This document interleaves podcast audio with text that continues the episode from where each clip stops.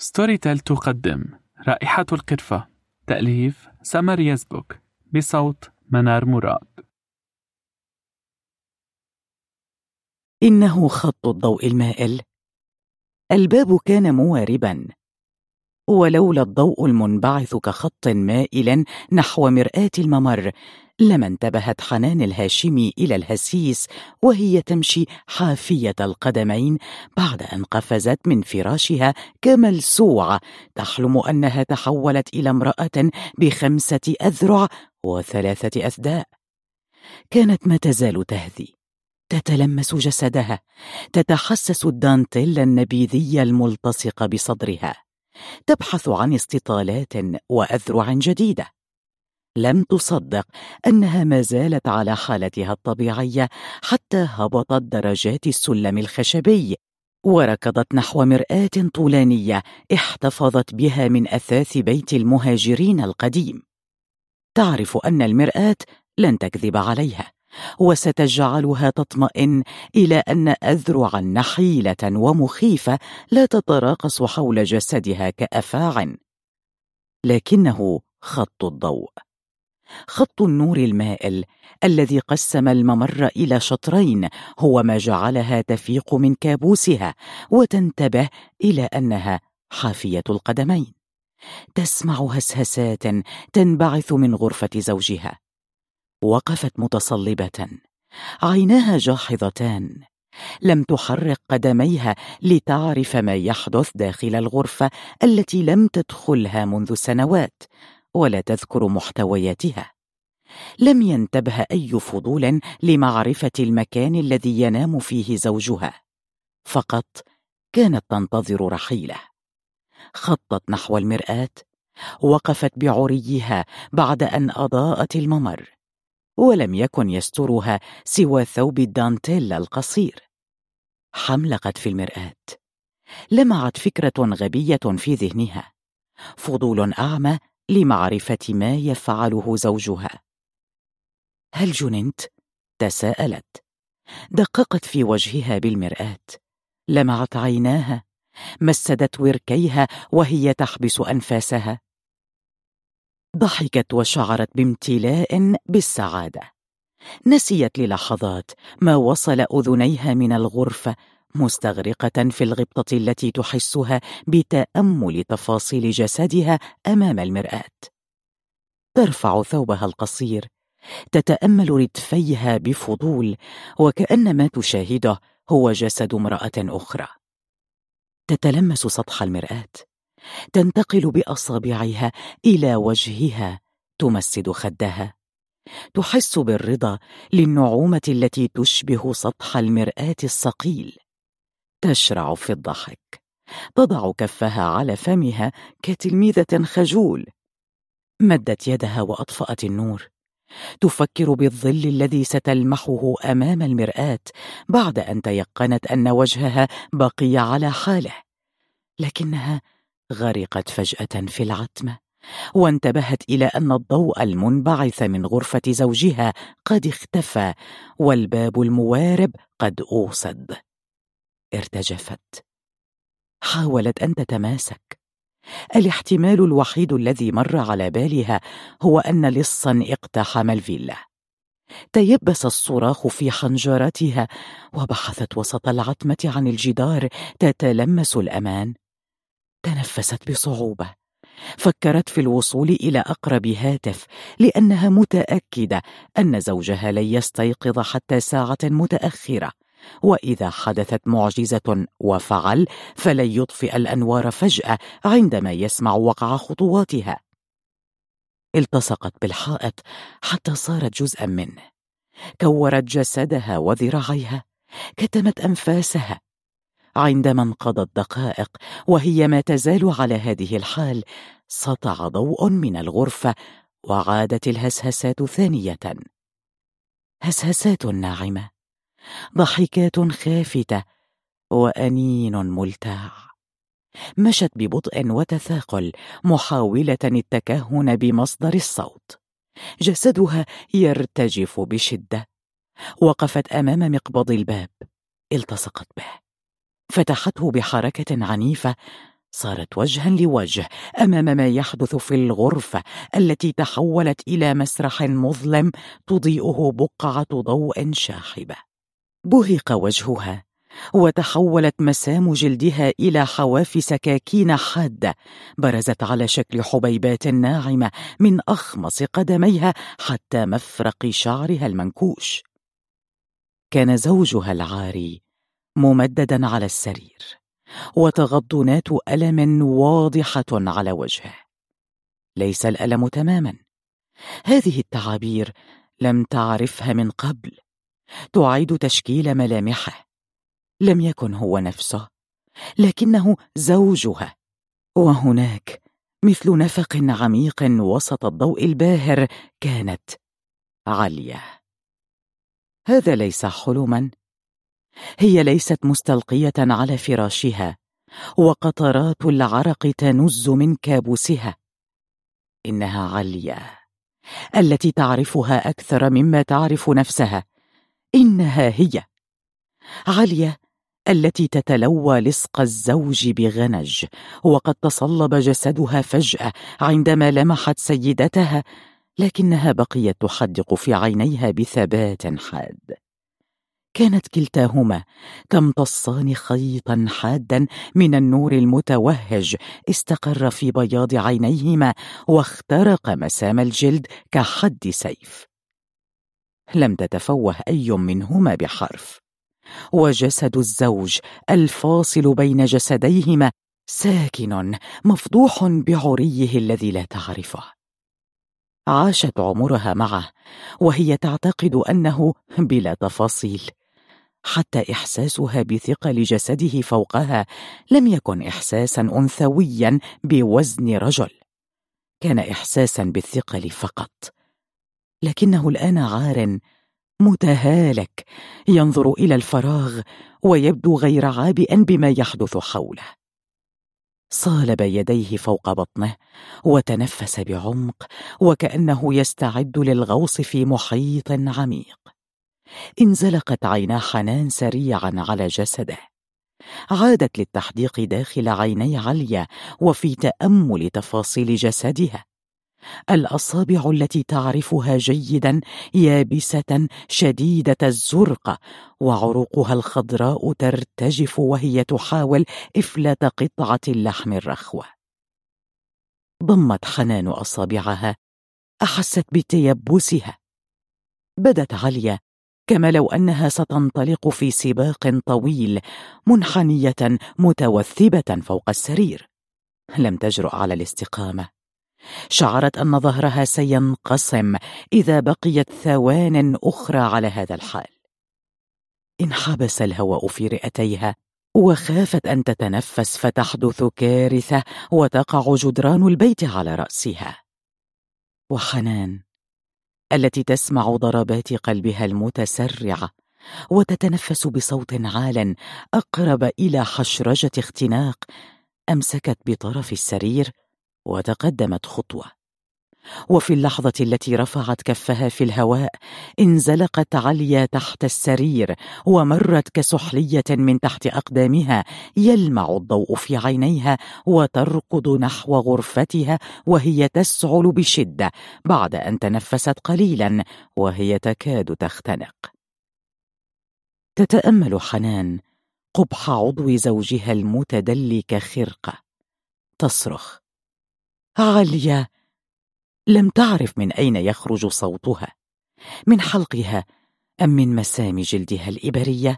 أم من الأثداء والأذرع التي تطايرت فجأة في فضاء الغرفة؟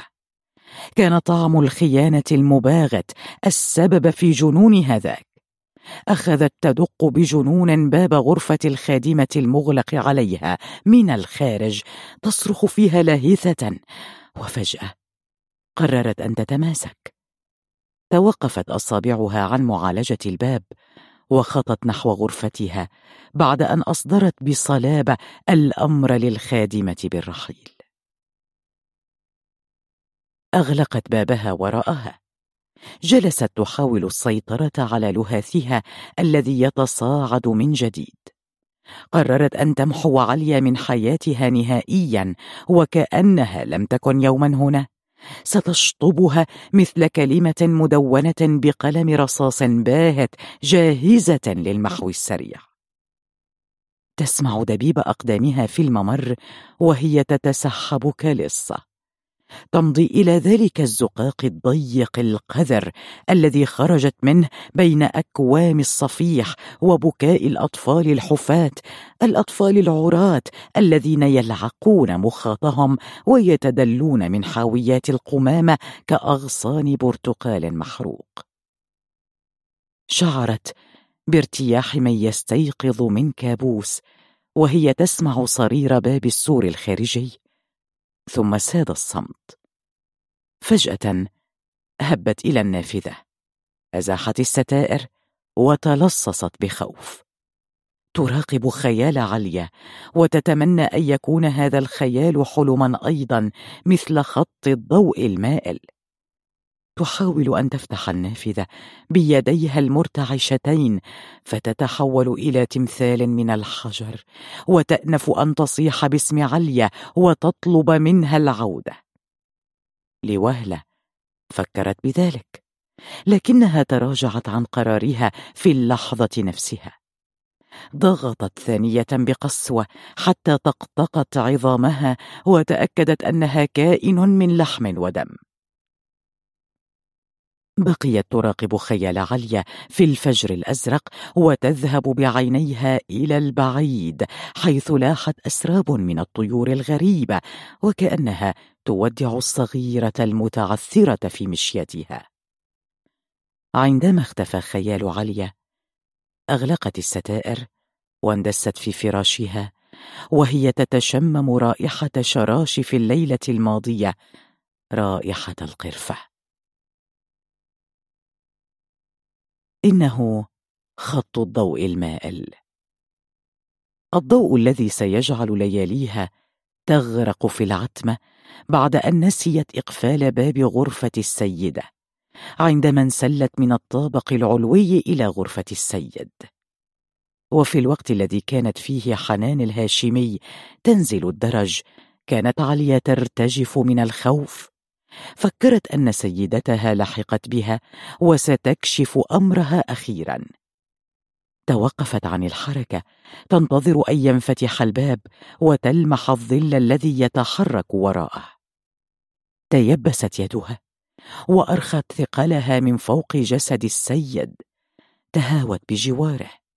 لم تستطع فك أصابعها المتشنجة حول شيئه. تفكر في القفز من النافذة أو الاختباء تحت السرير لكنها لم تقوى على الحركة كأنها في حلم. كان خط الضوء هو الحقيقة التي جعلتها تمرق كسحلية من تحت أقدام حنان الهاشمي. تستغرب كيف طارت من سرير السيد إلى غرفتها. وفي اللحظة التي ارتطم رأسها بالأرض ظنت أنها في كابوس تهوي فيه نحو حفرة لا قرار لها. لكن صوت الأقدام الذي يقترب من غرفتها جعلها تتأكد أن ما يحدث أمر واقع. وعندما أخذت السيدة تدق بعنف على الباب المقفل بإحكام أفاقت وعرفت أن وقت اللعب انتهى.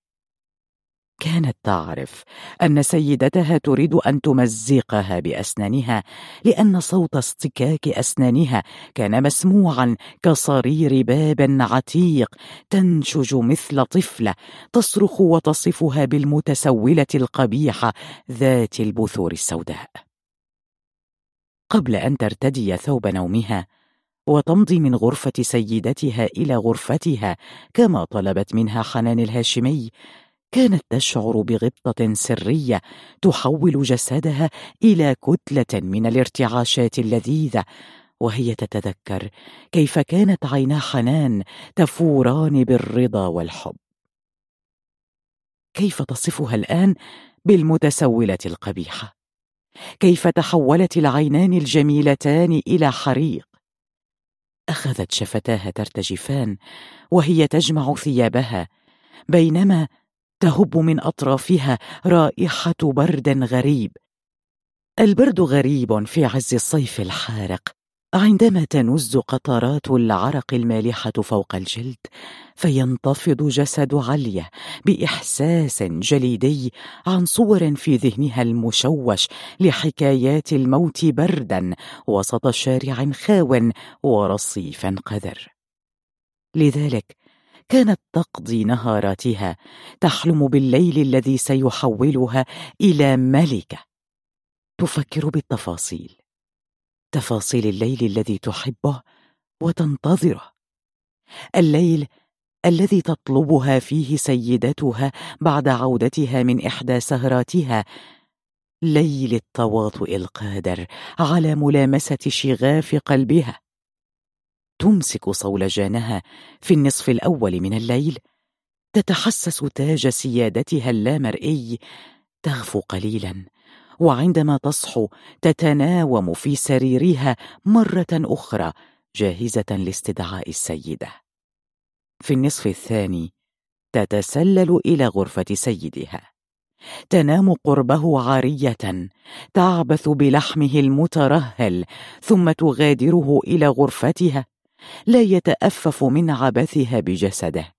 حين لا تفلح في جعله يستعيد بعضا من رجولته وهو ما لم يكن يعنيها في شيء لأنها تفضل الاستلقاء بحضنه والإصغاء إلى أنفاسه المحروقه في كل مرة تفعل ذلك وقبل طلوع الفجر بقليل تعود إلى غرفتها تستحم وتنام كقتيلة.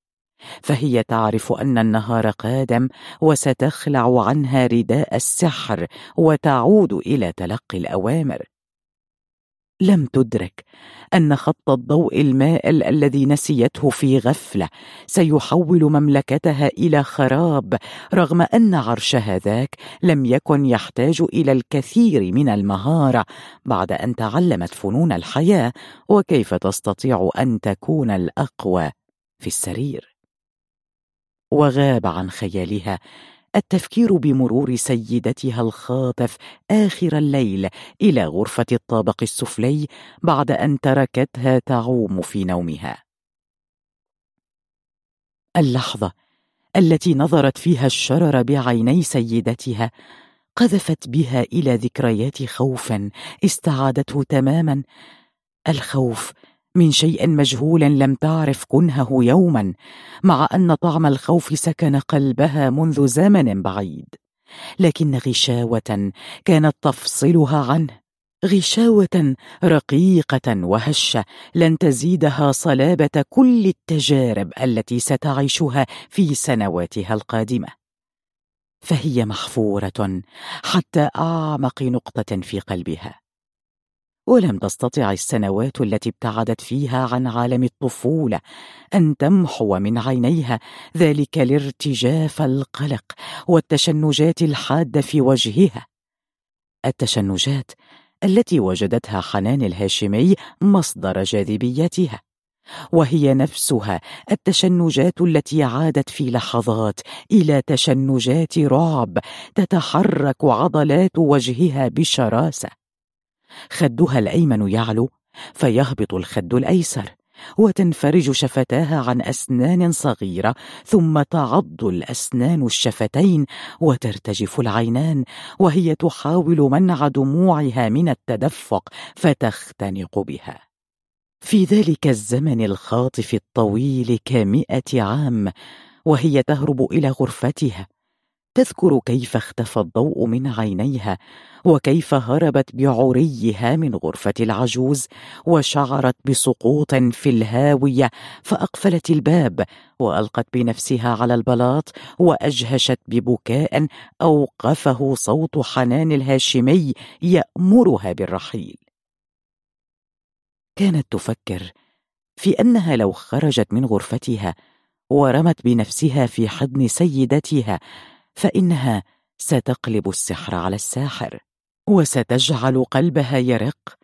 فالليل ما يزال ليلا والنهار لن يطلع عما قريب وما تزال هي الملكه الوحيدة.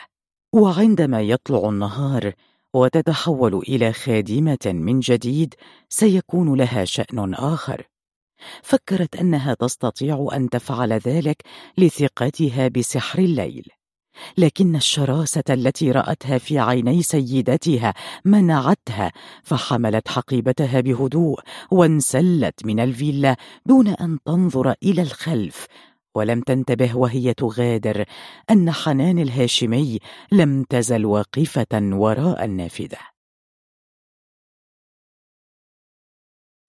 لم يكن سوى خط الضوء الذي تحول إلى إشارات طريق قادت حنان إلى الهاوية وجعلتها تودع خيال عليا من وراء الستارة بعينين مفتوحتين كمغارتين. تضغط بيدها على كتفيها لتسمع طقطقة عظامها وتتأكد أنها ليست في حلم ثم تندس في فراشها وكلها ثقة بأنها ستصحو في حال أفضل.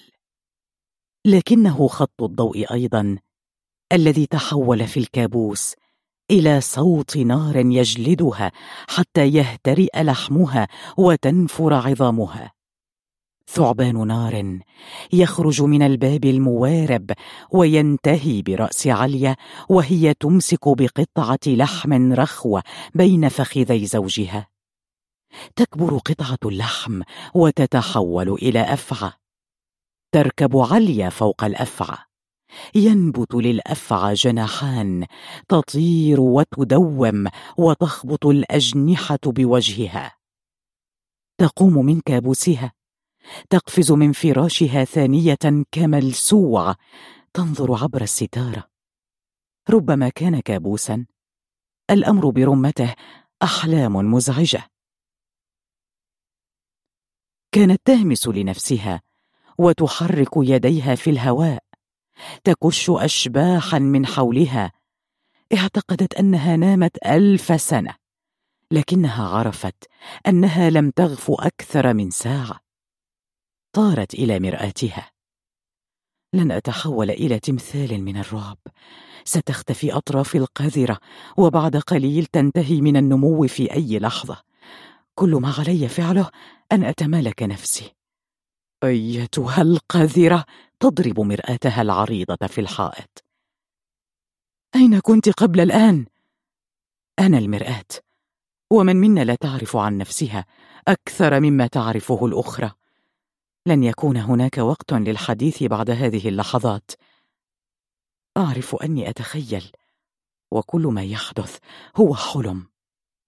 ليس حلما مجرد عرض مؤقت لعقل الباطن. تقول لنفسها وهي تزهو بوجودها أمام مرآتها. تقف على حافة السرير وتحدق في سطحها الأملس وكأنما تبحث في منطقة بعيدة عن شخص تجهل ملامحه. لم أطردها. لا يمكن أن أكون طردتها. ما تزال نائمة في غرفتها. تنتظر النهار لتبدأ عملها. تضرب المرآة بيدها تحدق في العينين المتحديتين في المرآة وتهز رأسها بعنف. لم أخرج من غرفتي. هذه صور تدور في رأس المتعب. تخبط على صدرها وتزم شفتيها تتحسس ذراعيها وثدييها تمسك المرآة من طرفيها تحضنها وتصرخ. ما يزال يشخر التمساح العجوز لا يمكن أن تكون اقتربت منه أو التصقت به هكذا. لن تجعل جسدها يقترب من برودته. ابتعدت عن المرآة وأشعلت سيجارتها وأزاحت الستارة. تأملت الطيور التي تغير شكلها وتحولت إلى نثار من النقاط المختلفة الألوان. كانت هناك عدة غيوم بيضاء ترسم اشكالا مختلفة. تخيلت لوهلة أن هناك من يراقبها ويجلس فوق الغيوم. أغلقت الستارة وقفزت فوق السرير. صالبت رجليها وحدقت في المرآة ببلاها. تلمح امرأة أخرى تشبهها. تهمس لها بصوت يشبه الفحيح. ولكن هل تكذبين على نفسك؟ أنت تشعرين بالغيرة عليها. خادمه لا أصل لها ولا نسب. جعلتك تكلمين نفسك. من يغار من خادمه هزيلة وسافلة تضاجع عجوزا وتلتهم قضيبه مثل ساقطة. إنها تأكلك بما فيك. تنخرك مثل دودة وتمتص رحيقك. تنشج بصوت مبحوح وتصرخ. أريد أن أضمها إلى صدري. تشعر بجلدها يحكها. تتحسس بركيها تشد شعرها بقوة فتصرخ من الألم. تقفز نحو النافذة. تتخيل أنها سمعت صوتا يناديها. تزيح الستاره وتفتح النافذة. تلمح بين الغيوم عيونا شاخصة إليها. تغلق الستارة من جديد وتتشمم رائحة شراشفها. هل جننت؟ رأيتها بعيني. كانت في سريره. عقلك الباطن أيتها العاهرة. أنت تعرفين ما الذي يستطيع أن يفعله عقل باطن بامرأة مهووسة بالبذاءات. ليست بذاءات. عالية رقيقة. هشة. ناعمة. ولا أحد تذهب إليه. ستعيش في الشارع. تصرخ المرأة الأخرى داخل المرآة. هي مجرد أصابع استبدليها بغيرها. تقف حنان على رؤوس أصابعها وتنفض شعرها وهي ترتجف وتحاول إطباق شفتيها حتى لا تسمع ما يردده صوتها. تلتصق بالمرآة وتخفي خيالها بكفيها. تبتعد عن المرآة وتختبئ في سريرها. تتكور حول نفسها مثل كرة. تغطي رأسها بالملاءة. تترك عينيها مفتوحتين في المرآة. تغمضهما ثم تنشج وترتعش. تسد أذنيها بالملاءة فيكبر الصوت. لم يكن حلما. اركضي إلى الأسفل. آثار لعابها على جلده السميك. آثار شفتيها فوق جلده. انظري إلى نفسك أيتها الشقية وابكي ما شئت. فقد تحولت أيامك إلى كوابيس. رمت الملاءة على الأرض وقفزت فوق السرير ثم سقطت تحاول النهوض من جديد.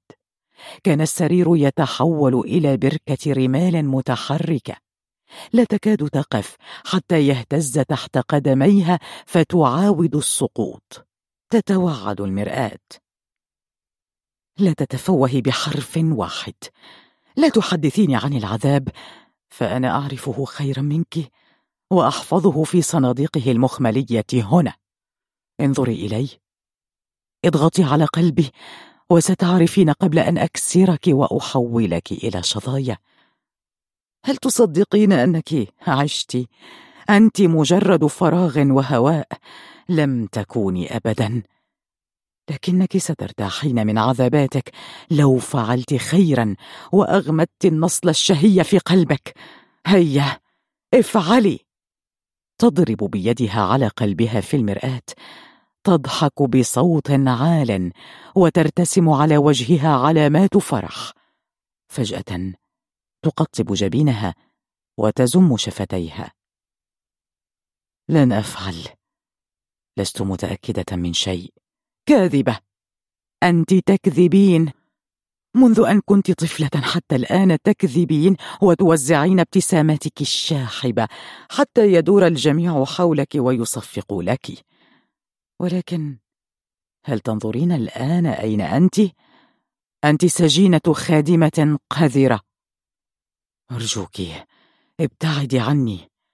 ما هاتان العينان الصفراوان ولماذا يتحول شعرك إلى افاع عملاقة؟ تقوم أخيرا من بركة الرمال المتحركة وتخطو بضع خطوات متثاقلة. تشعر بنفسها نملة صغيرة وأبعاد الموجودات حولها تكبر وتتسع. السرير بحجم قطار والمرآة بحجم سماء والأرض من تحتها حفرة. تهبط فيها مع كل خطوة. لا تقوى على الثبات وتدخل في نوبة من الارتعاش تتهاوى على فراشها. لا أستطيع. أنا مشتاقة إليها. لما طردتها؟ هل فقدت عقلي لأرميها هكذا؟ ربما تعود. من المؤكد أنها ستدق الباب بعد دقائق. لا مكان في العالم تذهب إليه بعيدا عني. إذا احترقي في نارك التي ستأكلك وتحولها إلى سيدة جديدة للبيت. لن تعرفي ملامحك بعد ذلك. تقفز ثانية من مكانها وتخبط على المرآة التي خرج منها صوت قوي مع صوت الريح الذي جعل الستائر تتطاير في الغرفة. ريح الصباح التي فاجأتها في عز الصيف. تكذبين! وتعرفين أنني لم أطلب شيئا من الحياة أريدها فقط أن تعود. تجلس حنان على الأرض. تخرج من المرآة امرأة مسنة تشبه حنان. كانت صورة الأم تخرج من أعماقها وتعبس في وجه ابنتها. تخاف حنان وتلف رأسها بملاءتها ثانية كما فعلت عليا عندما هربت من خط الضوء المائل. تسمع صوت الريح ثانية وتتلاشى أمها مع الستائر. تتلفت عليا بين لحظة وأخرى. تراقب نافذة السيدة. تتمنى أن تفتح فجأة وتلوح حنان الهاشمي بيدها وتدعوها للعودة. لكن النافذة بقيت مغلقة والكعب العالي لم يساعدها على السير بثبات. تشعر ببرودة يقشعر لها جلدها. حقيبتها ثقيلة ولا تعرف بالضبط الأشياء التي ألقت بها إلى جوفها قبل أن تغادر. لكنها تذكر أنها خبأت الصورة أولا الصورة الباهتة الممزقة الحواف وأربعة مجلدات من الكتب القديمة تحمل عنوان كتاب أثير حفظته طوال السنوات التي قضتها في خدمة سيدتها. كتاب ألف ليلة وليلة الذي سرقته من المكتبة خلسة بعد أن منعت من دخولها. ومنه تعلمت كيف ترسم الحكايات بالصور وأطلقت عليه عنوان الجده بعد أن شاهدت في التلفزيون كيف تتحول مهمة الجدات إلى سحر يومي وهن يروين حكاياته للأحفاد. كانت تحلم أنها حفيدة مدللة ولديها جدة تضع نظارات مذهبة وتجلس قرب سريرها النحاسي تروي القصص وتنقل حلمها إلى أرض الواقع في آخر الليل. لقد جعلها هذا الحلم تخلق مسرحا صغيرا فوق سريرها. تمسك بالكتاب مثل جدة رزينة تسعل بوهن ثم تقرأ بصوت خافت لكنه مسموع وهي تضع نظارات سرقتها من خزانة السيدة. تجد صعوبة في ذلك فالنظارات شمسية وذات لون بني بحيث تصبح القراءة صعبة عليها فتجعل النظارات في أسفل أنفها. لأن الزجاج البني يحجب الرؤية. ثم تتوقف بين مقطع وآخر وتنظر إلى يسارها وتحدث حفيدتها المفترضة عليا. وبعد أن تنهي حديثها تترك الكتاب جانبا وتستلقي وهي ترجو جدتها ألا تتوقف عن القراءة حتى تنتهي الليلة. ويدرك شهرزاد الصباح. كانت تحفظ كل قصص الكتاب وتعرف شخصياته وتبكي كثيرا من أجل أميراته الجميلات وعشاقه وعاشقاته وتفتن يوما بعد يوم بشخصية شهرزاد. كانت تتمنى لو استطاعت أن تفعل مثلها ولكن من يصغي إليها؟ ولم تعد تجد رواية القصص فقط بل برعت برسمها وتمثيلها. أحيانا تتمتم بتعاويذ حفظتها من الكتاب لتطرد الأرواح الشريرة ولتجعل نفسها في مأمن.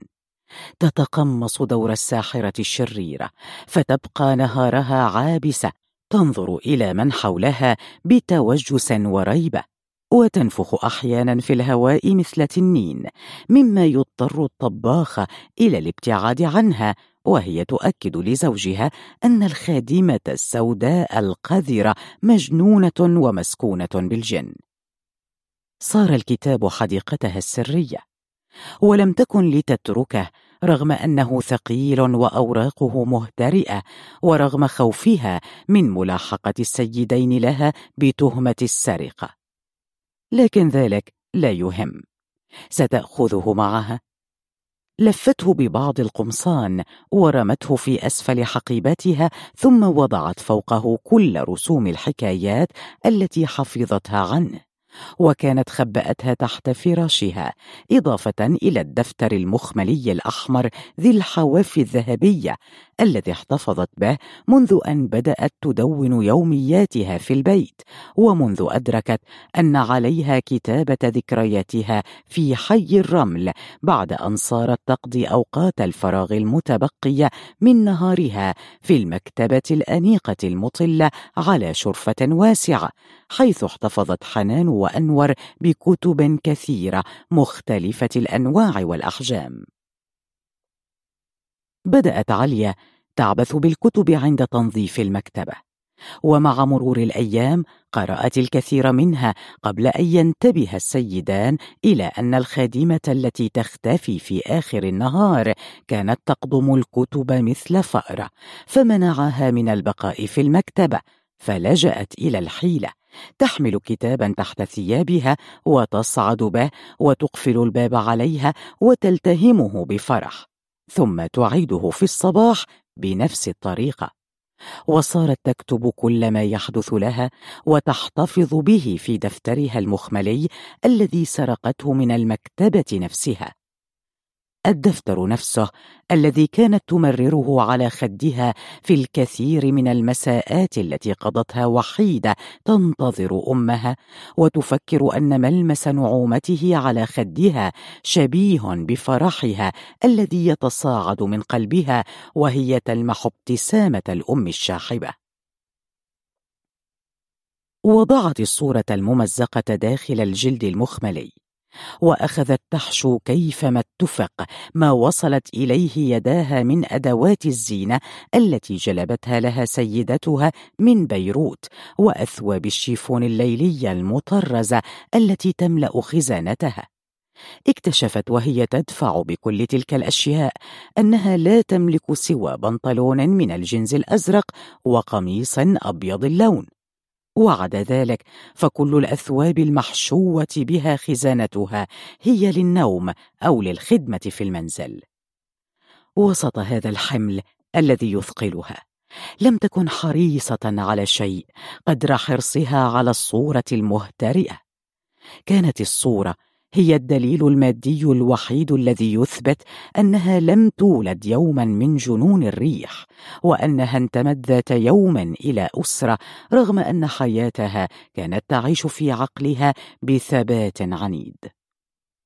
تسترجع تفاصيل الصورة وقطعة الشوكولا فتضغط أصابعها على الحقيبة. تتوقف. تنظر إلى الوراء. فتبدو النافذة أصغر مما كانت عليه قبل قليل. تحمل حقيبتها في حضنها. تقعد تحت شجرة ملاصقة لسور رخامي. تفتح الحقيبة وتقرر أن تستريح دقائق أخرى. ربما غيرت السيدة رأيها وفتحت نافذتها. تعيد العبث بأغراضها. تنزع عن الصورة كل ما يحيط بها. تحملها بكفيها بعنايه الفجر ما يزال في أوله والصورة بدت ملونة بأزرق رمادي وأصفر معتم لكنها الصورة نفسها التي تحملها الآن بأصابع مرتجفة وتنتظر معها إيه حركة قد تظهر في نافذة مغلقة. تتأمل وقفتها مختبئة بين أسرتها. كانت ما تزال في الرابعة من العمر. سمراء قاتمة ترتدي سترة صوفية لا تستر سوى أجزاء من جسمها الصغير. تكشف الكوعين وفي وسطها تنسل الخيوط فينفر بطن الصغيرة علية ولا يستره السروال البني الغامق لأنه كان يبدو واسعا على خصرها الضامر ويكشف جانبا منه. بينما تغطي الجزء الباقي أكوام اللحم الأخرى التي التصقت بها. الجميع في الصورة يحدقون في الكاميرا. عالية إخوتها الخمسة الأب الأم. ومن ينظر إليهم سيرى دهشة علت وجوههم. تذكر عليا أن تلك هي الصورة الوحيدة التي التقطت لعائلتها من قبل صحفية كانت تجول في الأزقة وتلتقط الصور وتوزع الابتسامات وتشتري للأطفال الشوكولا. هذه الذكرى لم تغب عنها في يوم من الأيام ليس من أجل الشوكولا التي لم تذق طعمها ولا بسبب الصورة. ولكن لأنها ما تزال تذكر الألم والضرب المبرح الذي تلقته من والدها. عشية ذلك اليوم لحق الأطفال بالصحفية وضحكوا لها واختبأوا في حجور أمهاتهم عندما اقتربت منهم ونظرت كالبلهاء إلى كتل اللحم المكومة بين أرجل النساء وفي أحضانهن وإلى البطون المنتفخة.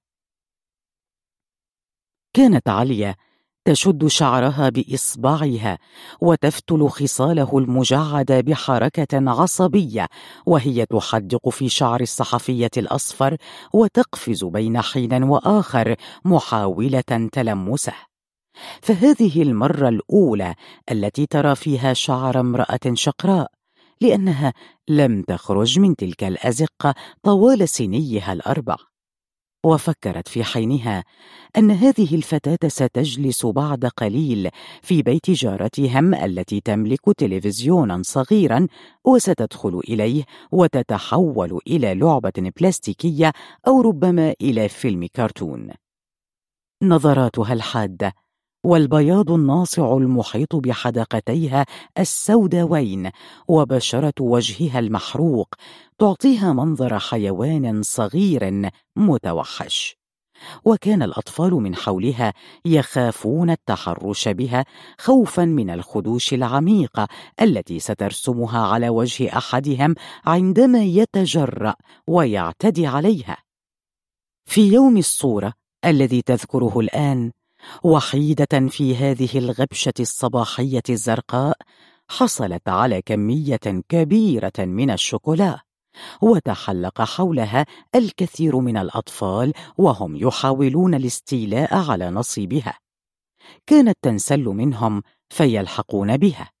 وعندما أمسكوها بدأ عراك لم يتوقف إلا بالضربات التي انهالت على رؤوسهم من الأمهات اللواتي حاولن تفريق المشاجرة وهن يدعين على الشقراء التي نغصت نهارهم. وعندما عادت عليا من العراق كان الجميع قد داسوا الشوكولا بأرجلهم وهم يتخاطفونها ولم يحصل أي منهم على ما أراد. وتحولت الشوكولا إلى سائل لزج زاد ملابسهم قذارة وهم يمدون ألسنتهم ويمسحون أصابعهم الملوثة بالقليل منها. كان النهار قد انتهى والأولاد تعبوا من الركض والقفز وانسحب معظمهم خارج بيوتهم إلى المقبرة ليدخنوا ما استطاعوا لمه وسرقته من سجائر أو بقايا السجائر وأية فضلات يتركها الأحياء الذين يزورون موتاهم؟ المقبرة مخبأ أسرار أولاد الحي ومملكتهم التي تقاسموها بطريقتهم. سمحوا لبعض البنات بالتواجد أحيانا خاصة كاتمات الأسرار اللواتي يدخن مع الصبيان ويتآمرن على أولاد الحارات الأخرى. وعليا كانت من البنات غير المؤتمنات على أسرار المقبرة فهي لا تدخن بقايا السجائر ولا تسمح للصبيان بفرك مؤخرتها ولا ترضى أن تنظف حول القبور قبل أن يأتي الصبيان أصحاب الملك. لذلك كان قسم كبير من صبيان الحارة يكنون لها العداء. وقد وجدوا فرصة مناسبة للانقضاض عليها وهي تهرب لاهثة بقطعة الشوكولا التي تبعثرت. تمد لسانها وتلحس ما يمكن التقاطه من سائل الشوكولا الذي امتزج بالمخاط النازل إلى فمها وتبلع ريقها فلا تصل إلى طعم الحلاوة. ولما كان الظلام يشتد حلكة في الحارات التي لا تضيئها إلا أنوار خافتة تنبعث من النوافذ الصغيرة فقد خافت أغلب البنات واختفين داخل بيوتهن. كان هناك بنتان تساعدان عليا في خصوماتها الكثيرة مع الصبيان. الأولى أكبر من عليا بسنة. وتشبه فأرة بقامتها القصيرة وأطرافها النحيلة وبطنها المنفوخ وأسنانها الناتئة. تمسك بيد عليا في الخصومات. تنط على ظهر الصبيان وتعضهم من مؤخراتهم. أما البنت الثانية فكانت طويلة ولها كفان تشبهان أكف الرجال الكبار. ورغم صغر سنها فقد رافقت أختها الكبيرة للخدمة في البيوت. وكانت تعود وهي تخبئ في عبها الكثير من الأشياء الجميلة السكاكر الحلوى المطاطة كما تسميها جنودا من المطاط فردة حذاء دمية مشطا ملونا للشعر ورودا بلاستيكية تسرقها من الصالونات الكبيرة التي تساعد أختها في تنظيفها وتزين بها نافذة بيتهم. كانت البنتان تحيطان بجسد عليا مثل حبل ملفوف. تبصقان في وجوه الصبيان الذين يمدون أياديهم إلى الأسفل ويرسمون إشارات بذيئة حول أفخاذ البنات فيجن جنونهما وتصرخان بمسبات أكثر بذاءة من حركات الصبيان. ومع ذلك عندما سمعتا أصوات الرجال الغاضبين هربتا وتركتا عليا وحيده في مواجهة الأولاد الذين تحلقوا حولها يريدون الاستيلاء على ما تخبئه في كفها وهي تواصل الهرب وتنزلق في الازقه وقبل أن تكتشف المكان الذي تنط وتدور فيه كان الصبيان يعتلون ظهرها. أحدهم يشد شعرها وآخر يعضها في يدها المضمومة التي فتحتها بعد أن لوى الصبي الثالث ذراعها. وكانت المفاجأة كبيرة عندما اكتشفوا بعد طول عذاب أنها لا تحمل قطع الشوكولا ولم يجدوا في كفها المضمومة غير المذاق الحامض الذي خرجوا به وهم يحاولون لحس باطن كفها بألسنتهم. فصاروا يبصقون ويركلونها ويسبونها. هدأت في البداية واستسلمت لهم وما إن ركضت بعيدا عنهم حتى حركت أصابعها باتجاه مؤخراتهم وسبت أمهاتهم ولعنت المكان القذر الذي جاءوا منه إلى الدنيا وصارت تصيح رجل ابن رجل يلحق بي. وكانت هذه الجملة كافية لتثير جنون الصبيان الذين لحقوا بها وتوعدوها وهي تقفز بسرعة يساعدها جسدها النحيل الرشيق ومعرفتها بانحناءات وتعاريج الأزقة في الهروب منهم. كانت تتجه إلى بيتها لتصل بر الأمان قبل أن يتمكنوا من الإمساك بها. ولم تنتبه إلى أن أحد الصبيان قد سحبته أمه من الطريق وضربته وجرته من يده ليدخل البيت. وبقي اثنان شعرا بالخوف والظلمة تشتد والقطط السوداء ذات العيون المضيئة تتسلق الجدران والأضواء تغيب. فتصدر الريح أصواتا بين الأزقة الضيقة تشبه صفير الأشباح. مع ذلك لم يكن التراجع واردا لأن عليا كانت تلتفت إليهم بين وقت وآخر وتشير بإصبعها إلى مؤخرتهم وتغلي غضبا بعد أن حرمت من قطعة الشوكولا الغريبة ذات الطعم الذي لم تذقه في حياتها. قبل أن تصل إلى أول الزقاق المؤدي إلى الغرفة التي تسكنها مع أهلها كانت أصوات أسقف التنك ترتفع ومواء القطط يشتد ومطر خفيف بدأ ينهمر.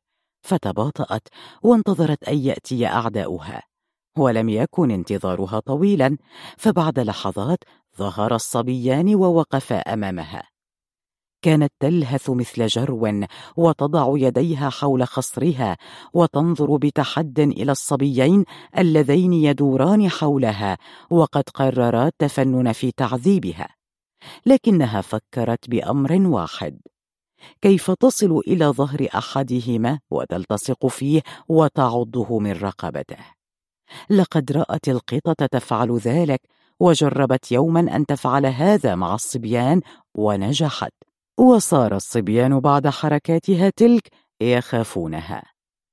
نطت فوق ظهر أحدهما بعد أن انسلت من تحت رجليه ومزقت قميصه وغرزت أسنانها في رقبته وبدأ الولد يصيح.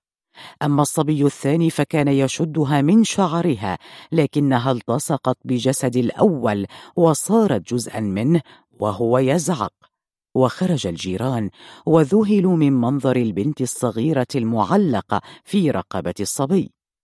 كانت تغمض عينيها وتشد عظامها وتلف وركها حول خصره ولولا صراخ الرجال والنساء من حولها خاصة أم الصبي التي صفعتها لبقيت معلقة به. ورغم ذلك لم تفتح عينيها لكنها قفزت فجأة وأيقنت أن الأمر تجاوز حده بعد أن تدخل الكبار. وما كادت تبتعد حتى كانت الأخبار سبقتها إلى بيتها إذ نقلها أهالي الصبيان والجيران الذين دقوا باب الغرفة الصغيرة فارتجت صفائح التنك فوق رؤوس أهل عليا. ارتجفت عليا واكتشفت أنها قد غفت تطلعت نحو الأفق. لم تكن سوى غيوم تجاهد الشمس كي تشرق من تحتها. وفي الجهة المقابلة غير بعيد من السور الذي استندت إليه كانت النافذة ما تزال مغلقة. نظرت مليا في الصورة وتنهدت. دستها في الحقيبة وأعادت إغلاقها. عاد الشعور بالبرد يصك أسنانها. قامت وحملت حقيبتها وتابعت سيرها. إنه خط الضوء النازل من المرآة إلى أرضية الحجرة يفرشها بصور صغيرة.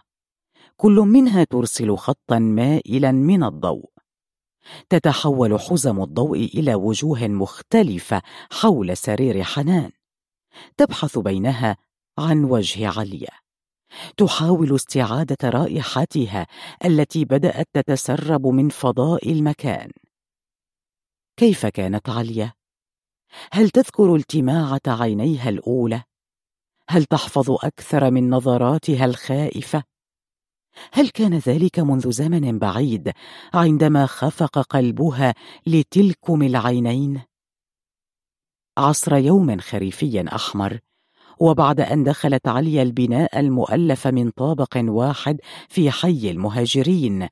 قبل هذه الليلة بسبع سنوات كانت حنان الهاشمي تجلس على كنبة خمرية اللون مطرزة بخيوط ذهبية شبيهة بالبروكار الدمشقي. شفتاها ترتجفان وهي تحاول الإصغاء إلى الرجل الأسمر الذي كان يمسك عليا من يدها ويحدثها بصوت خشن وذليل عن اتفاقهما قبل أيام على الهاتف. أه، ست حنان لا أريد للبنت أن تخرج وحدها. قال جملته وهو يشيح بوجهه متلعثما. حنان تنظر إليه تنوس عيناها وتذبلان قليلا ثم تفتحهما على اتساع مفاجئ وتحدق في الصغيرة. الحجاب. يقول الأب وهو يشير إلى رأس عليا.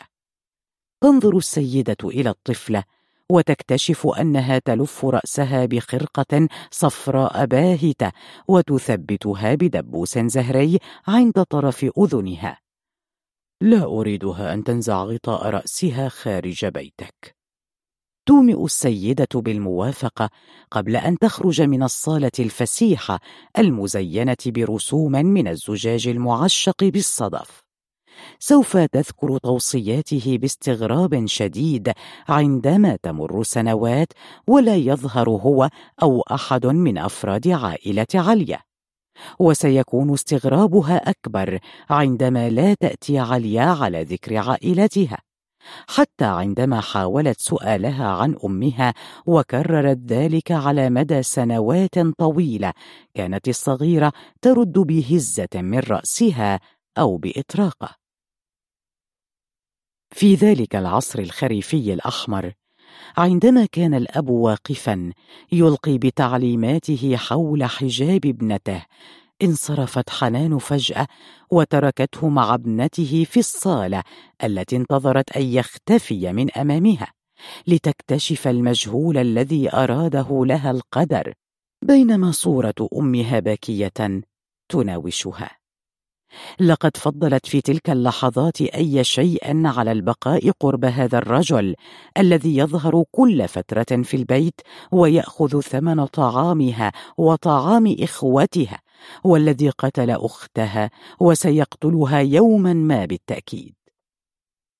لم تعرف أن السيدة التي تحدثت بازدراء واضح ستمنعها حتى من الخروج وحدها وستقرر لها حياتها كما تشاء. والسيدة التي تركت الأب المتوحش كما سمته عندما دخلت إلى غرفة زوجها وأخبرته أن الخادمة وصلت مع أبيها وسحبت من الخزانة الحديدية المركونة في عمق الغرفة مبلغا كبيرا من المال كانت تشعر بارتباك شديد وهي تتمعن في وجه الطفله المحاط بالأصفر الرملي. الوجه الكحلي الذي تحول بعد أسبوع واحد إلى لون خمري مشتعل وتفكر أن عليها تدريبها لتحمل أعباء الفيلا الجديدة التي ستنتقل إليها مع زوجها. كانت حنان مرتبكة وأصابعها ترتجف وهي تلاحظ لا مبالاة زوجها ثم انسحبت من غرفته تخبط بشدة على الأرض وتعرف كما عرفت في كل لحظات حياتها التي عاشتها قربه أنه يشبه تمساحا. صوته فقط كان الأثر الآدمي الوحيد الذي لم تستطع يوما أن تجد له شبيها حيوانيا. كان أشبه بصوت طفل ناعم وخجول يكاد لا يسمع. حدثته عن الخادمة وانتظرت صوته لتهدا كعادتها لكنه صمت فعاد شكله القبيح إلى سابق عهده. خرجت إلى الصالة سلمت الأب مظروفا فوقف باستعداد وبدأ يعد النقود. عليا تراقب وجهه والسيدة تنتظر خروجه.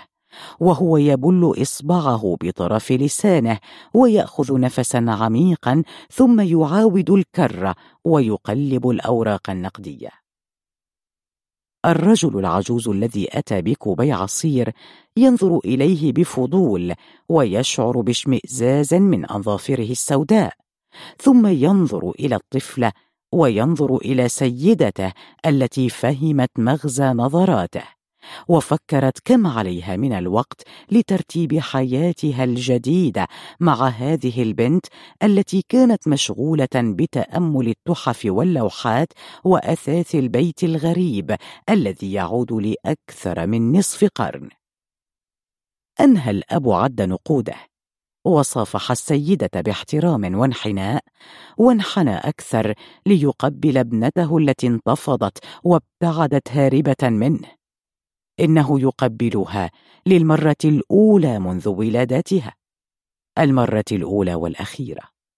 لأن السيدة التي سمحت للرجل بزيارة ابنته كل فترة هو والعائلة لم تعرف أنه لن يعود إلى بيت العائلة وأنه سيختفي عن الأنظار وأن أمها تجهل أين تسكن ابنتها وأين ذهب بها الأب ولن تفهم لماذا اختفى فجأة. كانت عليا ضائعة بين الخادم العجوز والسيدة. تراقب والدها الذي اختفى كبرق تلمس جبينها وتشعر أن نجمة تلمع بين أصابعها. كانت سعيدة وهي تتحسس قبلة الأب اليتيمه التي أضاءت عينيها لوهلة بلمعان مفاجئ لمحته السيدة وهي تقترب. وتستطيع أن تتذكر الآن وهي مرمية بين صور المرآة الالتماعة الأولى لعيني عليا. في تلك اللحظة اللحظة التي كانت فيها سيدة تعاين خادمتها الجديدة. الغطاء الأصفر الذي يلف رأس عليا كان مصدر جاذبيتها الثاني. تقترب منها وتحاول معرفة ما تضعه خادمتها على رأسها. فقد بدت تلك الخطوط الحمراء الباهتة كآثار دماء. لكنها عندما اقتربت أكثر اكتشفت أنها آثار خيوط قديمة وشمت رائحة نفاذة عطرة. كانت تلك رائحة غسيل الأم. فتوقفت ومررت أصابعها على رأس الصغيرة وانحنت ثم أخذت وضعية الجلوس وانثنت على ركبتيها وهي تحدق بعينيها السوداوين. عليا تحدق بثبات. قلبها يرتجف. ولم ترمش ابدا. أرادت أن تعرف أين هي وما الذي ينتظرها؟ لذلك حدقت بقوة في سيدتها. والسيدة التي اكتشفت وجه الصغيره المنحوت بدقة وجمال أكثر مما يحتاجه وجه خادمة شعرت بسعادة طافحة. فالخادمات يملكن نظرات متشابهة نظرات تتراوح بين الحزن البليد والأسى الصبور. أما خدودهن التي لا تشبه خدي عليا المرتفعين فعلى الأغلب كما فكرت السيدة هي خدود منفوخة وحمراء للواتي يطبخن أو مترهلة وشاحبة للواتي يلمعن البيوت. وجه عليا يشبه إلى حد كبير وجه فهد أسود. ولولا نظرات الشرود والحزن التي لاحت بين نظرة وأخرى لشعرت حنان الهاشمي بالخوف وهي تدور حول الصغيرة وتتفحصها من رأسها حتى أخمص قدميها. مدت يدها نحو رأسها. ونزعت الغطاء دون أن تفك الدبوس الزهري فخدش خدها وظهر شعرها الخشن المشدود بقوة في ضفيرة قصيرة تكاد لا تلامس ظهرها. أما الدبوس الزهري فترك مكانه خطا أحمر لامعا سرعان ما نفرت منه نقطة من الدم القاني. تسمرت عليا ولم تنبس بحرف. كانت تدرك أن عليها إرضاء السيدة التي دفعت لعائلتها الكثير من النقود وكل ما عليها فعله هو أمر بسيط. الطاعة. تفكر عليا بالطاعة فقط. تتخيل أن أمها لن تذهب بعد هذه اللحظات إلى الخدمة في بيوت الناس وأخواتها سيشترون الثياب الجميلة وهي هنا فقط من أجلهم وكل ما سيحدث لها بعد ذلك سيكون سهلا. لذلك لم ترفع يدها وتحاول رؤية السائل الحار الذي أحست بلزوجته على خدها ولم يتغضن وجهها بأي تعبير. رمشت قليلا بعينيها عندما انحنت السيدة على وجهها ومسحت الدم بمنديل مطرز. لم أقصد قالت السيدة بصوت مبحوح وهي تنظف وجه عليا وتعقم الجرح الخفيف الذي ترك علامة واضحة على الخد. لم أقصد فعلا. تحدث نفسها بعتب وتنتظر إجابة من الصغيرة التي لم تهمس بحرف. فقط أمسكت بغطاء الرأس وحاولت إعادته إلى مكانه. لن يزعجك أن تنزعيه داخل البيت. نظرت عليا إلى السيدة باستغراب فهي لم تعتد الظهور سافرة أمام الغرباء لأن ذلك كفيل بحرقها في نار جهنم. والسيدة نفسها كانت تضع حجابا مزركشا ومع ذلك لم تبدي عليا أي ردة فعل حيال كلام السيدة واكتفت بإنزال يدها والحجاب والإيماء بالموافقة. سحبت السيدة الغطاء ورمته جانبا ثم أمسكت الصغيرة واستغربت لوهلة حرارة كفها وقالت تعالي سأريك غرفتك سنبقى هنا لأيام ثم تحصلين على غرفة أجمل منها بكثير.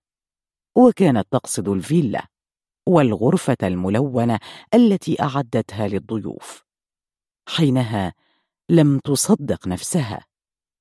كيف فكرت أن تمنح غرفة ضيوفها بهذه البساطة؟ كيف قررت ذلك؟ ولماذا انتقلت حرارة كف الصغيرة إلى جسدها؟ ربما هي الشفقة كانت تفكر بينها وبين نفسها فهذه البنت ليست في النهاية أكثر من خادمة أخذت تستعيد الالتماعة الأولى وكيف أمسكت بيد الصغيرة وشعرت أن ما بقي لها الآن هو كابوس الضوء المائل. وربما تعيش أيامها خاوية إن لم يدق الباب بعد قليل وتدخل خادمتها السمراء التي كانت في اللحظة نفسها تنظر إلى النافذة المغلقة للمرة الأخيرة وهي تقوم عن السور الرخامي وتدس الصورة في حقيبتها قبل أن تختفي مع الريح. توقفت الصور عن الرقص في غرفة حنان الهاشمي ذات النافذة المغلقة وتأكدت أن خط الضوء المائل لم يكن حلما. فكرت الاتصال بنازك لكن الوقت ما يزال مبكرا وربما تثير فضيحة. ماذا ستقول لها؟ لكنها تريدها الآن. أمسكت هاتفها النقال. رنت. لم تسمع ردا.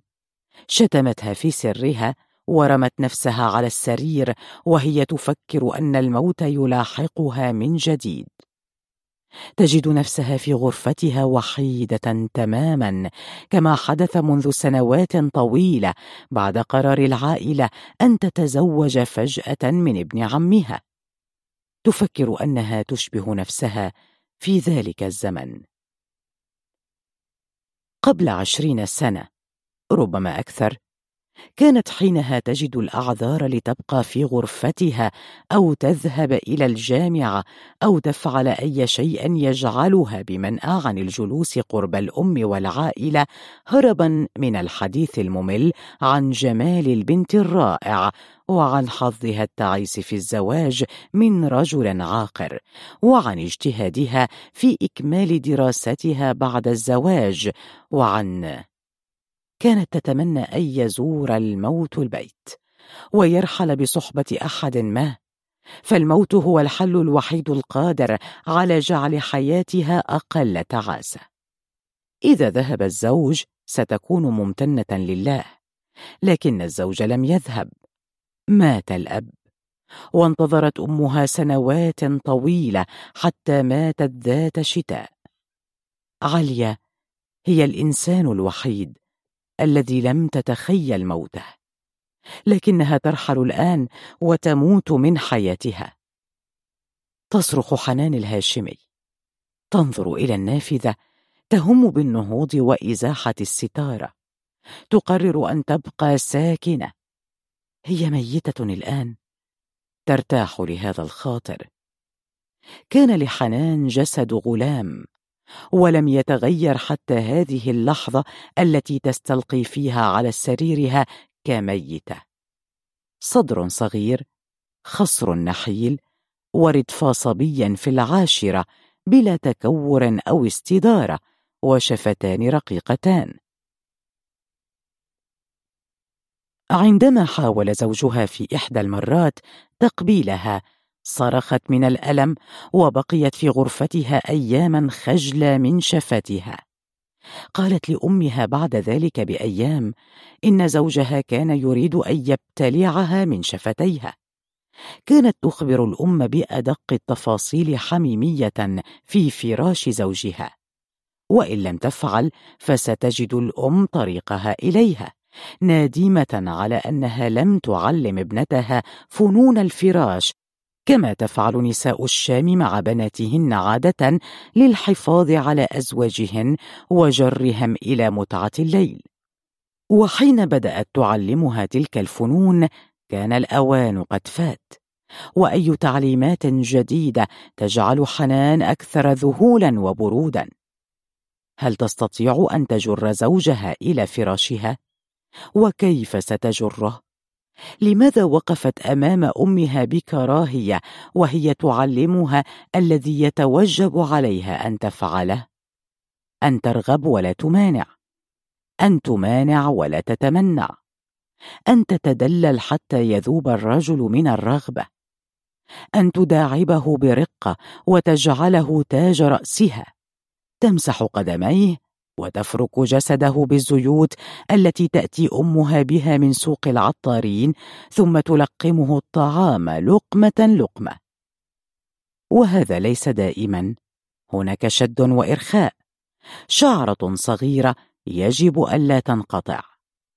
الكثير من الدلال والحزم معا. لحظات كافية لجعل قلب الرجل يشتعل. وقلب الرجل بين منطقتين. لا يضخ الدم إلا من بين فخذيه قبل أن يتوزع إلى باقي جسده تقول لها أمها. وكانت حنان تصاب بنوبات من الضحك عندما تتأكد أن أمها لا تفهم في العلوم شيئا فتخبرها أن القلب هو ما يضخ الدم. فتنظر الأم إلى ابنتها وتتمتم. بلها بل من تحت وهنا مربط الفرس الشاطرة. ولم تكن الأم تتوقف حتى تغفو ابنتها في سريرها فتنصرف محبطة من بنت بلهاء لا تشبه أمها. تغمض حنان عينيها على تلك الجملة. بلهاء لا تشبه أمها. تحرك يديها أمام وجهها وكأنها تنفض الغبار. تقفز ثانية تفتح النافذة. تنظر في الأفق الذي بدأ أكثر وضوحا مع تسلل الفجر. تلمح خيالا واهيا لكائن يتحرك ببطء وتثاقل. كائن يشبه نقطة سوداء. هل هي عليا تسأل نفسها. تسمع صوتها وتعود إلى مرآتها لتكتشف إلى أي حد كانت تهذي تمشي ببطء ليس فقط لأن الحقيبة تغالبها بل لأنها تتمنى أن تظل سائرة هكذا ولا تصل إلى أي مكان. كانت خائفة من اختفاء أسرتها ومن وجودها بالقدر نفسه. لماذا انقطعت أخبارهم كل هذه السنوات؟ ماذا يمكن أن يكون حدث لهم؟ يصيبها الرعب وهي تتصور حريقا نشب وأتى عليهم جميعا. وفجأة تبتهج من داخلها بأمل يراودها في أن يكون أبوها قد لقي حتفه وحده. ولم تعرف أمها أو أي من إخوتها الطريق إلى فيلا حنان وأنور. وكما ابتهجت فجأة اغتمت فجأة.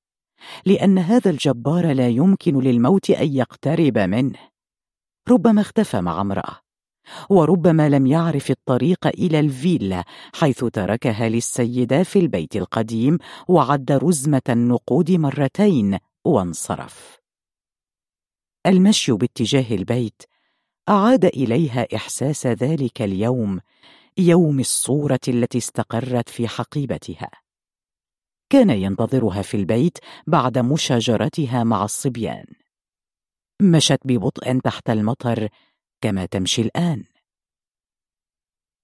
كأنها تؤجل مواجهته. لكن الزمن يمشي والطريق إلى الغرفة قصير ولا بد لها أن تدخل إلى المكان الذي تنام فيه. عندما وصلت إلى باب الغرفة الذي يصفق بقوة استغربت أن تتركه الأم هكذا يسرب الدفء الذي تصنعه أنفاسهم. ولم تعرف أن هذه كانت أوامر الأب المتمدد على حصيرته كالعادة ينفث دخان سيجاره البلدي وينتظر بحنق وصول ابنته العفريتة.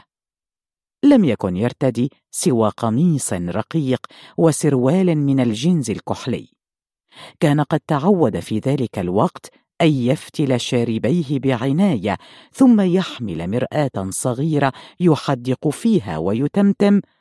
راح الشباب. ضاع الشباب. ويدعو على زوجته التي ورطته بالزواج بها. تفكر كيف سيكون شكله الآن؟ هل تغير كثيرا؟ هل سيعرفها؟ ماذا ستقول له؟ طردتها سيدتها. لماذا طردتها؟ رجل أسمر ذو جاذبية غريبة. لونه مثل قهوة شقراء وصوته أجش. كل نساء الحي يحسدن الزوجة عليه خاصة بعدما خرج في الليلة المشؤومة ودفع بشيئه أمام أعينهن. كبير ويحتاج لأربعة نساء. كن يمازحن الأم منذ رأينا عضوة. يحصدنها وهن يرينها تعرج في الصباح عندما يتحلقن حول الحافلة لينتشرن في جهات دمشق يخدمن في البيوت.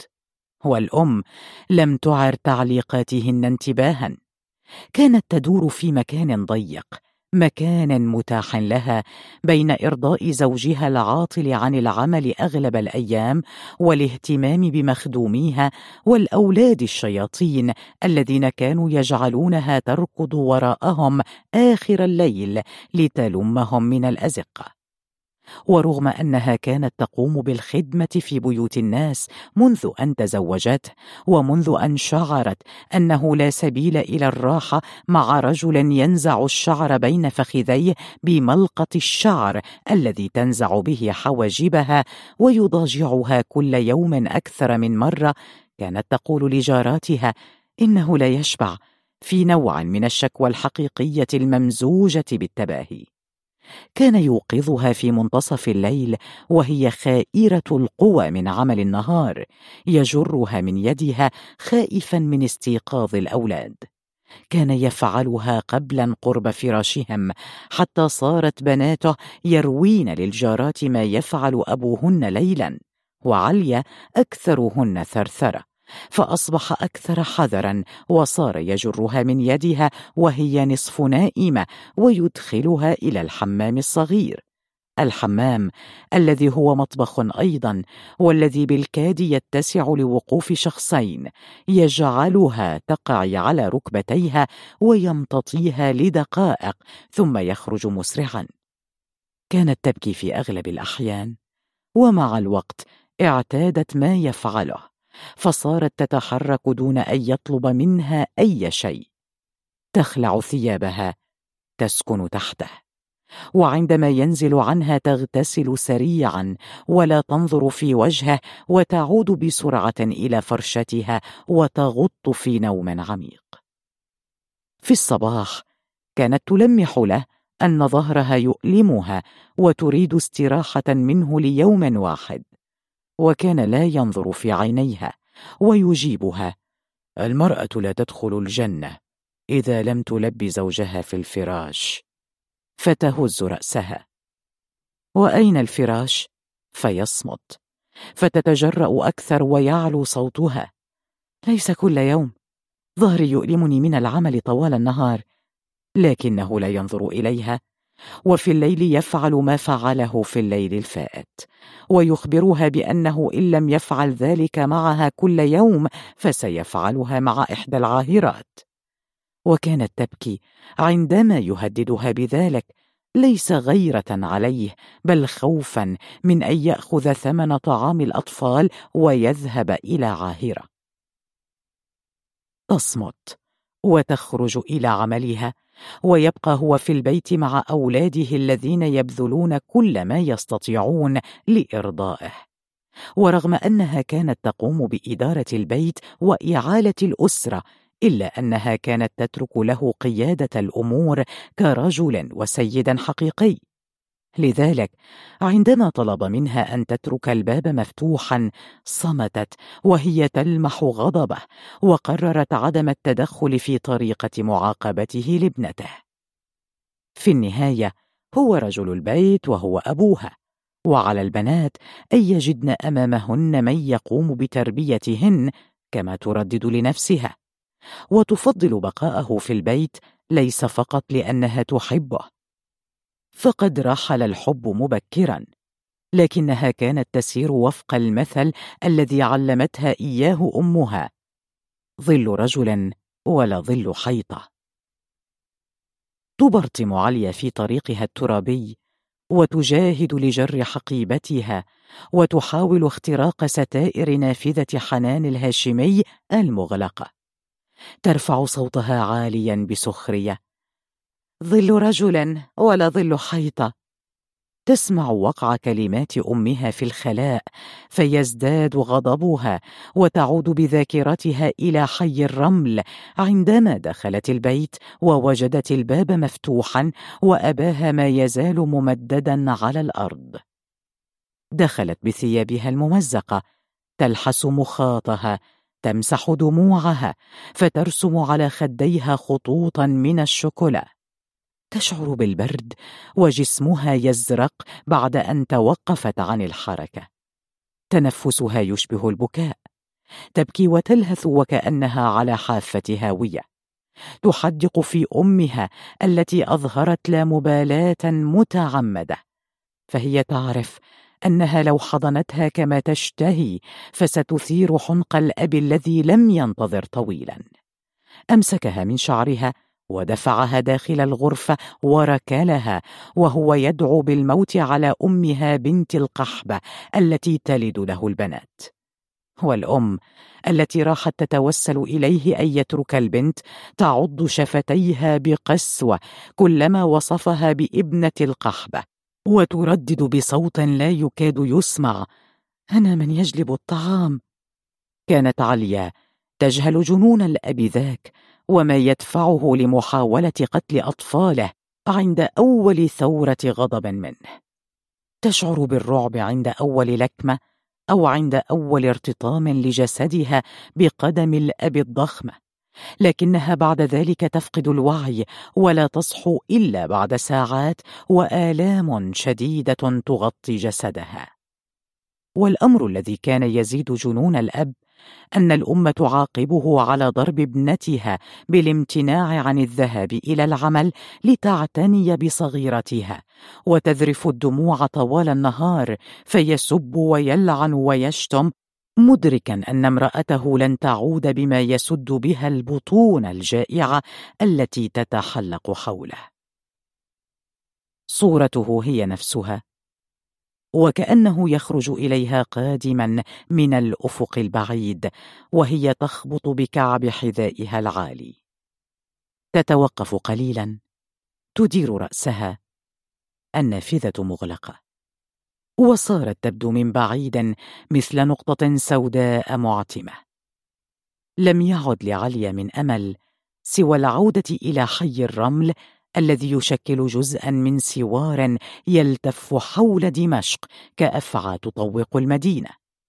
وداخل هذا السور كانت المدينة تضيق وتقف صامتة أمام زحف البيوت الإسمنتية والتجمعات الغريبة للبشر القادمين من كافة الجهات للبحث عن لقمة عيش. ورغم الطائفية التي وسمت هذه التجمعات الوليدة في العقود الأخيرة من حي الرز إلى عش الورور ومخيم جرمانة إلا أنها تتشابه وتتشابك وامتدت عشوائياتها إلى قلب المدينة كما حدث بين منطقة الدويلعه وجرمانة وباب تومه لكن حي الرمل الذي سكنت العائلة فيه كان خليطا غريبا من الفقراء الذين هربوا بفقرهم المدقع إلى جنوب دمشق وصنعوا غرفا صغيرة من صفائح التنك والحجر الإسمنتي الرديء الصنع. فلسطينيون فقراء مع ذوي بشرة سوداء غورانيون مع المعدمين الذين جاءوا يوما من الجبال الساحلية وتفرقوا في مجموعات كبيرة وعاشوا في أحياء بائسة أنشأها في الفوضى متنفذون ومرتشون ومهربون وضباط كبار اقتطعوا الضواحي القريبة وأطراف المدينة وأسكنوا فيها جماعاتهم بحيث شكلت مجالات لنفوذهم وجيتوات في تشكيل موزايكي لونه الموحد الفاقة والبؤس. ومن أتوا من الأرياف البعيدة والقريبة حالمين بحياة كريمة تحولوا إلى مرتزقة وأزلام ورجال مخابرات ومهربين. والآخرون الذين لم يتحولوا إلى مرتزقة ومنهم سكان حي الرمل حولوا بناتهم إلى خادمات كما فعلوا قبل أكثر من مئة سنة مضت عندما رهنوا بناتهم لتجار حلب كخادمات. فيما تحول الآباء بدورهم بعد ذلك الزمن إلى عمال مياومة يفترشون ساحات دمشق العامة ويقومون بأي عمل يطلب منهم. منهم وسرعان ما اجتذب المكان فئة من طلاب الجامعات المعدمين الذين يسكنون بالعشرات في غرف متلاصقة وعاهرات من ذوات الدرجة العاشرة اللواتي يتفقن مع سائقي سيارات الأجرة لجلب زبائن الليل. كان المكان غريبا حتى عن نفسه. ولم يجمع جيرانه وبيوته المتلاصقة إلى جانب بعضها البعض أي نوع من أنواع الحميمية رغم أنهم استطاعوا دائما سماع تاوهات رغباتهم وشهواتهم في الليل حيث تتندر النسوة في الصباح عن طبيعة الأصوات التي يقلدن فيها. الحيوانات وهن يجلسن محشورات أمام الأبواب قبل أن تغادر أغلبهن للعمل. يشبه حي الرمل ساحة غريبة عن زمانها. كل شيء فيها يبدو مضحكا مثل فيلم كرتون أو فيلم من أفلام الويسترن بالأبيض والأسود قاحل ومغبر وناء. النوافذ الزجاجية المغطاة بالكرتون. الأبواب الحديد الصادئة الجدران من التنك والصفيح الدكاكين الصغيرة الشبيهة بمغارات قطاع طرق البيوت التي تعلو فوق بيوت. كانت هذه البيوت نادرة الوجود ربما لأنها مصنوعة بطريقة مبتكرة. حيث يقوم أصحابها بتثبيت أربعة قوائم حديد يكسون جدرانها بقطع من الصفيح القاسي ويربطونها بواسطة قليل من الإسمنت فتمنع نفوذ الهواء وتتحول إلى جدران متينة لولا قرقعة الريح في أيام الشتاء. أما السقف فيثبت بنفس النوع من الصفيح القاسي المدعم ببضعة كيلوات من الإسمنت أيضا. ولم يكن من الضروري وجود نافذة في الغرفة. الثقوب التي تظهر رغما عن كل الاحتياطات كانت تفي بغرض التهوية. الثقوب نفسها التي تتحول إلى حبال مطر في أيام الشتاء. الطريقة الأخرى المبتكرة للعيش في غرف جانبية كانت ببناء جدارين ملاصقين لغرفتين وتغطيتهما بصفيحة وتغطية الجدران الحجرية الداخلية بقطع قماش ملونة وتثبيتها بالإسمنت حتى تتحول إلى جزء من الحائط. وفي النهاية لا يترتب على ساكني هذه الغرف سوى أن يفترشوا حصيرا ويأتوا ببعض الأغطية ليصير المكان جنة للعيش. اللافت في حي الرمل عيون الرجال الغارقة في السأم رغم وجوه النساء الجميلات اللواتي يتبرجن بأحمر شفاه فاقع ويتهادين بغنج قلق. لكن حي الغبار والملل والغرابة كفيل بتحويل تلك الألوان المتفاوتة الحمر على شفاه النساء إلى لون معتم ورمادي عندما يعرف الرجال في قرارة أنفسهم أن ذلك الغنج سينعم به أول زبون متعة تصادفه إحداهن.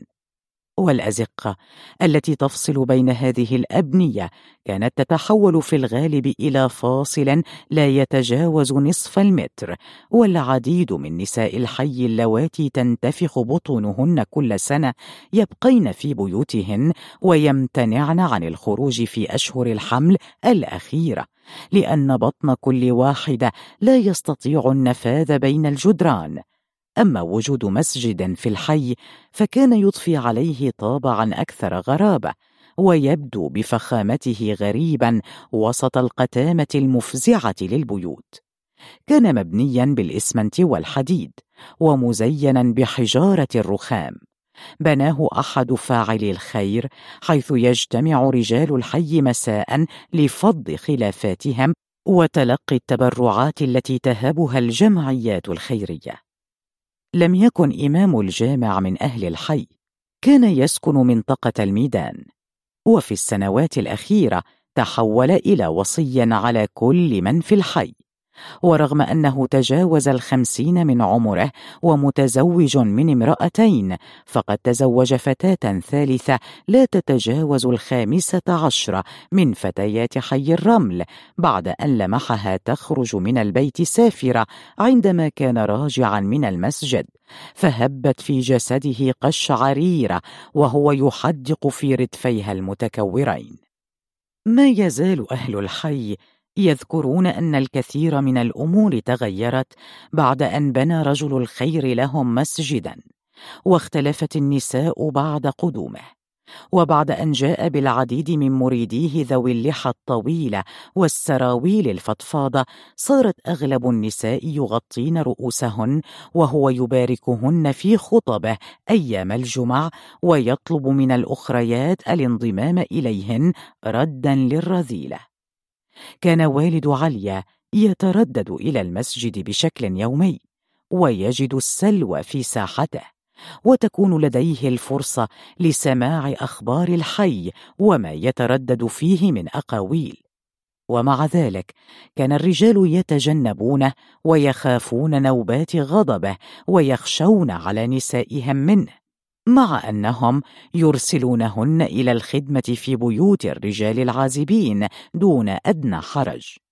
وكانوا مع ذلك يحسدونه على زوجته الغورانية الجميلة بقامتها الطويلة وامتلائها الشهي وعينيها السوداوين وشفتيها المكتنزتين وشعرها المتوهج بالأحمر. كانوا يرونه غير جدير بها. وهم يسمعون صراخها النهاري عندما يضربها لأي سبب كان وصراخها الليلي عندما يأخذها عنوة. نز عرق الخوف البارد تحت ملابس عليا ليزيد من إحساسها بالبروده في هذا الصباح البارد عندما لفحها هواء شاحنة. أي شبه بين أبيها وبين الشاحنة؟ لعلها عاصفة الغبار التي كادت تقتلعها وتطوحها بعيدا مثل عواصف أبيها التي لم يكن هناك من يتصدى لها. تسمرت في مكانها وهي تتذكر الليلة التي خرجت فيها أمها إلى الزقاق وقد مزقت ثيابها وأخذت تولول. أحداث تلك الليلة كانت عليا تحفظها غيبا وتستطيع أن تسمع صوت أختها الكبيرة. كانت الأخت عائدة من عملها في أحد مصانع الجوارب غير البعيد عن حارة الرمل والكثير من هذه المصانع الصغيرة التي بنيت حول دمشق سميت تجاوزا بالمصانع لكنها ورشات عمل خياطة أو تطريز. وقودها نساء صغيرات في السن يعملن بأجور زهيدة ويرضين بما يقدمه أصحاب العمل دون أي تأمين لأنهن فضلن العمل من الصباح حتى المساء على التسكع في شوارع دمشق والبحث عن زبون متعة. عليا الكبيرة كانت واحدة من هؤلاء بعد أن حظيت بفرصة لم تحصل عليها الكثيرات لأنها بالكاد تفك الحرف. وقد عاشت أياما صعبة تلحق أمها من بيت إلى بيت تساعدها في التنظيف وفي حمل الأغراض الثقيلة للسيدات الأنيقات وإعداد القهوة والشاي وتنظيف ورشة الخياطة. إلى أن أجادت الصنعة وجلست وراء ماكينة خياطة. كانت جادة في كل ما تقوم به. تفكر أن عليها الحصول على رضا رب عملها وجعلت همها الوحيد مساعدة الأم في تأمين أمور البيت. وفي كثير من الأوقات تحلم بموت مفاجئ للأب ففي موته راحة لها.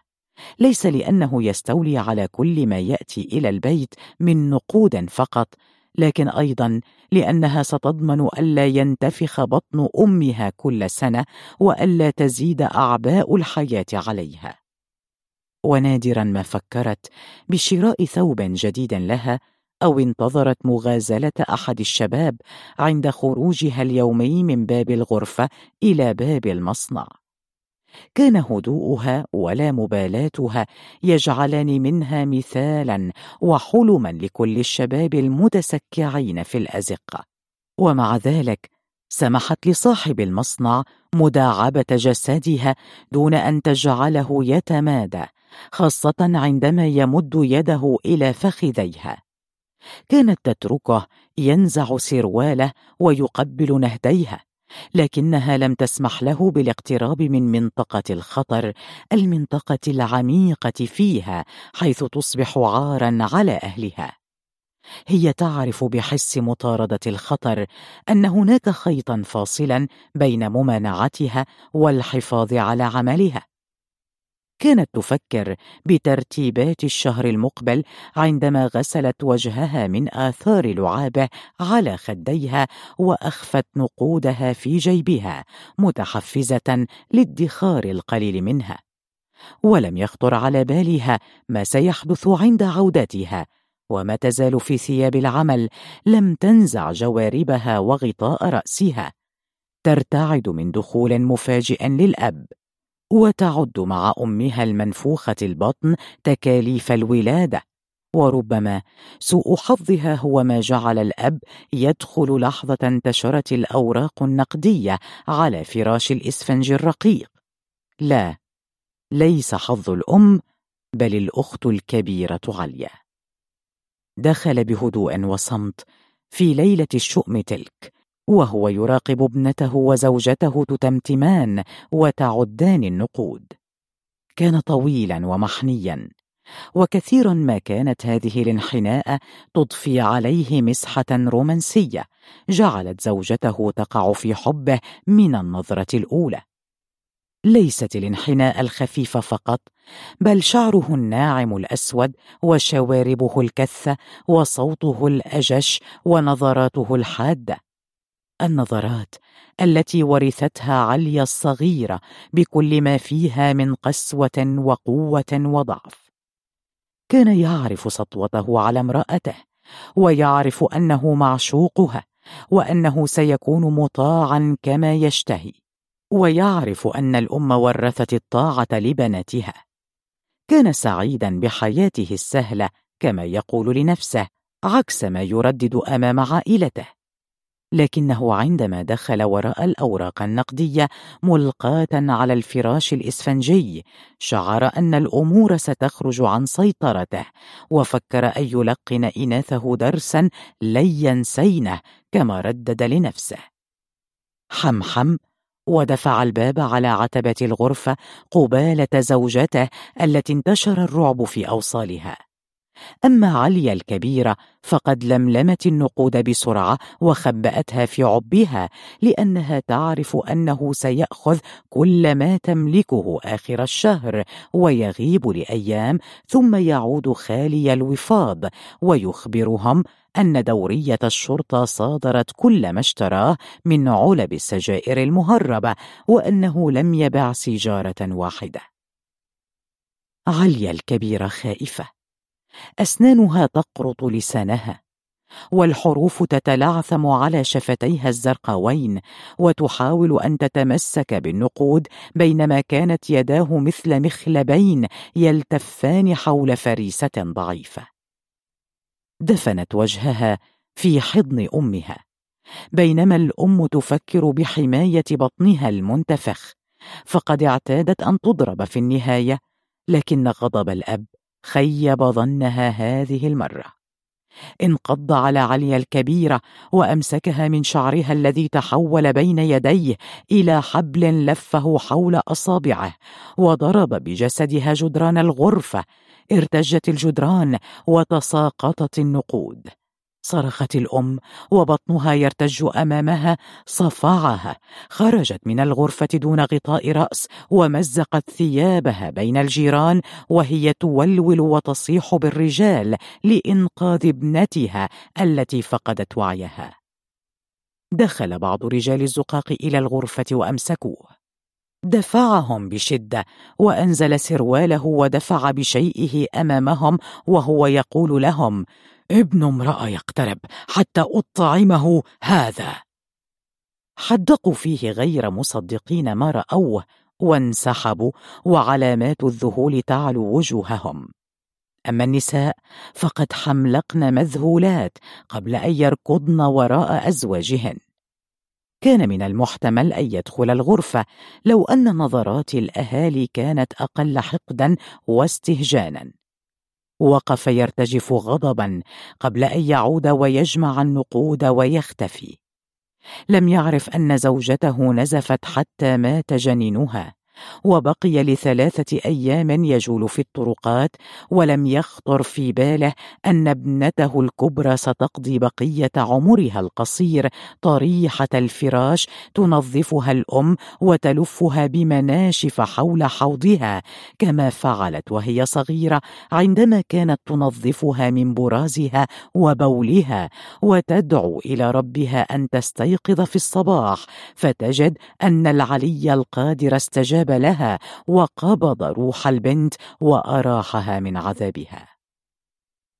بعد ذلك الحادث بعام ولدت عليا وكانت تحمل اسما آخر نسيته الأم بعد موت عليا الكبيره وصارت تناديها تيمنا باسم الأخت الميتة وأحاطتها برعاية فائقة. لم يحظى أي من أولادها الخمسة بها. الأولاد الخمسة الذين بقي منهم ثلاثة بعد وقت قصير عندما طوى المرض الآخرين. أخذت عليا تتقدم في طريقها بعيدا عن حنان الهاشمي. تفكر أنها ستأخذ مكان الأخت الكبيرة وتحل محلها في مساعدة الأم. تسب سيدتها وتبصق في كل خطوة تخطوها. ولم تعد تحتمل ثقل الحقيبة أو ثقل الذكرى فجلست تجفف عرقها البارد وهي تفكر متى ستنام نومة أختها بعد ثورة جديدة للأب ومتى ستموت. علي بحقيبتها. النقطة السوداء التي لمحتها حنان الهاشمي من شق ستائر نافذتها المغلقة. عادت للمشي ببطء وتثاقل كما قدرت حنان وهي تتراجع عن النافذة وتنشج بصوت مخنوق. ولكن هذا لم يكن يعني أنها تنتظر نداء من حنان لاستعادتها بل لأنها كانت لا ترغب في الوجهة التي عليها أن تمضي إليها. وفي الوقت نفسه لا تعرف بديلا لحي الرمل. الصغيرة تدرك أنها استيقظت من الحلم ولا سبيل إلى استعادته. والقدر خبأ الكثير أيضا لحنان الوحيدة الآن وسط سريرها تقضم أصابعها ندما على اللحظة التي طردت فيها خادمتها. تتساءل من كانت عليا؟ خادمتها حقا؟ من هي؟ تعرف أنها كانت سيدة هذا المكان. ولا تذكر متى انقلبت الأدوار بينهما. متى كانت تأتي عليا بهيبتها الأميرية ومتى تخلع عنها هيبتها وتعود كما هي بنتا هزيلة ببشرة سمراء محروقة. في البداية حاولت إظهار قسوة مبالغة أمام الخادمة المذعورة وهي ترتب معها الأغراض وترشدها على الطريقة الصحيحة للتصرف كانت تقضي أوقاتا طويلة خارج البيت ولا تخطر على بالها العودة إلا لضرورة النوم كيف جعلتها عليا أسيرة هذه الغرفة؟ عاشت حنان حياتها بعد موت أمها بلا عائلة. فقد انتشر أعمامها في أنحاء العالم في أمريكا الشمالية واللاتينية. هاجروا من سوريا وأخذوا كل ما تملكه العائلة من ثروات وتبعثروا في جهات الأرض. وبقي من العائلة أخوان يمتلكان بضعة محلات في البزوريه ومحلا لبيع الملابس القطنية في سوق الحميدية وبضعة بيوت في عين في منطقة الصالحية. وصار بعد ذلك من أكبر تجار الشام. الأخ الكبير أنجب ولدا وتوفيت زوجته. والأخ الصغير أنجب بنتا واحدة فقط ورباها كما لو كانت صبي العائلة الوحيد ولم يتزوج ثانية بسبب حبه لزوجته وهواه الغريب على أفراد عائلته باردة المشاعر التي كانت غير راضية عن تعلق ابنها بزوجته. كانت حنان تسمع وهي لم تزل بعد صغيرة عمها يردد أمام الجميع أن زوجة أخيه تحكمه ليل نهار تحت السرير وفوقه. وحنان آنذاك لم تكن تشعر بالاستياء من عمها لأن أمها ذات الطباع القاسية والتي لم تضمها إلى صدرها يوما كانت تملك موهبة فريدة في كسب نفور كل من حولها خاصة حنان التي حلمت أن تكون صبيا. بالغت أمها في تجاهل مشاعر أمومتها معتقدة أن هذا سيجعل منها شخصية استثنائية تفتخر بتربيتها وتعوضها عن ذكر يحمل اسم العائلة. ولم تخيب حنان ظن الجميع بها. كانت طفلة هادئة ومطيعة وهذا السمت الهادئ الذي استطاعت الحفاظ عليه رافقها مدى حياتها لأنها استطاعت الإيحاء بذلك لعائلتها الصغيرة لوقت طويل. عندما صارت ترافق ابن عمها إلى سهراته كانت تبدو دائما مدهوشة من كل شيء وحذرة في الوقت نفسه. تفكر كيف تتحاشى ما يجعلها محط أنظار آخرين تخيلتهم متحفزين ابدا لانتقادها أو للنيل منها. ظلت تعيد بين شدقيها كلمات أمها. وحين كانوا يطرونها ينظرون إليها بحب كبير ويتباهون خفية وبين بعضهم بتهذيبها وبهدوئها. كانت مستعدة للصراخ حتى ينفجر قلبها في وجه أمها. ولكنها لم تجرؤ على فعل ذلك ابدا. كل ما يحيط بها مرتب لدرجة مقيتة وجاهز للتحرك ضمن خط مستقيم لا يحيد عنه. وفي أكثر لحظاتها حزنا لم تجرؤ على التصريح بانفعالاتها أمام العائلة.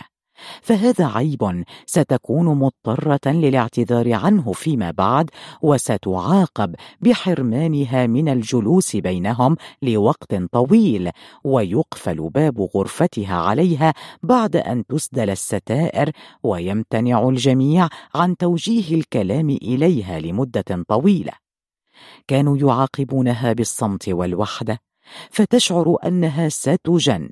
وتفضل أن تعاقب مثل بنات الجيران بالضرب وهو الأمر الذي لم يكن واردا عند عائلتها التي تعتبر هذا التصرف همجيا.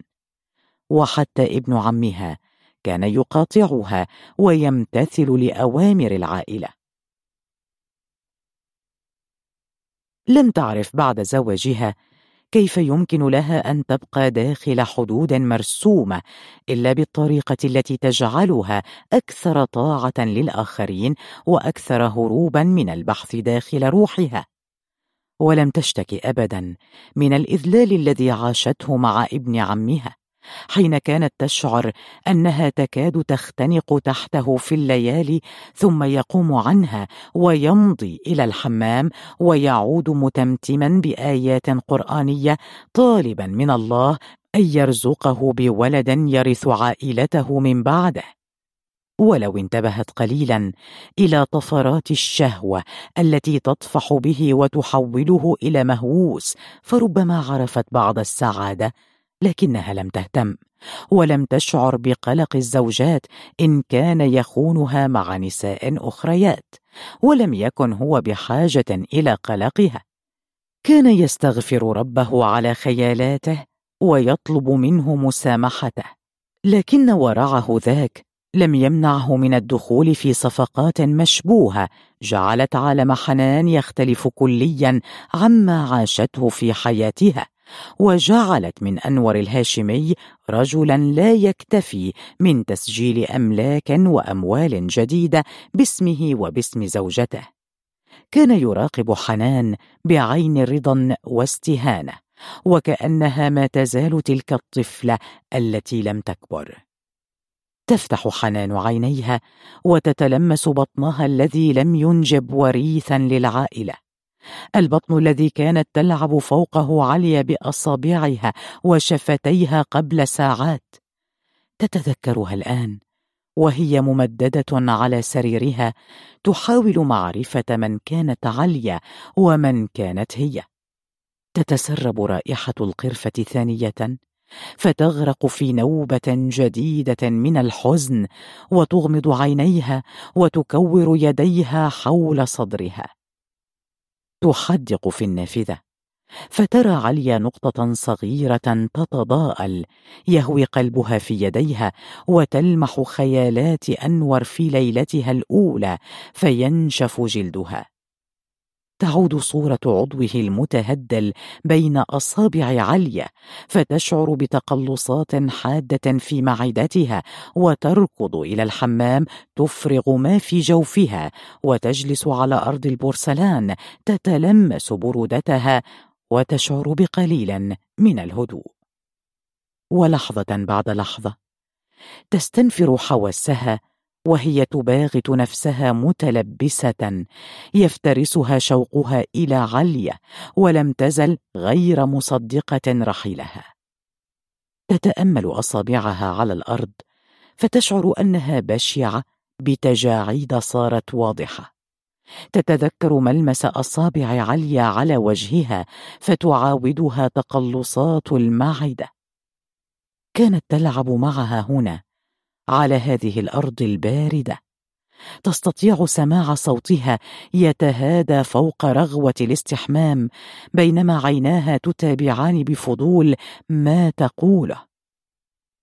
تعرفين ما من متعة ألذ من التي تمنحها أصابعك؟ ما من احتراق يشبه رغبتك؟ رغبتك من يقود أصابعها إلى مكامن وجعك. الوجع الذي يجري في الدم تحت جلدك. عندما تعتلين قمة تشعرك بالاختناق فجأة يبعث الله لك من ذاتك فرجا. الفرج لا يأتي هكذا ابدا. يجب أن تخلقيه من عجينك أنت فقط. أنا أتحول إلى هلام أصير سرا. كل شيء يجب أن يكون سريا. السر هو طوق نجاة وحيد هنا. لا تفتحي عينيك بوقاحة أمام الآخرين. ابتسمي وليكن صوتك عذبا. عليك أن تعيشي بسعادة. والسعادة هي أن تتحولي إلى كرة زجاجية مغلقة تنتشر في داخلها نثرات الثلج بكثافة. كيفما يحركها الآخرون لا يستطيعون اكتشاف ما بداخلها. هذه هي القوة أن تكوني أنت منبع ونهاية ذاتك. لا أحد يجرؤ على الاقتراب من وجودك. هكذا خطوة خطوة. أنت تسبحين مع ذاتك. ربانك أصابعك وعقلك منبع حواسك. ومهبط ارتعاشك. تغض حنان نظرها عن أصابعها. تمسد جسدها. تلقن نفسها بصوت يكاد لا يكون مسموعا. لا يوجد رجل قادر على إمتاعك كما تفعل أصابع لينة خارجة من قلبك وليست خارجة من جسد رجل. استطالات دافئة. تتفتح فيك وتكبر. تمنحك ما خرج منك وما لديك. وبذلك تكونين سيدة نفسك. تعيد إليك أنوثتك في ارتعاشه وتظلين منتصبة الأصابع مثل حروف واقفة لا تنتهي. حروف تخرج من القاع تطير في الهواء. تلامس بارتعاشها الفراغ فتولد لذة أبدية. تبدأ وتنتهي في اللحظة نفسها. الأصابع مختلفة اللذات. أصابعك نحيلة وخشنة لكنها جميلة. هل تعرفين أصابعي؟ تتجمد أحيانا. تتوقف في وسط الأشياء ولا تتابعها. لا تعرف الحركة. تنتهي في بداية حبي لها. هل أحببت أصابعك يوما؟ الأصابع التي لا تنتهي بارتخاء مذل. في أي وقت تطلبينها تأتي إليك. أصابعي تحب أن تمر عليك. أصابعي لا تحب شفتي ولا تحب عيني. أصابعي أكرهها هي قادرة على إيذائي عندما تفلت مني. أصابعي من رمل. لا تنظري إلى البياض إنها محشوه بالهواء وعند أول ملمس تذوب. هشة. لا تشبه أصابعك الصلبة قطعة تمساح الرخوة.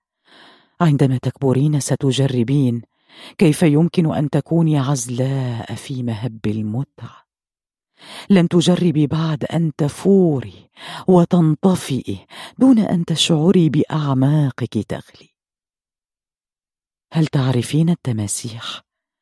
لها أعضاء متهدلة وثقيلة ورائحتها تشبه رائحة الموتى. هل رأيت وجه تمساحي؟ رأيته؟ لكنك لم تشمي رائحته. ليست رائحة شيخوخته إنها رائحته منذ اليوم الأول كانت وما زالت. هل جربت الاستلقاء تحت تمساح عجوز؟ تمساح من رغوة من بساق ولهاث. أنا فعلت ذلك دائما. كنت تحت جلده في منطقة مخيفة.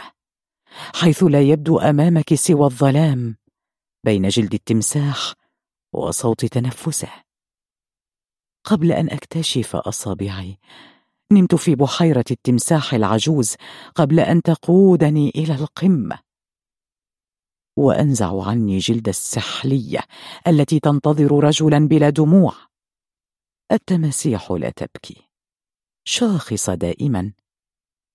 هل تعرفين لم يبكي يوما. وله رائحة الموتى الذين يمتصون حياتك وينهزمون مع حلول الليل إلى فراشهم.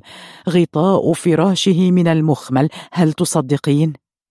كل التوابيت لها غطاء داخلي من المخمل المخمل الأحمر. قسوة الموت لا تناسب نعومة المخمل. لماذا لا يغطون التوابيت بالكتان؟ أحب أصابعك. انظري كم تبدو واقفة. لا تعرفين أصابعك وهي لا تعرفك. أما أنا فأعرف الأصابع. أحب أصابعك. وملمس بشرتك؟ لا أحب حراشف تمساحي هل للتماسيح حراشف أم إبر صغيرة تختبئ بين انثناءات الجلد؟ هل تلعبين معي قليلا؟ انظري الماء ساخن الماء بلا لون. لونه أبيض أم لون حوض الحمام أبيض وخار؟ أنت حلوة. أصابعك طويلة. و هل جربت أن تكون أصابعك ملاذك في وحدتك وأنت صغيرة؟ لم يفهمني أحد. كنت ألوذ بأصابعي. في بيت مسكون بالأرواح المتجهمة والنوافذ العريضة. مسكون بكل شيء إلا الحياة. أنت لم تتعلمي أن تحاوري جسدك. أنا سأعلمك. ما تزالين صغيرة؟ لا تعرفين أين مكمن قوتك.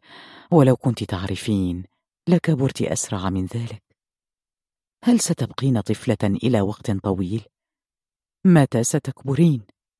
خرساء. أنت خرساء. أنت لم تتعلمي الكلام. هذا أسوأ ما فيك وهو أجمل ما فيك أيضا. ستكونين جزءا مني. لا يمكنك. فأنت من دم وعيونك خبيثة. لا بأس. سأجعلك جزءا من أو حتى من وربما ستجلسين أمامي على الكومودينو مثل دمية. لا تشبهين الدمية. ماذا تشبهين؟ لا أعرف. أنت لطيفة وناعمة ومطيعة مثل قطة. لست ناعمة ستصيرين ناعمة. كانت عليا خائفة منها ومذعورة وهي تتفحص جسمها بهدوء. تلاعب حنان أصابعها فوق الجسد الصغير وتحركها أمام عينيها مثل عازفة بيانو تفتل يديها تنظر إلى أصابعها بشهوة. الصغيرة لم تفهم الكثير مما تقوله السيدة لأنها كانت مشغولة بالدهشة بعد أن وجدت نفسها في عالم مسحور. لم تكن تأبه لتلك الجلسات الطويلة في الحمام عندما تقوم بفرك جسد سيدتها بالزيوت والصابون كما تطلب منها. والطقس الذي تستغربه عليا أكثر من غيره هو غليان إبريق الشاي النحاسي المزخرف والموضوع فوق وعاء غريب. اكتشفت عليا فيما بعد أنه يبث حرارة عبر الكهرباء ويجعل الشاي يغلي بهدوء واستمرار. تثبته حنان فوق رف رخامي بالقرب من حوض الحمام. تملأه بعيدان القرفة وتترك البخار ينتشر حولها. تستنشقه بشهيق وزفير منتظمين. وعندما يجف الماء داخل الإبريق تزيده بماء إضافي لكنها في بداية كل مغطس ماء حار تضع إلى جانب الإبريق كأسا زجاجية شفافة ذات حواف مذهبة وهي كأس لم تر لها عليا مثيلا وأخبرتها حنان أنها كأس نادرة. كانت لجد جدها وهي تشرب شايها فيها منذ العاشرة من عمرها. تتذكر متعة الصغيرة وهي ترشف معها الشاي من ذات الكأس. تضرب الأرضية البورسلين فتؤلمها كفها. تصرخ لن تعود! لن أعود! تضرب عليا بكعب حذائها الأرض وهي تسب حنان بعبارات قذرة. وتحلم أن تنقض على ظهرها وتشطبها بسكينها كما فعلت يوما بصبيان الحارة. تسمع صوتها المبحوح يردد في الخلاء. بنت الكلب! بنت الكلب! تفتح عينيها بثبات على الأفق الواسع الممتد أمامها. القصور الصغيرة صامتة رائحة الصحراء تنعش قلبها لكن حقيبتها ثقيلة وبدأ جسدها ينحل من التعب. الليل لم يكن عاديا السيدة والسيد ومن ثم خط الضوء المائل وخيالات حي الرمل وأخيرا عليا الكبيرة التي حملتها على بساط سحري الآن ودفعتها نحو الأمام. تشعر بوخز في رقبتها فتنتبه إلى السلسلة الذهبية التي تطوقها. تمد يدها وتتلمسها. هدية حنان. تطمئن أن بمقدورها بيعها وحمل بعض الأشياء إلى إخوتها وأمها.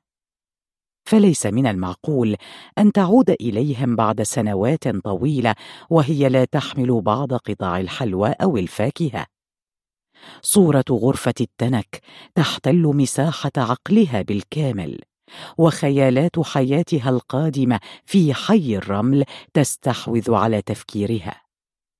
لم تكن تلك الخيالات فحسب بل صورة نافذة مغلقة نخرت عقلها منذ قليل. تتذكر كيف كانت هي واخوتها يدوسون أقدام بعضهم وهم يتحلقون في دائرة كاملة حول صحن كبير من الألومنيوم على الأرض وسط الغرفة تماما. من الصعب تحديد أصابع من تمتد إلى الصحن لأن الأصابع كانت تتحرك بفوضى كاملة وهي ترتفع وتدخل كهوفا عميقة كأنها لن تخرج ابدا. ينحشرون ويتدافعون أحيانا بفرح وضحك وأكثر الأحيان بسباب وشتائم. والأم تحدق فيهم من إحدى زوايا الغرفة تراقب أي خطأ يقدم عليه أحدهم عندما يدفع بأخيه أو أخته إلى الأمام أو الوراء. تتحاشى أن يحدث ما حصل في إحدى المرات عندما اندفع رأس الأخ الصغير إلى الطبق وسقط فيه فامتلأ وجهه بالطعام واندلق الباقي على الحصير البلاستيكي وحرموا من العشاء. عند النوم يتراصون بطريقة خاصة. يضع كل منهم ركبة على الأرض ويسند الأخرى بمرفقه فيترك مجالا أكبر لاستيعاب فرد من العائلة خاصة أيام الشتاء. فتشعر عليا أنها داخل علبة من الأشواك الناعمة. في الصيف يكون الأمر مختلفا البرد الشديد يتحول إلى حريق لاهب وصفائح التنك في السقف والجدران تشوي لحومهم فينتشرون على الأرض وينامون على الحصير البلاستيكي. فالفراش الإسفنجي يلهب الظهور وحشراته تتحول في الصيف إلى آلة تعذيب لا تتوقف عن الحركة والطنين تحرمهم النوم إضافة إلى عضات البعوض الذي يئز فوق الآذان. كل الأمور تهون. أمام البعوض الليلي الذي يمنع عنهم النوم ويحول وجوههم في الصباح إلى هضاب حمراء صغيرة هضاب يهرشونها ليل نهار تنز دما وتتحول إلى بثور بنية فتضربهم الأم على أصابعهم. هناك أمر لم يفهموه يحولهم إلى مجانين وهم يهرشون أجسامهم النحيلة. كانوا يهربون من البيت يقفون في زوايا الأزقة ويهرشون مع أغلب أولاد الحي الذين يهربون من أمهاتهم ويختارون زاوية بعيدة عن الأنظار يحيون حفلات الهرش ويعودون بوجوه مدمات وعيون مثقلة بالنعاس. كانت عليا تخاف من بقايا الدم على وجهها وفخذها لأن الأم ستوبخها لو رأت الثغرات التي تنخر جلدها. وستأتي بمواد غريبة ذات رائحة حادة وتفرك بها الثغرات الحمراء فتصيبها بألم حاد يجعلها ترفس وتقفز عن الأرض وتنط فتثبتها الأم بشدة وتبطحها ارضا ثم تلون جسمها بالمادة كريهة الرائحة. تحاول أن ترفس الآن وهي تخبط بكعب حذائها وتصر بأسنانها. لن أعود. ترفس الأرض وتتوقف. تضرب الحصى على جانب الطريق وتشتم بصوت غير مفهوم. هكذا كان يرفسها أبوها في الليل عندما يصدر أحدهم نأمة أو همهمة. التراب يثير الغبار من حولها وصمت مطبق في المكان. تعطس وتعاود نوبات الرفس. تضع حقيبتها جانبا وتفكر أن من الطبيعي أن تكون النافذة مفتوحة الآن. تعاودها صور وجوه إخوتها مذعورين ومحشورين إلى جانبها وهم بالكاد يجدون ثغرة للتنفس. يحدقون بعيون لامعة كعيون القطط ويخافون من تلك النظرات التي كانوا يبثونها أثناء حفلات الرفس كانت عليا وإخوتها يختبئون من رفسات الأب ليلا تحت الأغطية الصوفية التي حاكتها الأم من بقايا الكنزات القديمة التي تكر خيوطها بمساعدة الأولاد في ليالي الشتاء. ثم تعيد نسجها من جديد على شكل مربعات ملونة. وبعد أن تنهي عدة مربعات منها تقوم بوصلها بواسطة خيوط صوفية سميكة إلى أن تكبر القطعه وتتحول إلى غطاء دافئ يغطي أجسادهم. الغرفة الصغيرة في الداخل كانوا يستخدمونها للطبخ والاستحمام وقضاء الحاجة. ثمة حفرة سوداء محاطة بإسمنت أبيض يتبولون فيها. وعند الباب يضعون الأطباق فوق جرن حجري يستخدمونه لغسيل الصحون واواني الطبخ. وفي الزاوية المقابلة رأس كبير من الغاز يسخنون على ناره ماء استحمامهم كل خميس. كان يوم الحمام عقوبة لهم. لا يرتجفون من البرد فقط في أيام الشتاء بل يصطفون في انتظار طويل لينتهي كل واحد من تنظيف نفسه. والويل لأحدهم إن قرر الأب أن يشرب فنجان قهوة أثناء استحمامه. فهو لن ينتظر أن ينتهوا من رش طاسات الماء القليلة فوق رؤوسهم بل سيضرب الباب برجله ويصرخ بالأم أن تعد له القهوة فيتوقف الجميع عن الحركة ويصطكون بانتظار فوران الركوة. بعد أن كبر الأولاد لم يعد المكان يتسع لهم فوزعت الأم أيام الاستحمام إلى يومين. كانت عليا تجلس بعد نوبات الاغتسال الخاطفة وتفتل حبالا قصيرة بنية اللون تخرج من جلدها بعد فركه. متعتها الكبيرة أن ترى الحبال فوق جلدها وتنظر إليها بفخر وتشعر كأن شيئا ما ولد منها.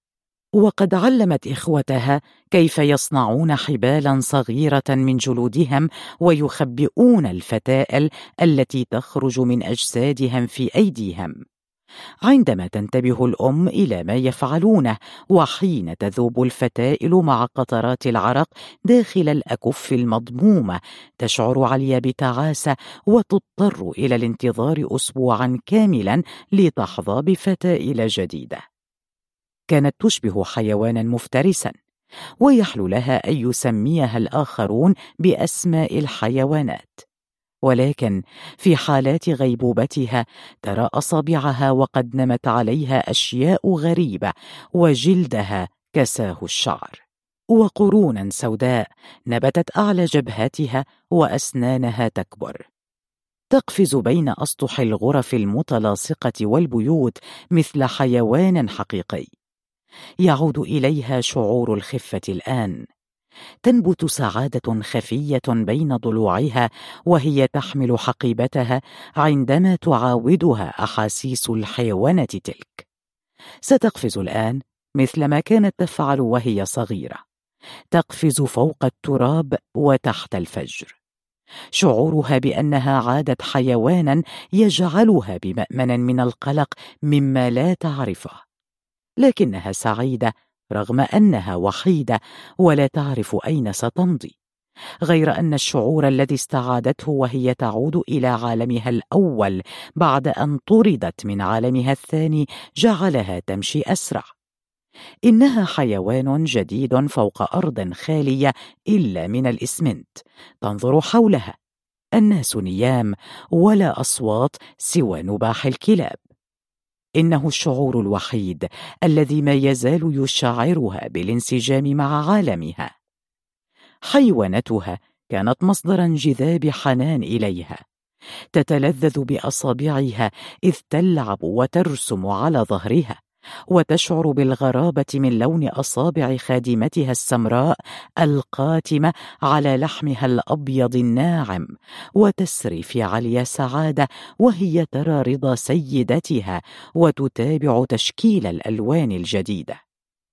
صارت مفتونة بالألوان وبالتباين بين لونيهما فترسم على ظهر السيدة غيوما وحمارا وأحيانا ترسم ورودا ثم تصنع جبالا بيضاء سرعان ما تنزلق بسرعة. تضحك وتخفي ضحكتها عندما تضع يدها على فمها فتترك رغوة الصابون على شفتيها. وتنظر إلى نفسها في المرآة فتتخيل أنها رجل عجوز وتضحك بصوت خشن وترسم شجرة طويلة وكبيرة وتقول لنفسها أنا أنا بابا نويل. عرفته عند السيده حنان الهاشمي ورأته في التلفزيون بينما كانت تستلقي بجوارها. وصارت تحلم به ليل نهار وكانت أحيانا تبالغ في سعادتها فتضع رغوة كبيرة على بطنها وتدور. والسيدة غارقة في هذياناتها تمسك أصابعها بشدة وتضحك لها. وعندما تخرج عليا مبللة بالبخار ورغوة الصابون الأبيض السائل مثل الحلوى المطاطة تعود إلى غرفتها. تخرج الأوراق البيضاء والأقلام وترسم ما رسمته منذ قليل على ظهر السيدة وتتذكر ملمس جلدها الناعم وروائح الزيوت المنعشة فتشعر أنها تعيش في جنة. كانت رسومها تبدأ بالتشكل على رقبة السيدة وتنتهي أسفل الظهر. عاشت بإحساس منعش في مكان ملون ونظيف. عيناها تعبران الأفق ولا تردهما جدران الغرفة الصغيرة في زقاق الرمل. تغمضهما وتحاول أن تصدق أنها في مكان تظلله الأشجار وتلعب الستائر الناعمة على نوافذه. والأهم من هذا كله أن ركلات والدها لم تعد تطولها. وشبح أختها مفتوحة العينين لا يلاحقها في الليالي ولن تشم روائح حاويات الزبالة. لذلك كانت تنتفض ما ان تضعها حنان الهاشمي في حضنها وهي ما تزال في الحادية عشرة من عمرها وتجعلها تفرك جسدها بأنواع غريبة من الزيوت وتعصر جلدها المرتجف بأصابعها. تتحرك كعجينة وتترك للسيده أن تفعل ما يحلو لها. المداعبات الناعمة التي كانت تخافها بداية وتأتيها في نومها كوابيس تحرمها النوم تحولت إلى أحلام يقظة تنتظرها بعد أن كبرت يوما بعد يوم في الفيلا. وعرفت أنها تخبئ في جسدها كنزا تمنحه لسيدتها ساعة تشاء وتمنعه عنها عندما تكون في مزاج سيء فقط أثناء الليل. بينما كانت تتجنبها في النهار وكأنها نجس وتحاول إبعادها عنها. الليل هو الليل والنهار هو النهار. تيبست أصابعها على مقبض الحقيبة. وشعرت بوخزات حادة تتسلل إليها وتحاول جاهدة أن تجعلها متماسكة لتحافظ على توازن مشيتها باتت على وشك السقوط بينما تلتف أصابعها فوق جلد الحقيبة. انفلتت كفها وسقطت الحقيبة وشعرت ببرودة تسري في أصابعها الدافئة. التي كانت تلعب فيها العابا حولتها إلى ملكة المكان المسحور. نظرت إلى ارتعاشها خبأتها في بطنها وهي تتساءل عن السبب الذي يجعل الأصابع ترتجف في الصيف.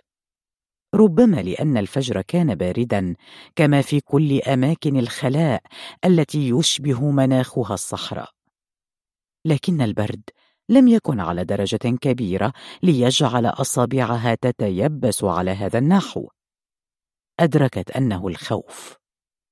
الخوف وحده ما يحولها إلى قطعة من الجليد. تذكرت كيف كانت تنتصب تلك الأصابع وتمتنع عن الالتواء والرقص وكيف تتسرب إليها وخزات حادة من الألم كما يحدث الآن وهي تحاول أن تضع الأصابع في جيبها تحميها من لسعة البرودة الصباحية تتأملها فتشعر أنها غريبة عنها. الأصابع التي حولت ليالي حنان الهاشمي إلى متع لا تنتهي قبل أن تطردها نحو مجهول جديد. لم تستطع نسيان اللحظة التي انقضت عليها كمجنونة وطردتها. لن تنساها وما تزال عندما تذكرها ترتجف وتتساقط مثل ورق أصفر مهترئ على غصن يابس. تحاول أن تقنع نفسها بسبب واحد يجعل من تلك المرأة المجنونة تلبس وجوها كثيرة وجوها مخيفة إلى درجة أنها تجعل عليا ترتجف وتراها في أحلامها تتحول إلى وحش. في السرير يصبح وجهها مختلفا كأن جنية سكنتها. تصير طفلة تلمع النجوم في عينيها وترتخي أطرافها. تصير طفلة مطيعة بين يدي عليا. وأحيانا تلبس وجها ثالثا عندما تحضر ضيفاتها. تصير بلا لون. تتحول قسمات وجهها إلى خطوط منكسرة فلا تضحك. الوخزات تشتد. فتقرب كفيها من شفتيها وتنفخ فيهما أنفاسها الحاره تنظر ثانية إلى الخلف فلا تلمح شيئا من عالمها. العالم الذي كان منذ وقت قريب كل ما تملك. تحمل حقيبتها ثانية وتركض. تتعثر بكعب حذائها العالي. تستغرب لماذا أصرت على ارتدائه. لوهلة خيل إليها أنها تشبه حنان الهاشمي في طريقة ارتدائها ثيابها حين تذهب إلى سهراتها التي لا تعود منها إلا عند الفجر. خلعت الحذاء وحملته بيدها مستمرة بالركض تبكي بصوت عال كما كانت تفعل وهي صغيرة تجفف دموعها وتركض تتعثر تقف وتعاود الركض. لم تسأل نفسها إلى أين؟ كانت خائفة ولا تعرف لم سكنها الخوف إلى هذه الدرجة ومما تخاف. لا تعرف. كانت خائفة وحسب. وتستعيد اياما اعتقدت أنها ولت إلى غير رجعه عندما كانت تحمل السكين وتضعها جانب فخذها وقلبها ينتفض بقوة وهي تراقب باب غرفتهم الصغيرة التي كانت أختها بداخلها. كان النشيج يملأ الفضاء الفسيح. الذي تمشي عليا في أحد دروبه الصغيرة وحيدة إلا من أصابعها وحقيبتها وخوفها الذي أعاد لها ذكريات حي الرمل. سمعت صوت محرك سيارة. أجفلت. تذكرت أنها وحيدة في طريق خال وشمس الصباح لم تطلع بعد. توقفت عن المشي. أخفضت رأسها. وأخرجت من حقيبتها الصغيرة سكينا حادة. أطبقت عليها بإحكام مستعدة لإشهارها في وجه أي كائن يطلع من تحت الأرض أو من فوقها. لكن السيارة لم تتوقف أو تتمهل واستمرت هي في المشي لا تلوي على شيء. مرت السيارة بسرعة خاطفة وتسارعت دقات قلبها. بعد لحظة عاد الصمت وسكن الغبار. تنهدت أعادت السكين إلى حقيبتها ونظرت نحو الفيلا. كانت تنظر إلى المكان بذهول تحدق في المسافة التي قطعتها بسرعة. الفيلا التي خرجت منها بدت كسراب. ولوهلة تخيلت أنها لم تكن يوما فيها وهي تحاول أن تستعيد شجاعتها كما دربت نفسها لسنوات طويلة. كانت مستفزة. كل جزء من جسدها يغلي ويفور. صدرها يعلو ويهبط عيناها حادتان كحد السكين التي لم تفارق جيبها منذ أن خبأته أمها يوما في جيب ثوبها المدرسي عندما كانت تعلمها كيف تستخدمه ضد الصبيان والرجال الذين كانوا يحشرونها بين وقت وآخر في أزقة الحي المعتمة. لم تكن عليا فقط من تعلمت استخدام السكين. كثير من الفتيات فعلن ذلك.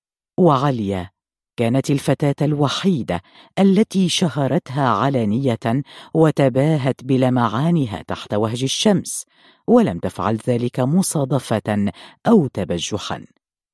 كان ذلك في أحد الأيام عندما بقي الباب مواربا وخرج الإخوة من البيت وبقيت عليا الكبيرة وحيدة تحدق في ضوء الشمس الذي دخل من شق الباب وتستمع إلى وقع الأقدام وصراخ الأولاد وزعيق الأمهات. ولم تنتبه إلى الظل الذي سد الباب فجأة. حدث ذلك برمشة عين. كان الوقت ضيقا لتسأل ابن الجيران ما الذي يفعله. أغلق الباب وسقط عليها فشعرت أن عظامها ستتهشم تحت ثقله وأطبق بأصابعه على فمها. كانت تتخبط تحته مثل سمكة فقدت بحرها لكنه لم يبالي. وجهها تجعد فجأة وشعرها تلبد حول رقبتها وصارت أطرافها ترتجف. تغيرت كليا عن الفتاة العذبة التي كانتها يوما وابن الجيران الذي كان يراقب الغرفة ليلا ونهارا منذ أن اختفت الأخت داخلها وابتلعتها إلى الأبد وجد أن طريقه سهل فشمر العباءه حتى سرتها ولم يعرف ما حدث بعد ذلك لأنه انتفض بارتعاش قبل أن يدخل فيها واهتز كل شيء من حوله. وكانت عليا الكبيرة على وشك غيبوبة تحاول التنفس. كفه سدت أنفها وفمها معا. ولولا ارتعاشته السريعة وهروبه دون أن ينظر في وجهها الأزرق لاختنقت تحت ثقله. وصار من وقت لآخر ينتظر خروج العائلة من الغرفة فيحمل في يده سكينا حادة ويطبق بأصابعه على شفتيها وينزع سروالها بعنف ويعتليها. فعل ذلك عشرات المرات قبل أن تكتشفه عليا الصغيره عندما فتحت الباب الحديدي الصدأ وسمعت نشيج أختها الخافت ورأت عجيزة سوداء تتحرك فوقها بتسارع منتظم ولمع حد السكين التي يحملها عبود في شفتيه. ألقت بكتبها وسحبت سكينها المثبتة بحزام جلدي في طرف سروالها وصرخت كمتوحشة لا تتقن الكلام. مزقت ثوبها المدرسي وقفزت فوق عبود نصف العاري ورسمت خرائط بالدم على عجيزته وجعلته يقفز كالقرد. كانت تلحق به كوحش صغير وتضرب بسكينها كل ما يمكن أن تطوله من جسده. وعندما تعثر قليلا وهو يحاول ارتداء سرواله قفزت على ظهره وعضته وأوقعته ارضا. ولولا الرجال الذين نزعوها عنه بصعوبة لقتلته لأن أسنانها انغرزت بكتفه وخرج دم لوث شفتيها الصغيرتين. ولوهلة صارت جزءا منه ومزقت جلده ونهشته حتى خيل للرجال أنهم أمام حيوان مفترس. وظل أهل الحارة يتندرون على عبود ويتذكرون عليا وهي تلحقه والدم يقطر من جسده بفعل ضربات الموس الحاد. تصيح وتسب وتشتم وتفتح رجليها مثل قبضايات الحارة وتتحدى أي ابن امرأة أن يحاول الاقتراب من أختها المشلولة. الأخت انتحرت في ليل ذلك النهار ولم تعد عليا إلى كتبها المدرسية. لا تستطيع نسيان ما حدث ذلك اليوم. رحلت الأخت في نفس الليلة التي عرف فيها أهالي الحارة ما فعله بها عبود وهي عاجزة عن الحركة ولم تعرف عليا لماذا لم يصلي الرجال على أختها كما يفعلون عادة عند دفن موتاهم. ولماذا كانت النساء تنتحب بغزارة وهن يصفن جمالها؟ كانت مأخوذة بعيني الأخت المفتوحتين على اتساعهما. ولم تخبر أحدا بأنها سلمت الأخت العلبة الصفراء التي ترش أمها بها أرض الغرفة وزواياها خوفا من الجرذان. ولم تفهم لماذا تدفقت الرغوة البيضاء من فم الأخت ولماذا اختفى صوتها وصارت تتساءل لوهلة كيف ستعيش أختها تحت الأرض مع الشيطان؟ الشيطان الذي صار يأتيها ليلا في الحلم على هيئة عبود تارة وهيئة الأب تارة أخرى. كانت تستيقظ بعد كوابيسها تحمل سكينها وتبحث بين أزقة حي الرمل الموحلة والمعتمة عن عبود الذي اختفى بعد تلك الحادثة ولم يتجرأ على العودة. حتى اختفت عليا يوما. وقال أهل الحارة إن والدها تركها لعائلة شامية عريقة وقبض ثمن خدمتها لسنوات قادمة. آنذاك كانت عليا في العاشرة. تركت المدرسة وانضمت إلى جوقة الأولاد الذين يدورون على حاويات الزبالة في عدة أحياء من دمشق. ولا يهمهم إن كانت أحياء الفقراء أم أحياء الأغنياء لأن مهمتهم كانت تنحصر في لم العبوات الزجاجية الفارغة وتنظيفها وحشرها في أكياس بلاستيكية. وكانت ترى عملها الجديد أرحم من البقاء في البيت أو الاستيقاظ مبكرا وقطع مسافات طويلة فوق الدروب الطينية التي يتوجب قطعها للوصول إلى المدرسة. قلبت حنان الهاشمي حياتها نظفتها من نفسها وهواجسها أزالت عنها كل طبقات الغضب ومسحت بأصابعها صور حي الرمل. لكنها تعود الآن بكل ما فيها لا يغيب أي تفصيل عنها. دفقة واحدة تستقر الصور في عقلها فتحثها على الهروب مرة وعلى التوقف مرات. فكرت حنان أن خادمتها ستكون في خطر إذا تجاوزت منطقة الفيلات. ما تزال تتعثر بخطوات قليلة بين النافذة المغلقة وبين زوايا الغرفة. لو أنها تعود تنهدت بعمق وهي تحلم بطريقة لاستعادة عليا دون أن تفقد كبرياءها. ستجعل البستاني يخرج للبحث عنها. فجأة تذكرت أنور الذي تركته سابحا في لا مبالاته وضحكت باستهزاء. لن يستطيع التمساح العجوز مساعدتها. بقي متيبسا على فراشه ولم ينبس بحرف. كم تتمنى موته! تشعر أنه كائن طفيلي يمتص حياتها.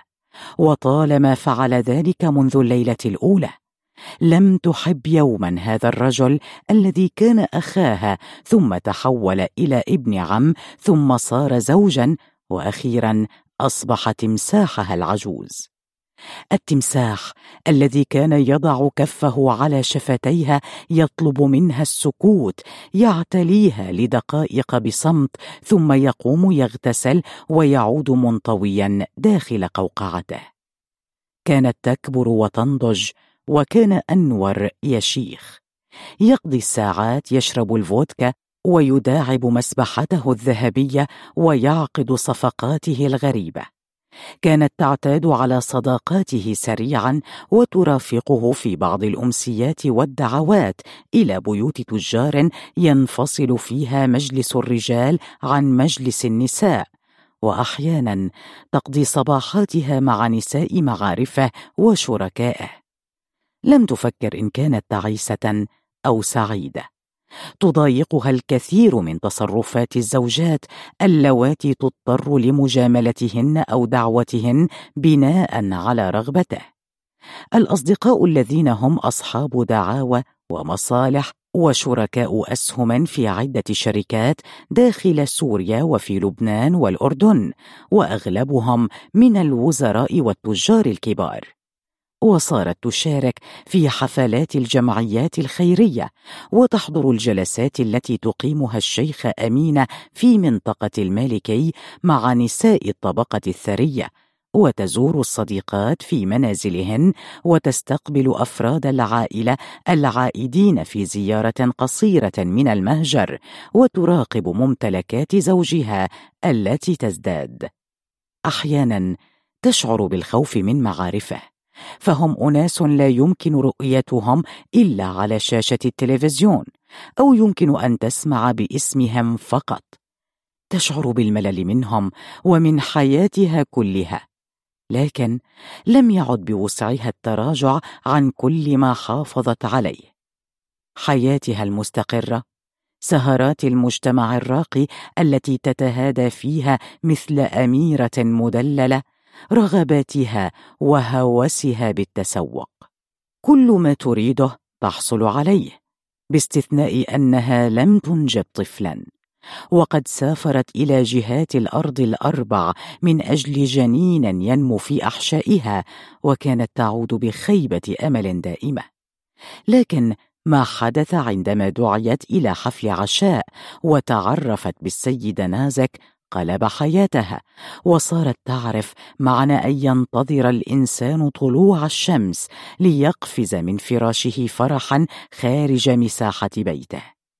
زوجها أخبرها أن عليها نيل رضا نازك وبالغ في حثها على التقرب منها والسيدة المهمة لم تنتظر كثيرا حتى أقبلت على حنان باهتمام ودعتها إلى فيلتها. كانت السهرة قبل أن تكتشف كنزها الصغير بين أصابع عليا. في تلك السهرة أحضرت السيدة نازك لكل واحدة منهن مشروبها الخاص وعندما سألت حنان الهاشمي عن مشروبها المفضل تلعثمت حنان إذ إنها لم تذق طعم الخمر قبلا وقالت فودكا بالليمون. قالتها وأحست بالذهول وهي تسمع رنين صوتها في الهواء. فودكا بالليمون. لماذا لم تخبر السيدة نازك أنها لا تشرب؟ قررت الاحتفاظ لنفسها بهذا السر بعيدا عن أنور. أحاطتها مضيفتها بعناية فائقة. كانت نازك ذات صوت خشن ترتدي سترة خفيفة من القطن الأبيض وسروالا من الجنز الباهت وتنتعل خفا رقيقا ولا تضع أي زينة وبدت أصغر من عمرها وهي تتجول وتقفز مثل أرنب جائع. تذهب وتعود إليها بين لحظة وأخرى تأتي بأصناف غريبة ولذيذة من الطعام وتقدم لها الصحن وتنتظر أن تتذوقه ثم تنحني أمامها لتأتي بصحن جديد فتشعر حنان بخجل شديد من الاهتمام الذي تبديه لها هذه السيدة. الأخريات أطرين جمالها وتسريحة شعرها القصيره ولم ينتبه الضيق كما يحدث في أغلب الدعوات التي يجبرها زوجها على حضورها فتضطر إلى أن تكتم صوتها وتشعر بالاضطراب لأن العديد من الرجال كانوا ينظرون إليها بشهوة فتحس باختناق لم تعرف سببه. تسترجع الارتعاشات اللذيذة التي ينتفض جسدها بها عندما تلتقي عيناها بعيني رجل. تتمعن فيهما وتلمح البريق الحاد الذي يقطع قلبها نصفين ويهز أوصالها وتريد الهروب بعيدا حتى لا يفضحها الارتجاف.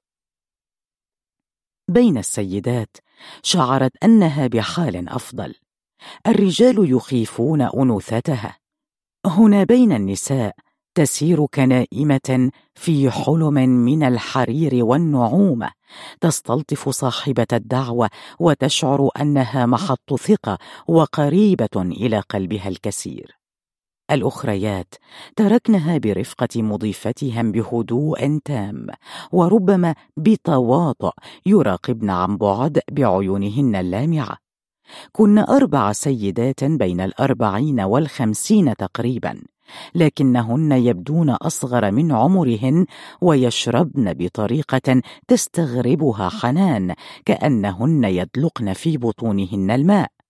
ولم تصدق أنهن السيدات اللواتي يحضرن السهرات مع ازواجهن بدون مختلفات تماما ولمحت بريقا مجنونا في عيونهن وصرن أكثر جمالا. لكنها فيما بعد ستعرف عندما تقول لها السيدة نازك وهي بين أحضانها. مع النساء هناك شيء أكثر جمالا وحساسية. شيء يجعلك تلمعين. مع الرجال تحدث الأمور بشكل مختلف فهناك أنواع للرجال. رجال تحلمين أن تقفلي عليهم بابك لأيام طويلة تضاجعينهم حتى الإنهاك وخارج مساحة السرير لا يعنون شيئا. ورجال تحلمين أن تقضي عمرك وأنت تكلمينهم وتغازلينهم ومتعتك تأتي من البقاء على حافة هذه المسافة فقط. ورجال تريدين البكاء في أحضانهم. ورجال تجلسين معهم وتناقشين أمور الدنيا عاليها وسافلها. مع النساء للحب شكل مختلف. فعندما يتملكك الشغف والانجراف الحارق وتغرقين في قبلة مع حبيبتك تحصلين على كل هؤلاء الرجال دفعة واحدة.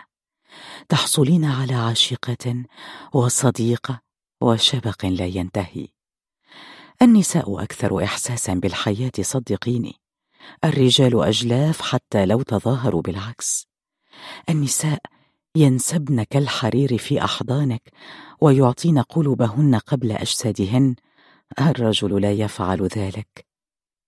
كانت حنان تدرك أنها في طريقها إلى رمي كل شيء وراءها ولم يعد أمامها من أمل للتراجع أو العودة إلى نقطة البداية. تتساءل وهي تراقب النساء اللواتي يتحولن إلى فراشات. من أين تأتي فرحة حركاتهن؟ التوهج المحيط بكل منهن يلاحقهن مثل هالة فينجذبن نحو بعضهن يضحكن بعذوبة ويسبحن في مكان عديم الجاذبية. كانت إحداهن لينا. زوجة ضابط فاتنة. ليست بيضاء تماما لكنها شقراء زهرية مثل أغلب نساء الساحل السوري. وهي الأقل خبثا بينهن بحكم انتمائها الريفي. وتصف أهل الشام كما يحلو لها بالبنادقة.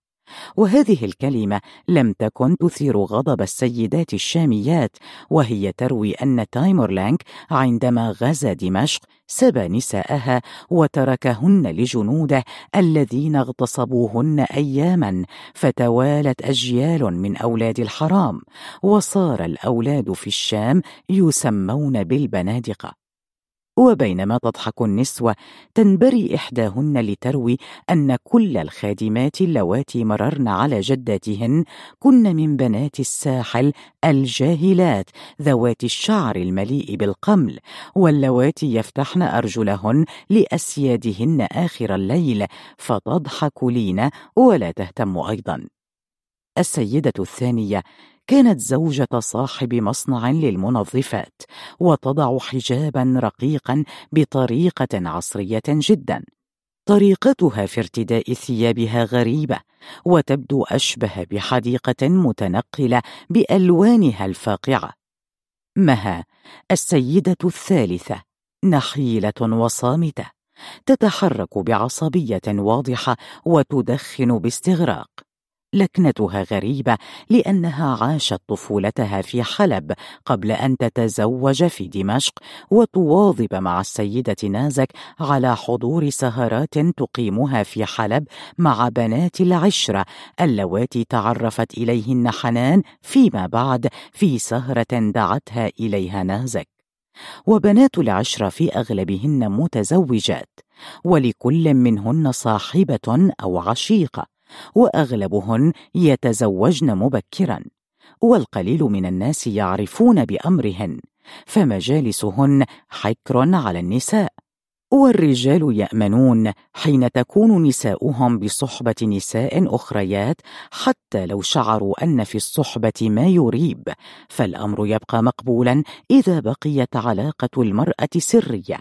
وما إن تبدأ التقولات حتى يلجأ الزوج إلى فصل العلاقة بين زوجته وصاحبتها. الكثير من بنات العشره كن من نخبة المجتمع الحلبي الثري وقد حرصت السيدة نازك ألا تدع حنان تقترب من إحداهن فهن ماهرات في فنون الحب وتخشى أن تخطف إحداهن منها عشيقتها. السيدة الرابعة في السهرة غامضة. لا يستر جسمها سوى فستان رقيق يبدأ عند بداية صدرها وينتهي فوق الركبه ولم تتحدث عنها نازك بإسهاب أمام حنان وتعاملها بكثير من العطف والهدوء ولا تناديها باسمها بل بلقب أم النور. حنان خائفة. والنار تكويها من حلقها حتى أصابع قدميها وهي ترتشف الفودكا. كانت عدة رشفات كافية لتشعر بحريق يشعل أحشاءها لكنها سعيدة ومذهولة. تكتشف الغبطة للمرة الأولى وهي تستمع إلى النكات البذيئة. هن سعيدات قالت لنازك وارتشفت الفودكا. أكثر من السعادة أجابت وهي تحاول قراءة حنان. احسدهن قالت وهي تضع كأسها جانبا وترمي برأسها باستسلام. وهل تنقصك السعادة؟ ليس هناك امرأة أحق منك بالسعادة.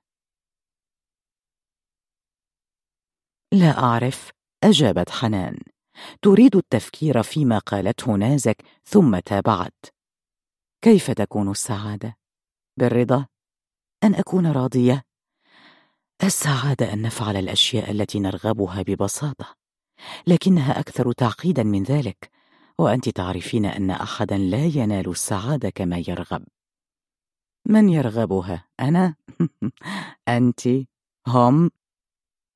أجابت نازك ولفت حول حنان وتفحصت تفاصيلها بدقة مثل طير جارح سينقض على فريسته. كانت تأكلها بعينيها وحنان مسترخية لا مبالية. هل أنت واثقة أنها سعادتك أنت؟ ربما تكون سعادة مؤقتة لكنها تبقى سعادة. نضحك ونمرح ونسعد من نحبهم.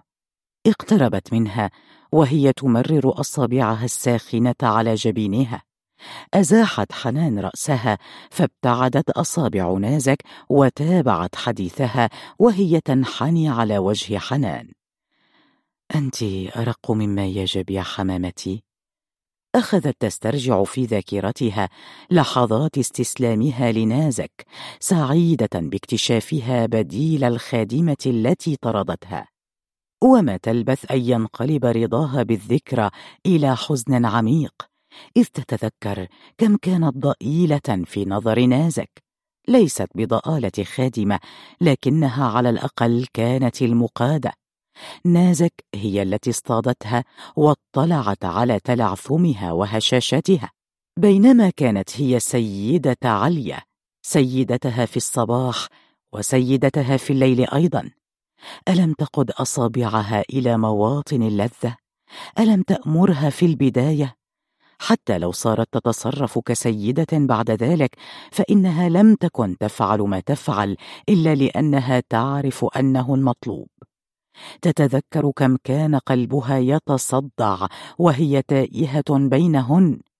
نظرة الدهشة نفسها التي قرأتها في عيني عليا فيما بعد عندما تعرت أمامها كانت في عينيها تلك الليلة. انبثقت الكآبة بين ضلوعها كنافورة حارة. تذكر تماما فستانها الرقيق في تلك الليلة ماركة شانيل. كانت تخفيه تحت جلبابها البني وتنتعل حذاء عاليا وتضع رجلها اليمنى فوق اليسرى وتجلس وحيدة على كنبة منفردة. نفضت تثاقلها وصارت تمشي بغنج على صوت الموسيقى وانتبهت السيدات إلى أناقتها وإلى اللون البني الترابي لحذائها وفستانها. اللون نفسه لون حجاب الرأس لون الجلباب لون الأساور والعقد والأقراط وحقيبة اليد. والبني الترابي يبدو على جسدها الأبيض الحليبي مثل لون دمية صغيرة كأنها صورة إحدى الطفلات العارضات في مجلات الأزياء. تضحك بصوت عال وتعب آخر رشفة من كأسها. تقترب نازك منها وتلوح بكأسها. الويسكي ألذ. تتلوى حنان بغنج. وتقبلها المضيفة من جبينها فترتعش وتضحك. أفضل الفودكا تقول حنان. تضحك السيدة وتعانقها. فتشتعل حنان لثوان ثم تقترب من وجه السيدة بحركة ستستغربها أيضا وتهمس. أريد كأسا أخرى. تمسك السيدة بالكأس. وتعصر كف حنان بيديها فترتجف ثانية وتعتريها رعدة تخرج من منتصف رأسها وتستقر في أسفل الظهر تغمض عينيها ثم تفتحهما. تراقب السيدة المترنحة البشوشة.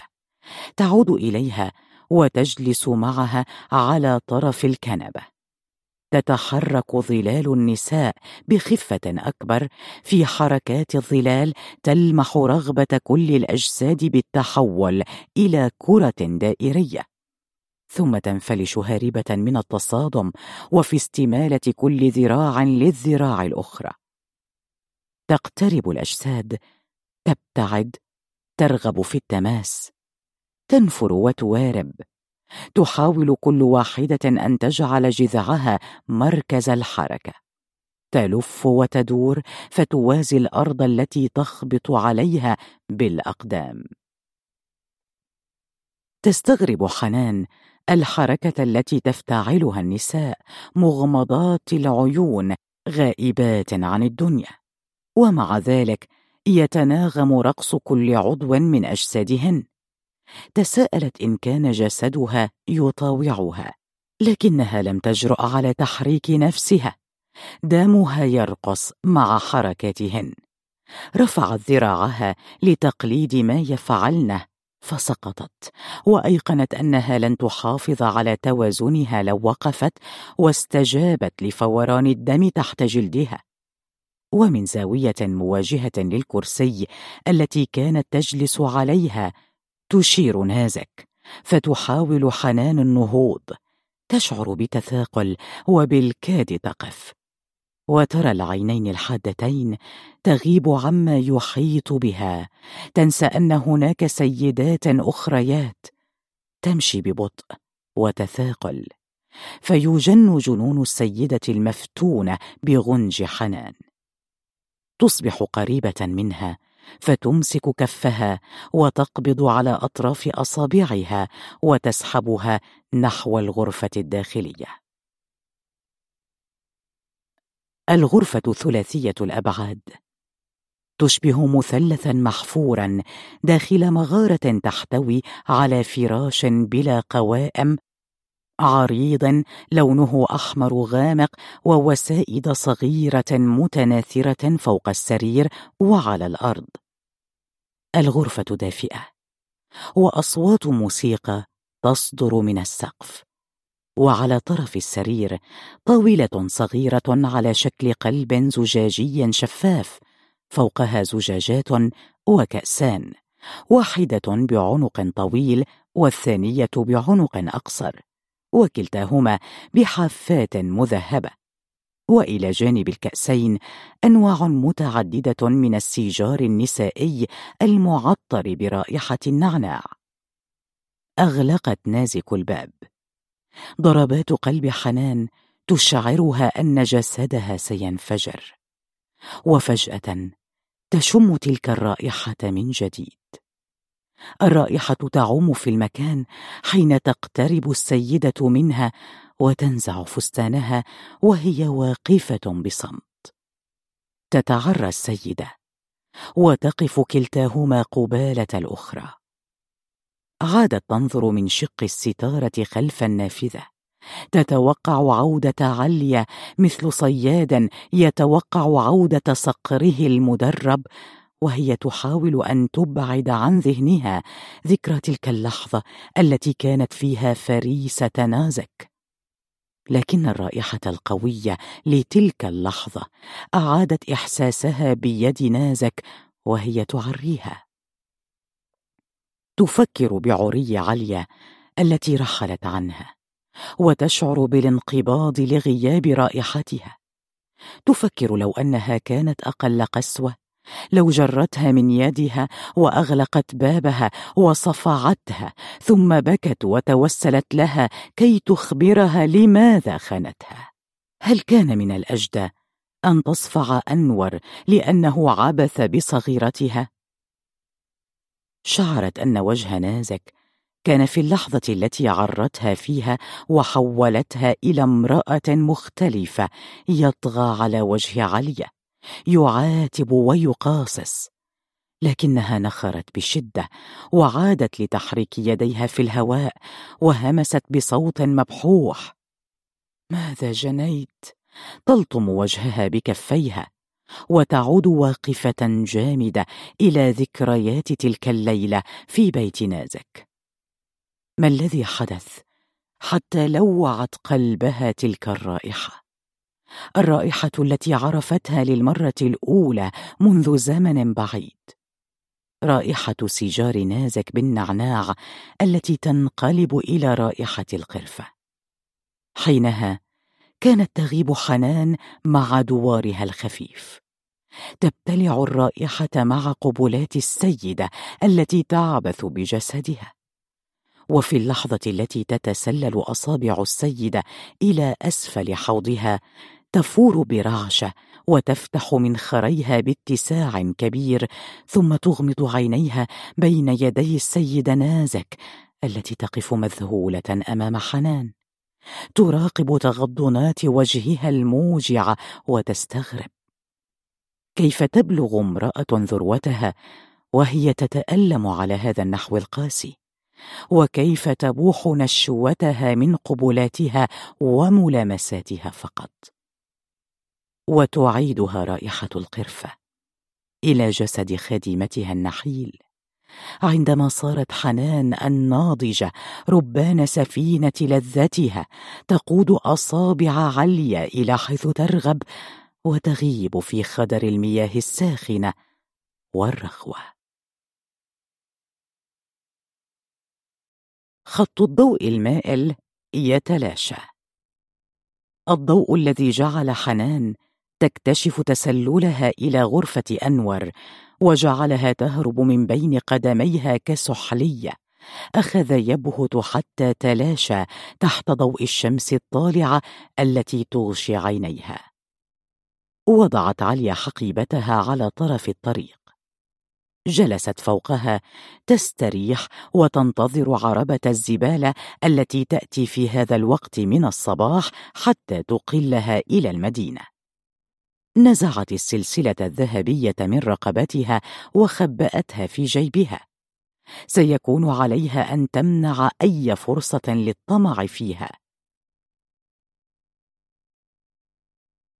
سحبت نفسا عميقا واستعدت لرائحة الزبالة القديمة. رائحة القصور تختلف عن الرائحة التي عاشت معها شهورا طويلة ولم تفارق أنفها حتى وقت طويل. عندما استطاعت أصابع حنان ورائحة الشاي بالقرفة محو كل الروائح التي سبقتها. الرائحة تعود الآن. رائحة الزبالة التي تكرهها. تبتسم في أسى وهي تتذكر يوم عملها الأول داخل حاويات الزبالة. ارتدت أفضل ما عندها من ثياب بنطلونا من الجنز الأزرق سترة وردية ومشطت شعرها وشدته بقسوة وهي تجدل جديلتها القصيرة. واتجهت إلى بيت صديقاتها حيث كانت مجموعة من الأولاد ينتظرون البدء بجولاتهم اليومية المعتادة. كان الولد الذي يقودهم ينتظرهم في مخزن كبير عمقه غير محدود وتصل نهاياته إلى غرف الصفيح رغم أنه يمتلئ بأكياس الزبالة والعبوات الزجاجية لكنه البناء الأكثر متانة في الحي. وهذا المخزن لم يكن الوحيد في الحي بعد أن اعتاد أصحاب المصانع بناء مخازنهم في هذه الأحياء وتكليف الأولاد بإداراتها. الولد المشرف على المخزن كان في حوالي الخامسة عشر عاما ويتوسطهم في الاجتماع الذي انطلقوا منه إلى أنحاء المدينة. ويلقب بين أصدقائه بساسوكي تيمنا بأحد أبطال أفلام الكرتون النينجا ويحلق شعره من منتصف الرأس ويتباهى بشعره الإفرنجي كما يقول لمن حوله ويحمل في يده ورقة وقلما يسجل فيها أسماء الأولاد الذين سيتفرقون في مجموعات عبر أحياء المدينة. وعندما وصلت عليا مع البنتين اللتين لم تفارقهما لمعت عيناه وشعر أنه مقبل على أيام سعيدة مع الجنيات الثلاث اللواتي يقفزن مثل أرانب. كان هناك خمس بنات وعشرة صبية سوف يتفرقون على خمس مجموعات يقرر ساسوكي ترتيبها. وكان عليهم الاجتماع عند الساعة الثانية عشرة والنصف أمام المخزن الكبير في الطرف الجنوبي للحي قرب مدرسة عليا وهو ما جعلها تنزعج لأنه سيكون عليها رؤية بعض أصدقائها هناك. صمتت وهي تسمع التعليمات. وبدأ أن ما تبقى لها من فرح قد غادرها بعد أن أمسك بها أحد الصبية الذين وزعهم ساسوكي من ذراعها صارخا. أنا رئيس المجموعة. تمخط أمامها وهو يرتجف من البرد. تنظر في وجهه المتشقق وتحاول أن تعرف من يكون. تخبرها الصديقة. حاميتها البدينة أنه أحد الصبيان الذين عضتهم في يوم الشوكولا وحين تذكرته عليا تحاشته وقررت عدم الدخول في عراك مع ايا كان. انقسموا إلى مجموعات ينتقل ساسوكي كل يوم مع إحداها وفي أغلب الأحيان يجدونه بانتظارهم وهو يدخن النرجيل أمام المخزن. كانت عالية برفقة الصديقة البدينة وصبي آخر يكبرها بسنتين أو ثلاث يقودهم عبر الحارات إلى حاويات الزبالة ويزهو بنفسه أمام الفتاتين مثل ديك ويطلب منهما الدخول في تلك الحارة أو الالتفاف إلى اليمين أو اليسار والسعادة تملأ قلبه. فكل ما سيجنيه من ليرات وكل الروائح الكريهة التي لا تفارقه حتى في نومه لا تساوي شيئا أمام فرحه برفقة هاتين البنتين. كان رفيقا بهما وتمنت عليا بقاءه برفقتهما لكن ساسوكي يقوم بتبديل الصبية باستمرار. في اليوم الأول لها برفقة الصبي الديك كانت تنبش أكياس الزبالة السوداء وتبعثرها في الشارع ولا تستطيع الحصول على أي عبوة زجاجية أو بلاستيكية. تنبش تسعل وتمخط. والصبي يعلمها كيف تقوم بفرز العبوات وكيف يمكنها أن تستخرج من الأكياس بعض الأشياء المفيدة كالأحذية القديمة وأمشاط الشعر والصحون والملاعق وبعض الملابس الصالحة للاستعمال. وعندما قفز إلى حاوية القمامة وطلب منهما أن يفعلا مثله رفضت عليا. أمسكها من يدها وهو يقول إن عليها أن تتعلم فن النبش لأنه سيكون مصدر عيش لها. ولما قفزت داخل الحاوية الخضراء شعرت أنها في قبر والأكياس البلاستيكية التي تنتشر منها روائح مقززة ستخنقها. لم تستطع التنفس وكانت تراقب يدي الصبي السوداوين وهما تدخلان في القذارة. شعرت بهياج بطنها وهي تتذكر لحظة تقيات داخل الحاوية. حاولت التقيؤ وقامت بعيدا حتى لا تلوث الحقيبة. أخذت تحزق بطنها وشعرت بطعم عصارة معدتها يقترب من حلقها ويرتد وهي ترتجف على الرغم من ارتفاع الشمس التي بدأت تبث دفئها. تعود إلى جلستها فوق الحقيبة وبين وقت وآخر تأتي عاصفة من التراب تتمخض عن سيارة عادية فتضطرب خوفا لكن السيارات تمرق دون أن تعيرها التفاتا. تعاودها رائحة الزبالة دون أن تأتي عربتها.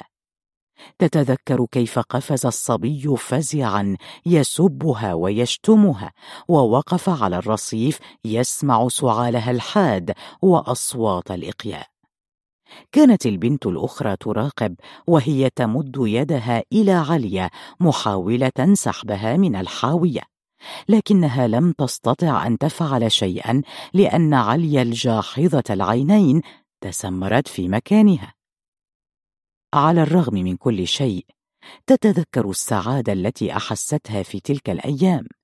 إذ تحررت من عبء المدرسة وتعيير الأولاد لها بأنها ابنة اللفايه تتذكر ابتسامة الأم الشاحبة التي وجدت من يساعدها أخيرا. كان يروق لها أن ترى ضحكة أمها لأنها تبدو أجمل وأكثر شبابا عندما تضحك. ومع ذلك فقد عادت عدة مرات باكية ممزقة الثياب تمسح دموعها وبقايا القذارة التي تتركها آثار أصابعها على وجهها. لا تجرؤ على إخبار الأم بما يحدث لكن الأم تتكهن. من الموس الذي تراه مشرعا وتضمه عليا بكفها وتبقى لساعات أمام باب الغرفة تراقب الزقاق متحفزة للقفز وربما العض أو أي حركة تطفئ غضبها. كانت تتحاشى الخروج مع صبية أكبر منها لأنها تعرف ما يفعلون بالفتيات الصغيرات. ساسوكي طويل القامة سمرته قاتمة وأنفه أفطس. شعره مجعد مثل خواتم صغيرة ولديه عادة قميئة إذ يدخل إصبعه في أنفه ويقلد في قفزاته البطل الكرتوني. كان يتصرف كملك يفعل ما يحلو له بالفتيات يروعهن بالسكين التي يربطها إلى خصره. يسمع عن مشاجرات عالية مع الصبيان ويقسم له الأولاد أن من الصعب أن يفعل بها كما يفعل بالفتيات الأخريات. فأخذ يطبخ على نار هادئة. وعندما رافقها للمرة الأولى لم يبد أي اهتمام بها. أخذ يمارس دوره كرئيس. لم تؤمن علي له لأنها كانت تلمح نظراته الحادة عندما يصطفون أمامه وهو يعد لكل واحد منهم الزجاجات التي جمعها ويسلمه حصته من النقود. عندما يأتي دورها تفتح كيسها وهو يعد وتتجاهل لمسات يده المتعمدة. وفي إحدى المرات عندما اقترب منها والتصق بظهرها متظاهرا بمساعدتها على إنزال الكيس أبعدته بحركة عنيفة ورمت الكيس على الأرض. تجاهل الأمر وسط ضحكات الصبية الخافتة. انتظر بعض الوقت قبل أن يقرر الذهاب مع مجموعة عليا للمرة الثانية وقرر أن يكسر عينها كما قال لرفاقه. صبي المجموعة في ذلك اليوم كان نحيلا بوجه أحمر وشعر منتوف من الوسط ومحروق على الجوانب. يحرقه بأعواد الثقاب وهو يدخن في المقبرة ليلا مع مجموعة من صبيان الحي.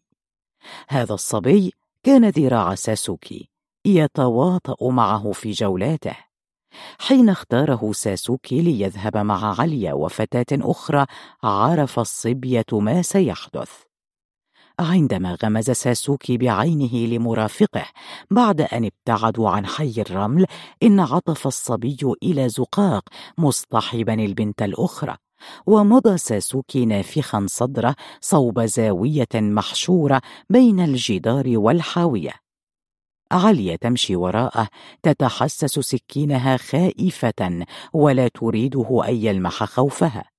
تكز على أسنانها فتسمع صريرها وترتجف. طلب منها فتح الأكياس الملقاة وراء الحاوية. ولوهلة تصورت أنها أساءت الظن به وهدأت وهي تنحني لفتح الأكياس باغتها من الخلف واستطاع أن يكممها. طرحها أرضا ولوى ذراعيها وراء ظهرها. صارت الذراعان ملفوفتين تحت جسدها مثل حبل وشعرت أن عظامها تتكسر. ولم تستطع الصراخ. نزع سروالها ورمى بثقله عليها فشعرت أنها تنسحق تحته.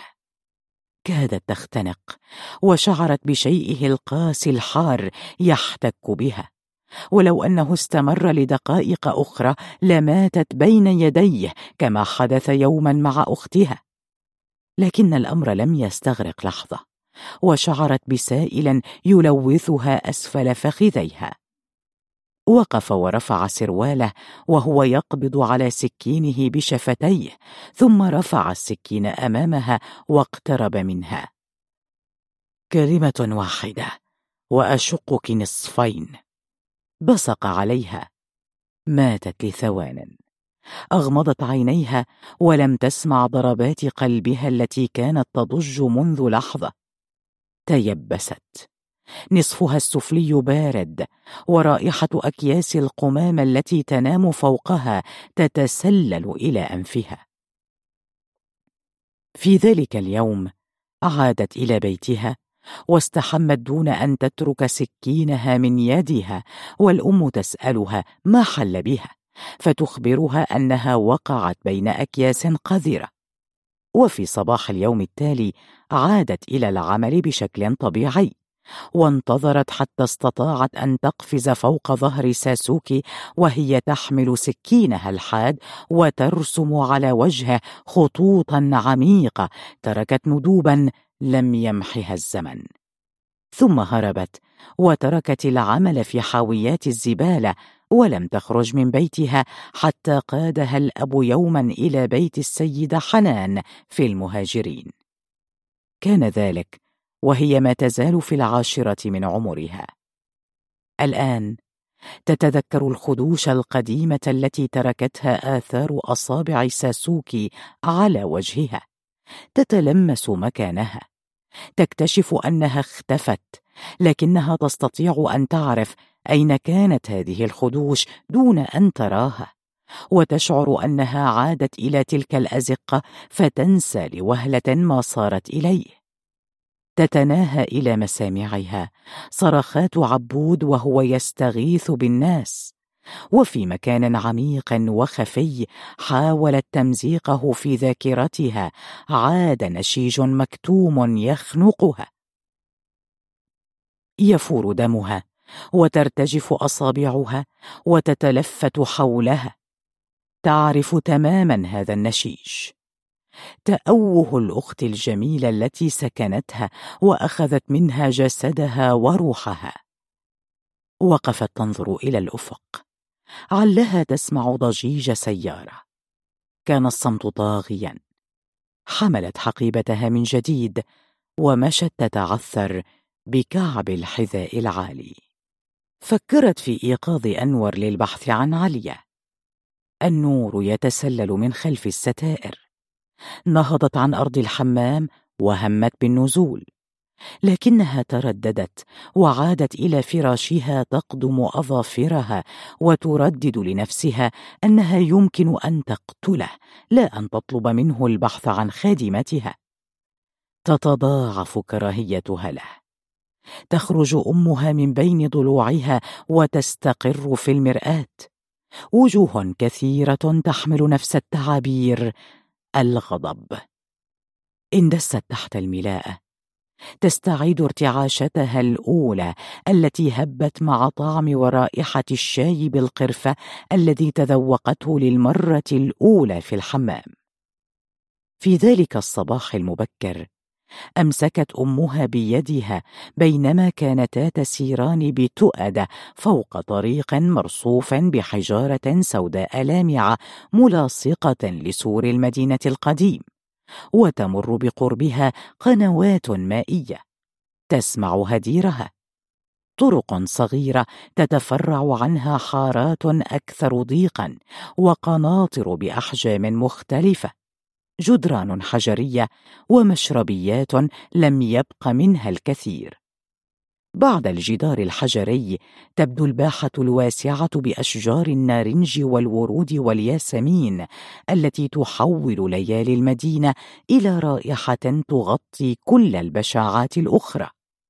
يتذكر أنف حنان تلك الرائحة فتستعيد زيارتها الأولى لحمام النسوان يوم زفاف ابنة جيرانهم. كانت العروس متوسطة القوام ممتلئة. تكبر حنان بثمان سنوات وتتردد على بيتهم مع أمها الحاجة حسنيه الموالدي في عباءتها السوداء. لكنها كانت في ذلك الصباح تجلس إلى جانب الجرن الحجري الكبير واثنتان من النساء العاملات تفركان ظهرها وأمها تدور بمبخرة تتصاعد منها روائح تختلط بروائح الأجساد وصابون الغار وزيوت الشعر. البخار كثيف والنسوة يتحركن كأشباح ويشبهن بعريهن مخلوقات إلهية قادمة من الفضاء. مسدلات الشعر يتهادين بغنج ويصحن ويزعقن ويتلصصن على تفاصيل جسد العروس. يروين فضولهن مما سيغدو مادة للحديث في صباحات الشام.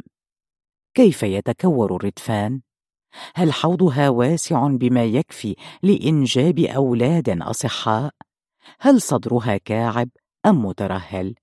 وملمس بشرتها؟ هل هو ناعم؟ فخذاها مشدودان ومنسابان هل رائحتها زكية؟ لكل جسد رائحة. وعلى أم العريس أن تحضن العروس وتتشممها مرات ومرات. ورغم أن أغلب النساء ذوات الأصول الدمشقية يمتلكن بشرة بيضاء وقوامهن يميل إلى الامتلاء إلا أن ذلك لا يعني شيئا بالنسبة لأهل العروس الذين يأتون بابنتهم إلى الحمام لتكون فرجة للناظرين وهي في السادسة عشرة. وما يزال جسدها الأبيض اللدن في حمى نمائه. تقرصها النساء من كل أنحاء جسدها يغمزن بعيونهن ويهللن لها. تتحرك بتثاقل وغنج فتتحرك العيون معها ويتخيلنها في سرير العريس. وحنان. كانت واحدة من البنات اللواتي يرافقن العروس عادة في حمامها الأخير قبل الليلة الموعودة ليلة الدخلة. كانت حنان تشعر برهبة عريها في الحمام وهي تقتفي أثر أمها المنشغلة بتدخين النرجيلة مع بعض النسوة في صحن الحمام وسط الهرج والمرج. وفي الآن ذاته مفتونة بالعروس أيضا وتلحق بها أن تحركت وتفكر بمعنى أحاديث النساء وعيونهن اللامعة. والنسوة يمازحنها حين تخرج من الغرف الداخلية ويطلبن منها الجلوس بجانب العروس. لكنها كانت قلقة وتنظر من طرف المكان نحو أمها التي تلوح لها من بعيد وتطلب منها العودة إلى الداخل. الأم تضحك وهي تجلس وسط النساء وتبدو ملكتهن فتعود حنان إلى جانب العروس التي تطلب كاسا من الشاي بالقرفة. تذكر حنان أن النساء ضحكن من رغبة العروس التي احمرت خجلا وتنهدت وهي تطلب منهن الابتعاد عنها قليلا والانتباه إلى قرصاتهن التي قد تترك اثارا عليها. بعد ذلك وعندما تكبر حنان قليلا ستعرف أن عيدان القرفه التي كانت أمها تغليها مع الشاي للعائله تفعل فعلها السحري للعروس وتجعلها أكثر قدرة على احتمال رغبات الرجل في فراش الزوجية. لكن العروس في حمام العرس ذاك تداركت خجلها وسيرة القرفه التي لن تنتهي بسلام. واحتمت بزاوية بعيدة عن تلصص النساء وطلبت من حنان البقاء قربها وهي بالكاد تفتح عينيها.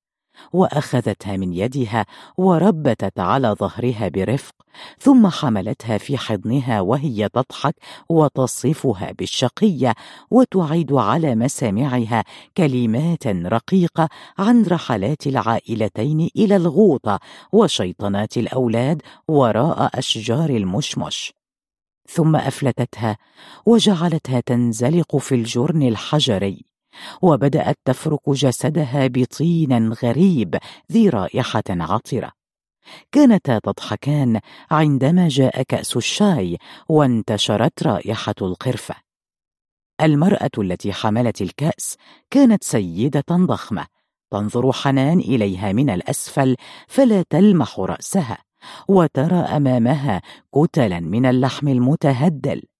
وعندما تستدير يرتج ردفاها فتحدق بها الصغيرة بشراهة وتضحك العروس بصوت عال وتهمس في أذن حنان. جبل قسيون يتحرك. تبتسم حنان بخجل فتقربها العروس منها وتغطي بالطين مؤخرتها وتصيح طالبة كأس شاي ثانيا. تقترب من حنان وتهمس. لذيذ مع البخار. الشاي لا معنى لها من دون القرفة. تقول وهي تحدق بحنان التي أخذت ترتعش. العروس ترتشف الشاي فتهب الرائحة. رائحة القرفة مع البخور والماء الساخن وزيت الغار والطين الذي يغطيها. كانت حنان ترغب في النوم. شعرت أن كل ما حولها يدعوها لإغفاءة قصيرة وسط الهرج والمرج. انتبهت العروس أن بنت جيرانها بدأت تغفو فانزلقت جانب الجرن الحجري ورشت الماء الساخن على جسدها ودلكت فخذيها.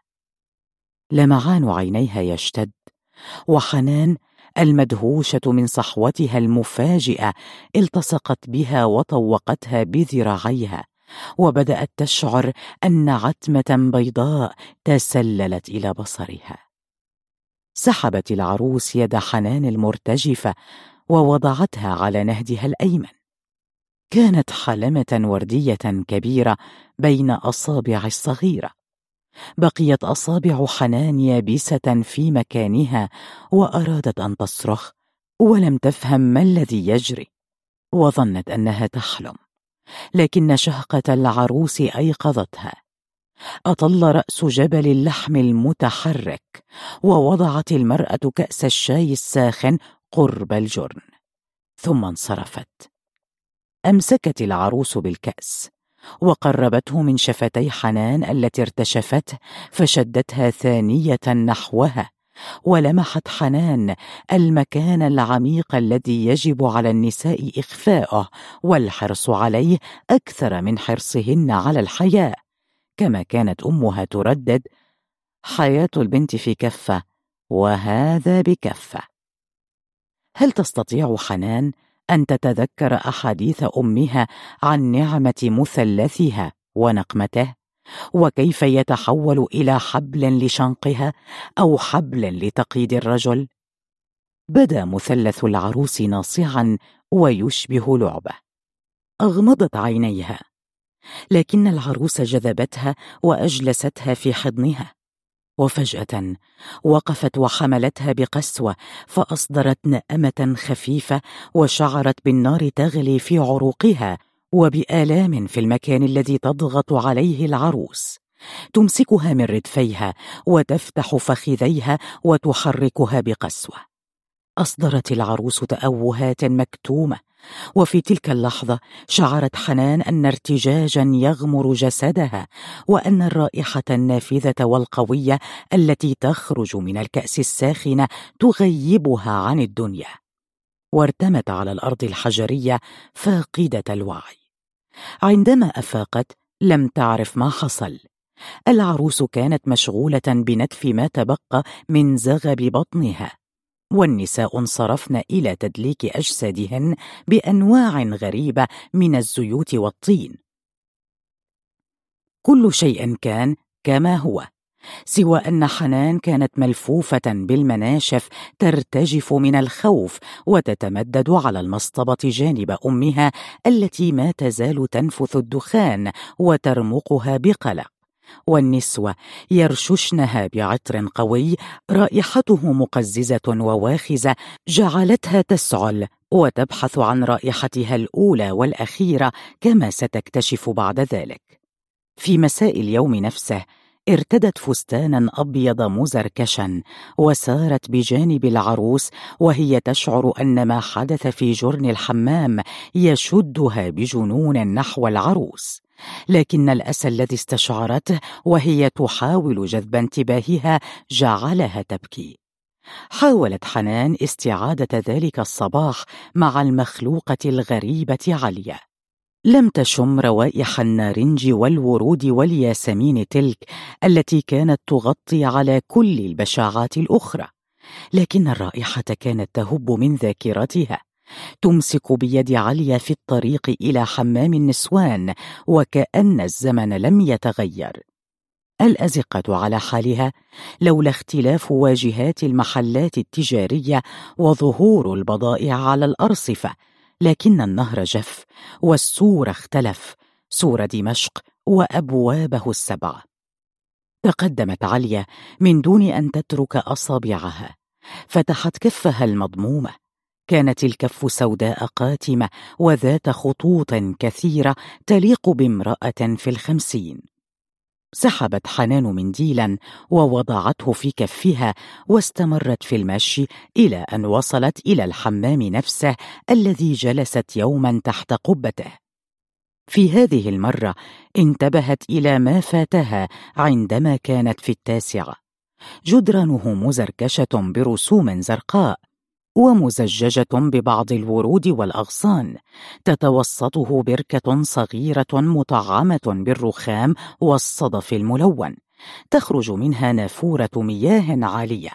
تصطف على جانبيها أصص النباتات من قرنفل ومنثور وفم السمكة.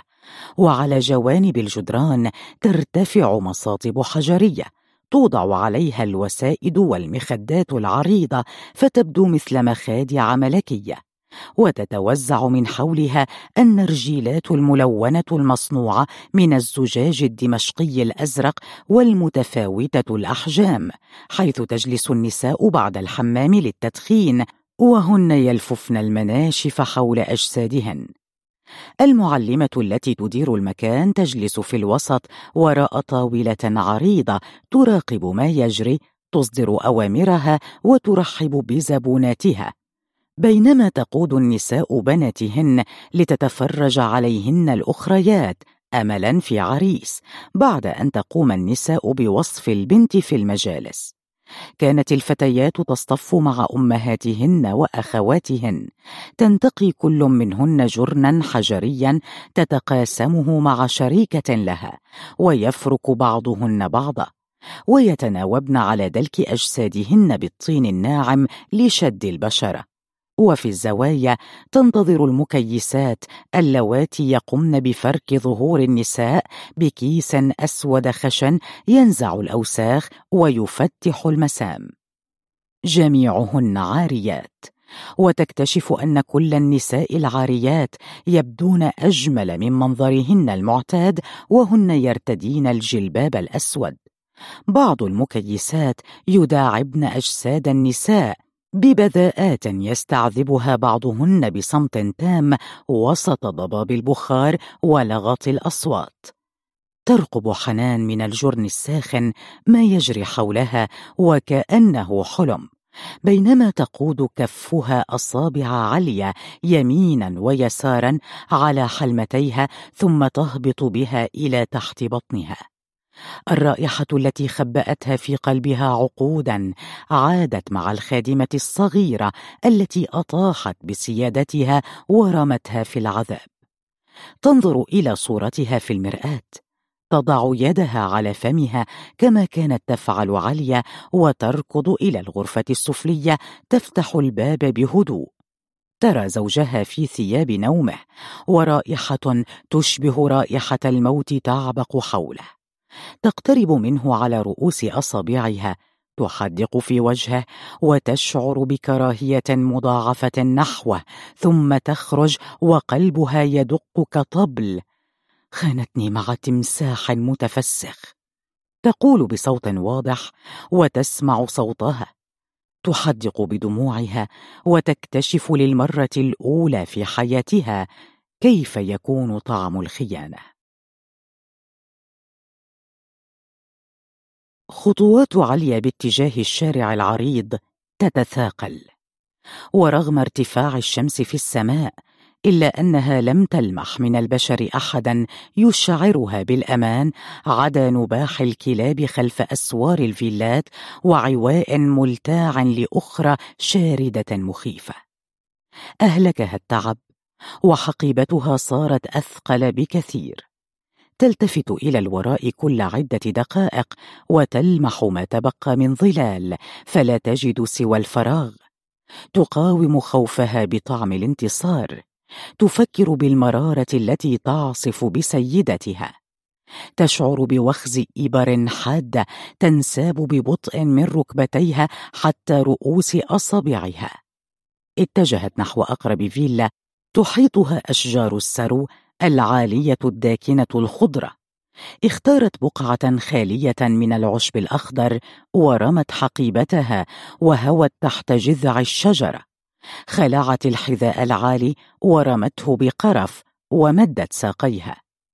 أرخت رأسها إلى الوراء. اصطدم بجذع الشجرة. تألمت وأغمضت عينيها. تشعر أنها كتلة لزجة معلقة في الفراغ. وتحرقها عيناها وأصابعها تتلاشى. قلبها يتحرك من صدرها ويخرج من أصابعها. لم تزل غير مصدقة أن سيدتها طردتها. لطالما اعتقدت أن سيدتها تحبها إلى الحد الذي لا تستطيع العيش من دونها. إنها متأكدة أن ما لمحته في عينيها من دموع ولهفة كان حقيقيا. كانت على ثقة من إحساسها بقبلاتها وأصابعها التي تداعبها وتنظفها وتحمم شعرها وتبقى بين فخذيها تدلكها بالزيوت والعطور وتمشط شعرها وتقبلها من عينيها وتضعها في حضنها. من الصعب عليها تصديق أن الليالي التي كانت تخرج فيها من غرفة سيدتها عرجاء من ألم حوضها وجهها متورم من العض قد انتهت. كانت سعيدة بما تفعله بها وكلما شعرت برغبة السيدة فيها تباغتها السعادة وتتخيل أن الهناء لن يفارقها. في بداية التحاقها بخدمتها كانت تنظر بريبة إلى السيدة التي تعود آخر الليل وتتحرك في أنحاء البيت كتائها. تخبط الأشياء حتى يطلع الصباح ثم تستيقظ قبل مغيب الشمس. تحتسي قهوتها تثرثر على الهاتف تلعن عائلتها وتسب زوجها التمساح واليوم الذي رأته فيه. لكنها تتحول إلى امرأة هادئة وصامتة بين الضيوف. أخذت تلاحقها وتتابعها بفضول وبمواربة من وراء الستائر أو عبر ثقوب الأبواب مثل قرده تتنقل وتقفز بخفة بين أغراض البيت وتتوارى وراء الأثاث حين تلمحها وتخشى البقاء مع طباخة المنزل في مكان واحد. فتأخذ طعامها وتلفه بمنشفة خاصة وتجلس على الأرض إلى جوار السرير وتأكل. كانت تخجل أن تأكل علانيه انتظرت بدأب يوما وراء يوم أن يأتي أبوها أو تأتي أمها. تجلس على الدرجات الحجرية تسند خديها بيديها. تحدق في البوابة الحديدية دون ما حركة مثل قطعة خشب يابسة حتى تناديها حنان. تحدق في نقطة فراغ وتحول النقطة إلى مسرح كبير. تتحرك فيها أمها مثل دمية تناديها وتعاتبها. تصرخ فينتفخ وجه عليا بغضب أخرس. تلمح عن بعد وفي زاوية مظلمة فراشا صغيرا يخرج منه نشيج وتتحرك فوقه مؤخرة غامضة. تشيح بوجهها لكنها تسمع النشيج فتغمض عينيها وتدخل إصبعيها في أذنيها. تسمع النشيج داخل دماغها. ومع مرور الأيام صارت تراقب البوابة من النافذة وطوال النهار تزيح الستائر وتسترق النظر وحين تلح السيده لماذا تظلين واقفة أمام النافذة؟ تكتفي بهز رأسها والابتعاد بسرعة. كانت لا تنتبه لما يحدث حولها. تتحرك بتلاش كالسائرة في نومها. بالكاد تلامس أصابعها الأرض. وإذا صدرت عنها بعض الأصوات وهي تجلي الصحون أو تلمع الأواني الكريستالية والفضية تشعر بقبضة خوف وتقضي بقية النهار تعيسة. كانت كائنا غير موجود. حتى استمدت من جسد حنان وجودها وثقتها بنفسها. أليست قادرة على إسعاد سيدة بهذا الثراء والجمال؟ في إحدى الليالي طلبت السيدة من عليا كأس شاي بالقرفة. عندما دخلت به كانت السيدة في حوض الاستحمام بالغرفة. أمرتها بخلع ملابسها والاقتراب لمساعدتها. شدتها إلى الماء وعضتها من رقبتها حتى شعرت بطعم ملوحة. كانت عليا مذهولة بينما تواصل السيدة تقبيلها وهي مثل فأر فاجأته نظرة القط متسمرة لا تفعل شيئا. بدأت السيدة تقبل أصابعها ثم قادتها بتخبط إلى أماكنها السرية حتى هدأت تماما وهمست لها بأمر قاطع اذهبي. عند هذه اللحظة فقط. استيقظ حس التوحش بداخلها فهاجمتها بقسوة ونجحت في جذب سيدتها إلى الفراش وهي تكمم فمها بيدها تجنبا للصراخ. لكن النجاح الأكبر الذي تأكد أنها تربعت على عرش حنان.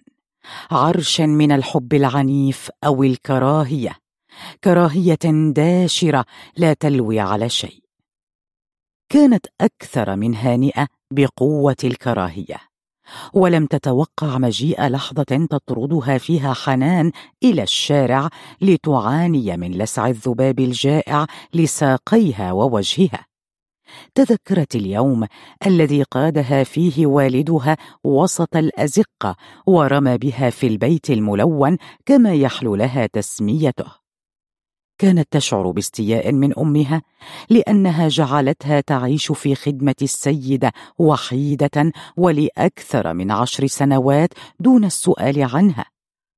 ومع مرور الأيام تتذكرها بامتعاض وحقد وتحاول استعادة صورتها بأبشع مما تتخيل من قبح فتعود الأم في صورتها الأبهى. ابتسامة شاحبة. أخذت تتاتئ بصوت مبحوح ثم ينفلش صوتها في الفضاء. تأخذ نفسا عميقا وتشعر أن حلقها يابس. تنظر إلى الأخضر الكثيف من أسفل الشجرة. عيناها تستقران بين وريقات الصنوبر الصغيرة. تقرط شفتيها. تعضهما بقسوة فتشعر بملوحة. يتمدد الصمت. تفتح عينيها على اتساعهما. عينان فزعتان غائمتان لا تلمحان سوى سقف أخضر تتخلله نثرات ضوء بنفسجي تغمض العينين بهدوء واستسلام. تشعر بتعب شديد. ترخي رأسها على الحقيبة وتنسل بجسدها نحو الأرض ثم تستسلم وهي جالسة لنوم مفاجئ. تغيب في الحلم وسط جدران معدنية عالية خضراء تحمي وجهها باليدين. أكياس سوداء تسقط فوق رأسها مثل حبات المطر. الأكياس تنهمر بغزارة وتمنعها من الركض والجدران المعدنية تضيق تهرسها. ويظهر من تحت الأرض جدار معدني أخضر. ليس جدارا. إنها حاويات الزبالة. تصرخ ولا تسمع صوتها. تلمح عينين تحدقان في الظلام تهرب إليهما. تكتشف أن السيدة تقف فوق العينين فتهرب منها. تطير السيده حنان فوق رأسها. تصرخ بها تعوي ويتحول صوتها إلى ما يشبه مواء القطط في حارة الرمل. تختبئ عليا تحت الأكياس السوداء فتخرج الروائح الكريهه وتغطي وجهها بكفيها. تتحول الأكياس إلى بحر من القاذورات وتختنق عليا. تفتح عينيها وتستيقظ من الكابوس. تتنفس الهواء. تشهق وتسمع النشيج القادم من السماء. تلمح عيني الأخت المفتوحتين على الفراغ تماما كما كانتا في تلك الليلة. الليلة التي عادت فيها من المدرسة وفوجئت بعبود فوق أختها العاجزة. لم تر وجهه. رأت عيني الأخت عينان فارغتان تشبهان عيني أمها حين كانت تراقبها تئن تحت ثقل ابيها لماذا تتحول عيون النساء إلى فراغ مفتوح تحت أجساد الرجال؟ كانت ترى رغم الظلام كيف أن الأم تهرب بعينيها بعيدا عن وجه زوجها وكأنها تستغيث. وعندما ينزل عنها وتذهب إلى الحمام وتبدأ طرطشة المياه تعرف أن وقت النوم قد حان. الأخ الصغير يقول لعليا هكذا يأتي الأولاد. تصفعه عليا على فمه ليصمت حتى لا ينكشفا ويقوم أبوها بسلخ جلديهما بحزامه الجلدي ويضعهما في الحمام قرب الحفرة السوداء. كانت هذه طريقته الأقل صرامة في العقاب. فعندما ضبط أخاها وهو يتلصص عليه ليلا انتزعه من الفراش وأسنانه تصطك من البرد والخوف تحت الأغطية الصوفية لكنه لم يأبه حتى لأصوات الريح التي تخلفها صفائح التنك التي تحمي سطح الغرفة. عراه من ملابسه وقذف به في الظلام وأغلق الباب. كانت عليا تسمع صوت بكائه وتضع أصابعها في أذنيها وتغمض عينيها تحت الغطاء. البكاء يزداد والأم صامتة والإخوة الذين لم يغمض لهم جفن صامتون. لم تحتمل عليا سماع المزيد من البكاء فنهضت فجأة من فراشها وأخذت ملابس أخيها الملقاة على الأرض ثم دخلت إليه.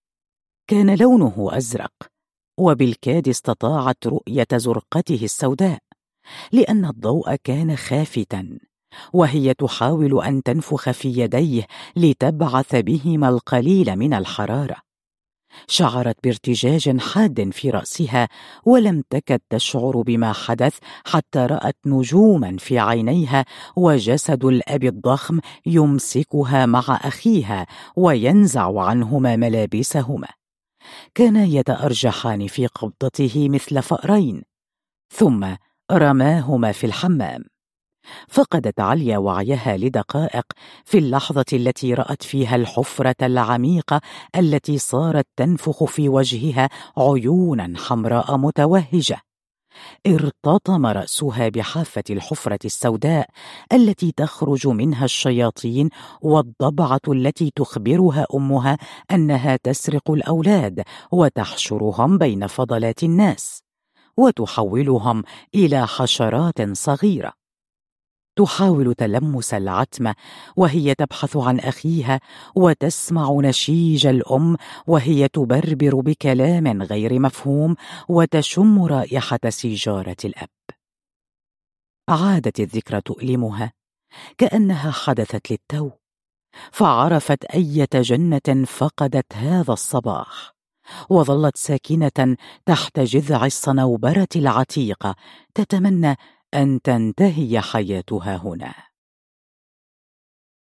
الأذرع الطويلة عادت إلى النمو مجددا. أذرع طويلة تخرج من تحت الثديين تلتف حول جسد حنان. أثداء تخرج من خاصرتها من بطنها. تركض في ممر أسود طويل تقف أمام مرآة طولانية. ترى في المرآة الأذرع والأثداء تصرخ فتفيق من نوم دام دقائق. تكتشف أنها لم تزل في سريرها. تتلمس جسدها. لا تعثر على الأذرع. واستغربت كيف يعاودها الحلم بهذا الإلحاح.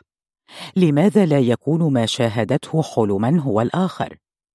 صورة عليا العارية فوق زوجها التمساح لا تفارق خيالها. تبكي وطعم الحامض يغص حلقها وهي تستعيد صورة الجسد الأسمر اللامع الذي صنعته ولمعته في أحضان تمساح متحلل. تحاول إيجاد أعذار للخادمة التي منحتها السعادة. أنا أمرتها بأن تلبي أوامره. أية أوامر؟ كنت أريدها أن تطعمه تسقيه تغير الشراشف قبل أن تتبلل بزناخة عرقه التي تشبه رائحة الموت لا أن تستلقي بأحضانه. ربما أجبرها على فعل ذلك. تحاول إقناع نفسها. لكنها تعرف أن زوجها لم يكن ينتظر إلا الموت. الانتظار الذي حفظته عن ظهر قلب وشهدته مع موت أمها وعمها. لوثة وراثة تجري في دماء عائلتها عرفتها ولم تعد تقلقها وربما لم تعد تهتم بها. هي نفسها رأت في الموت خلاصا لها وبشكل ما كانت تنتظره أيضا لكنها نسيت ذلك بعد أن أخذتها نازك إلى أقاليم المتعة السرية. وبعد أن تولهت في عشق الخادمة التي سمعت الليلة طقطقة عظامها وهي تلهث فوقه وتمص جلده بلا كلل. الإنهاك العصبي قاد أعضاءها إلى الخدر. تشعر بحاجة إلى النعاس لكنها تخشى أن تفيق على ذات الحلم. هبطت السلم ثانية مسرعة إلى المرآة الطولانية كما فعلت قبلا وأضاءت الأنوار وحدقت في وجهها الشاحب تلمست خديها وهي تحدق مرهقة في وجه المرأة العجوز بالمرآة. هالتان سوداوان تحيطان بعينيها. رأسها الصغير يتكئ على أكتاف هزيلة. شعر قصير واقف مثل إبر الحديد. مسدت شعرها بقي على حاله. كان وجهها مضحكا مثل صور أفلام الكرتون المتحركة. خمنت أنها ما تزال تحلم وإلا كيف سيقف شعر رأسها بهذه الطريقة الهزلية فيبدو مثل ظهر قنفذ؟ ابتعدت عن المرآة بضع خطوات ودارت حول نفسها وتأكدت أن الاستطالات لا تخرج منها. تقف وتتلوى من ألم معدتها. تشعر بغيرة قاتلة وتتخيل تفاصيل جسد خادمتها. تستطيع تخيل كل مسامة فيها كل ندبة وكل شامة. كل شعرة كل انثناء استدارة ثدييها انحناء عجيزتها ارتفاع ردفيها الانسياب المفرط لفخذيها. كل ما فيها محفوظ في قلبها حتى لمعان عينيها الذي كانت تخافه أحيانا عندما انقلبت الأدوار بينهما. كانت تحفظ كل شيء. ولأول مرة تنتبه وهي تحدق في المرآة أن السنوات الطويلة التي جمعتها بعليا كانت خالية من أي حديث. في النهار تكون عليا صامتة تتلقى أوامرها بهزة خفيفة من رأسها. والكلمة الوحيدة التي تستعيد من خلالها صوتها كانت سيدتي. تندهش من اكتشافها المتأخر. صوت عليا لم يبق منه سوى تلك الكلمة. تبحث في ذاكرتها عن حديث دار بينها وبين خادمتها فلا تجد. تحاول تذكر الصوت فلا تفلح. وصلها رنين الهاتف الجوال من غرفتها. من سيتصل بها في مثل هذا الوقت؟ صعدت متثاقلة تخشى الرد ولديها في الوقت نفسه فضولا لمعرفة من يتصل في هذه الساعة. عندما وصلت كان الرنين توقف. كانت نازك ولم تلبث أن عاودت الاتصال. أخذت تنظر إلى الهاتف بخوف. نازك الآن ستجعلها تفقد عقلها ستكتشف سرها وربما تشمت بها. الهاتف يواصل الرنين. تلتقطه ثم ترميه. يعلو صوت نازك في رأسها وتحاول تلمس ما يجب فعله لاستعادة عليا تستعيد بحة نازك في تلك السهرة التي أعدتها لكارولين الرسامة عشيقتها الجديدة دون أن تتخلى عن مطاردة حنان. كانت في تلك السهرة تقول بصوتها المبحوح كأس أخيرة ثم تصب كأس الفودكا المفضل لديها. تقترب إلى حد وضع صدرها عاريا لصق ذقن حنان. تنظر في عينيها وتصب الفودكا على صدرها فتصرخ من برودة الثلج وتضحك نازك مع صراخها وتميل إلى حنان المبتلة وتقبلها من شفتيها وتتشممها. تتجاهل حنان نظراتها الملتهبة وتحدق في الفتاتين الممددتين على الأريكة المجاورة. تعاود نازك الضحك. خائفة يا عصفورتي. لا تعلق حنان. كانت كارولين وفاطمة بعيدتين جدا عنهما في أرض أخرى. تحدق كل منهما في الأخرى. تقتربان دون أن تتلامس شفاههما لكنهما قريبتان إلى الحد الذي لا يتجاوز مسافة الشعر الرقيقة تحدق حنان فيهما. تشعر أنها في مكان غريب. فرغم كل السهرات التي رافقت فيها نازك كانت هذه هي المرة الأولى التي تشعر أنها في عالم آخر.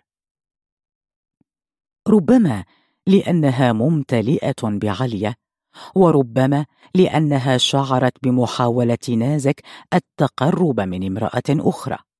وربما بسبب الشموع الكبيرة التي وزعتها نازك في جهات الصالون الأربع وأضيئت في طبقاتها الثلاث الحلزونية. اعتادت جلب شموعها من كافة أنحاء العالم ودفع مبالغ طائلة لقاء ذلك، فهي لا تحب ضوء الكهرباء ليلاً، وتستخدم الشموع المتناثرة في كل متر من بيتها. لكنها في تلك الليلة لم تشعل الكثير منها في قصرها الصحراوي لأنها أرادت أن تكون أشكال الأشياء مبهمة. لا تريد أن تتحول الجدران إلى عيون تنظر إليها. عيون لوحات كبار الرسامين المهووسة باقتنائها والجلوس لوقت طويل معها وهي تشرب قهوتها وتحدق فيها بإعجاب كبير. أخفت كل الأشياء بالظلال مع أنها مولعة بالتحف الثمينة والتماثيل العاجية الضخمة الموزعة بين الزوايا. على الرغم من الضوء الضعيف استطاعت حنان أن تنتبه إلى كنبة جديدة أضافتها نازك طويلة وتقترب من عرض سرير. قوائمها محفورة بالعاج وخيوط الفضة والذهب وظهرها القائم يصنع شكلا منحنيا يشبه صندوق الكمنجة ولونها بين الأصفر والأحمر وإحدى واجهاتها لها مسند طويل. والجهة الأخرى فارغة فتبدو مثل عربة ملكية. تخيلت عليا ممددة على هذه الأريكة وشعرت برجفة تسري في أوصالها عندما بدأ طيفها يتمايل أمامها. تأكدت أنها حزينة أكثر من قبل وهي تحلم بها في يقظتها. كانت تشعر إلى أي حد اعتنت نازك بحضورها من خلال الورود البيضاء التي تحبها القرنفل الأبيض السوسن الأبيض الجوري الأبيض الزنبق الأبيض الفل الأبيض الياسمين الأبيض. لكن ذلك لم يفلح في لفت انتباه حنان أو استمالة قلبها الذي تركته في بيتها مع عليا. كانت تختنق حبا ورغبة في خادمتها. أخذت تتحرك ثميلة تنظر إلى ما يحيط بها فتحب أن تبقى في مكانها. تعرف أن جسدها لا يكذب عليها. هي ليست المرأة التي كانت. بالكاد تدرك ما يجري حولها. أرادت الطيران بعيدا عن المكان أن تكتشف وهي تدور وتضحك مغمضة العينين من سيبقى لها في غيبوبتها تلك. ما الذي سيبقى لها أصابع عليا. شفتا نازك رأسها يشبه نقطة عميقة في محيط بعيد. انفصل عن جسدها مثل غريق تحلم بالنقطة الأعمق في الدوامة. ولولا نازك التي سارعت إلى تدارك سقوطها لارتطم رأسها بالأرض. جرتها نازك إلى الأريكة وضمتها بقوة إلى صدرها ولطمتها برفق على خديها وهي تهمس. حنان حبيبتي لم تسمع. وأحست نازك أن حنان تتسرب منها ولم تحتمل هذه الفكرة. أضاءت كارولين أنوار الكهرباء وبدا وجهها شاحبا وهي تراقب نازك الذي بدا شغفها بحنان واضحا وضوح البرود الذي تقابلها به. ولم تستطع أن تخبرها الآن بما يجب أن تقوم به وبما يجب أن تنتبه إليه. فلم تكن المرة الأولى التي تهجرها فيها إحدى حبيباتها. الحبيبات اللواتي يرغبن بالزواج أحيانا أو اللواتي يقضين ليلة أو ليلتين معها من أجل إرضائها فقط أو حتى يتحولن إلى ضيفات دائمات في صالونها. لكن حنان كانت من نوع مختلف. ونازك تعرف أن حنان منحتها جسدها للرغبة فيها وليس من أجل الوصول إلى مصلحة. تعرف ذلك وتقدره وتزداد تعلقا بها وترتب حياتها على تفاصيل ما تشتهيه وما ترغبه. أمسكت أصابعها. ودلكتها ثم نزعت حذاءها ورفعت رجليها وجعلتها تستلقي ووضعت رأسها في حضنها وجلست بعيون مخضلة بالدموع تمسح على جبينها برفق وتتفحص تغضنات الألم التي تظهر على وجهها. وقفت كارولين وفاطمة تراقبان المشهد بتأثر. فجأة أجهشت كارولين بالبكاء وهي تتأتأ. كم؟ نحن بائسات. وصبت لنفسها كأسا لم تقربها. كانت السهرة تذهب في طريق لا عودة منه. أنا خائفة. قالت فاطمة وهي تقضم أصابعها وتتلفت حولها وكأنها ملاحقة من قاتل. طوقت كارولين رقبتها واختلست قبلة من شفتيها. لم تستجب فاطمة وهي تراقب حنان التي بدأت تفيق من غيبوبتها ونازك تحيطها بذراعيها وتساعدها على النهوض. تنهدت بارتياح وهي تراها جالسة تفتح عينيها ببطء. كانت عائدة من عالم آخر وشعرت أن كل ما فات من حياتها لا يشبهها. نظرت إلى نازك تبحث عن شخص تعرفه. ولم تمهلها كارولين لتسأل ما الذي حدث. صفقت نازك بيديها لنشرب قهوة. هزت حنان رأسها بالموافقة وقامت نازك لتحضر القهوة. فقد صرفت الخادمات كعادتها في سهراتها عادت همسات فاطمة وكارولين تعلو وتخفت. كارولين تمسك بوجه فاطمة وتحضنه بين كفيها. أقسم لك لن يحدث ذلك. لن أجعلك عرضة لأي خطر وكل ما يحدث سوف ينتهي. تزوجيه. أعرف ما الذي تعانيه عندما ينظرون إليك وأنت برفقتي.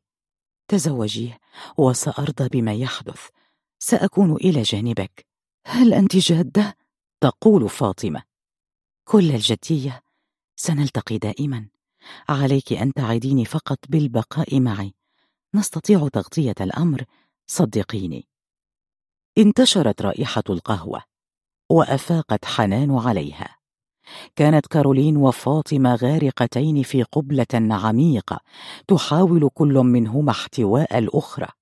ثم انسحبتا بهدوء من الصالون إلى الغرفة الجانبية. حنان صامتة ترتشف قهوتها ونازك تراقبها باهتمام. هل أنت مرتاحة؟ هزت رأسها بالموافقة وأشعلت نازك سيجارة لها.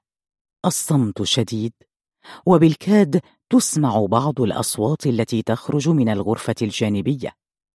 ليست أصوات رغبة تشبه صوت حيوان يحتضر. الصوت المخيف المتزامن مع شهقات خافتة.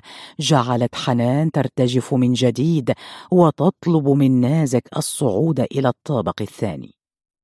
أمسكت بيدها. تقودها كطفلة تائهة إلى الدرج.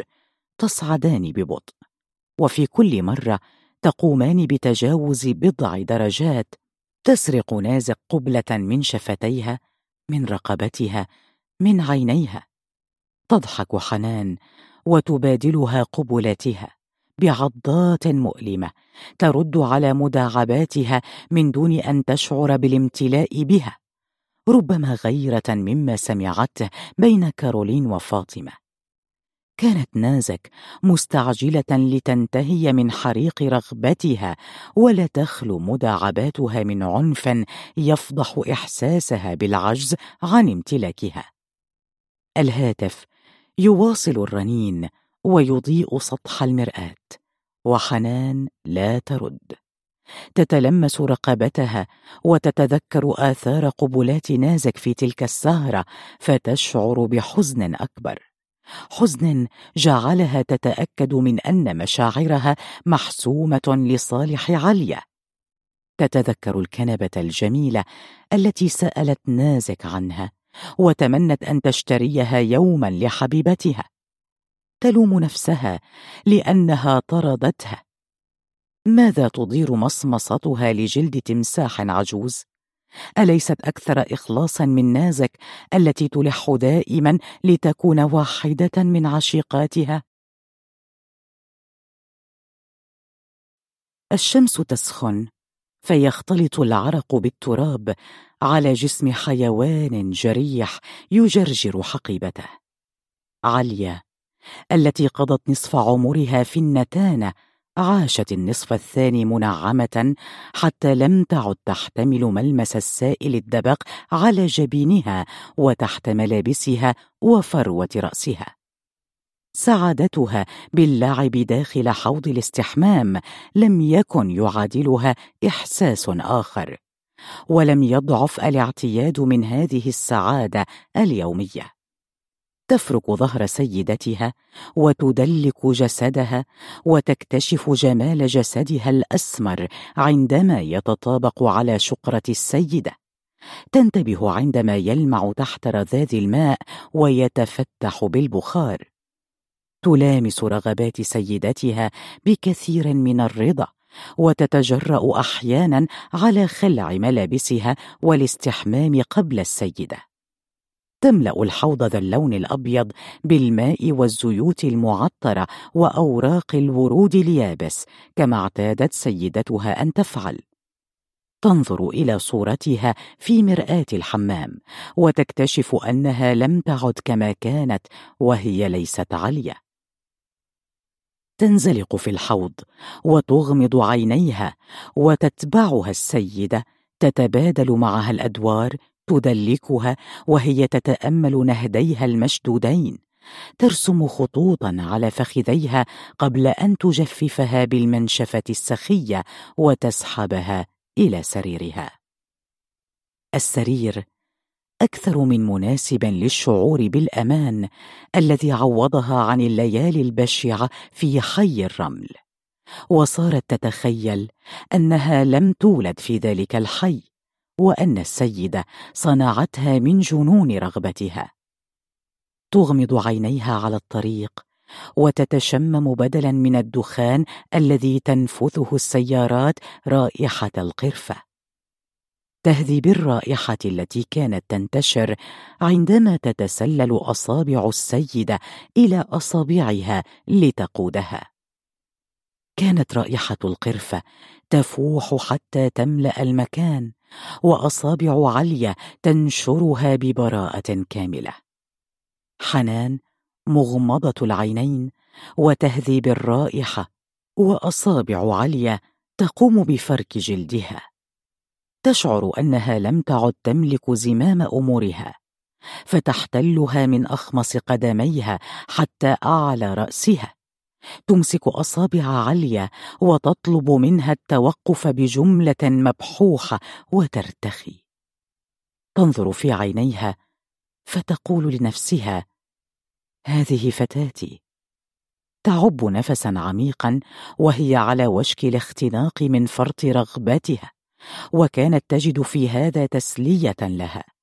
لكنها الآن تشعر بخوف من الرائحة من ملمس الحرير في عالم لم يعد لها. عليها أن تستعد لاستعادة حياتها الأصلية التي تصورت أنها غادرتها إلى الأبد. تتحسس السكين الحادة التي تخفيها في ملابسها. بينما تمضي وحيدة في الخلاء مطرودة من جنتها سكينها التي بحثت عنها عندما اقتنصتها السيدة للمرة الأولى. اعتقدت أنها تخنقها. وفكرت وهي تعلوها أن تعضها وتخرمشها كما تفعل مع الصبية في حي الرمل. لكن اللذة كانت أشهى من مقاومتها. لذة المداعبات التي تشعرها بفوران يحولها إلى حيوان يحتاج للعض. تفكر الآن أنها تستطيع التهام الرجال والنساء بنفس الرغبة والقوة. تعلمت ما يكفي. كانت تردد لنفسها وهي ما تزال تمشي في طريقها. تعلمت أن تنتظر بهدوء ما تريده. وقد فعلت ذلك. صارت سيدتها رهن رغبتها وسيدها رهن ألعابها وتحول البيت الكبير الذي عاشت فيه إلى قصر لها تحرك فيه البشر كما يحلو لها. في النهار لم يكن الأمر يهم فهي بالكاد تنظف ما يحلو لها تنظيفه. لم تعد حنان تحاسبها على شيء. ولكن في الليل تختلف الأمور. لم تكن بحاجة إلى سكينها كانت فقط بحاجة لتعلم المزيد من الألعاب مع حنان.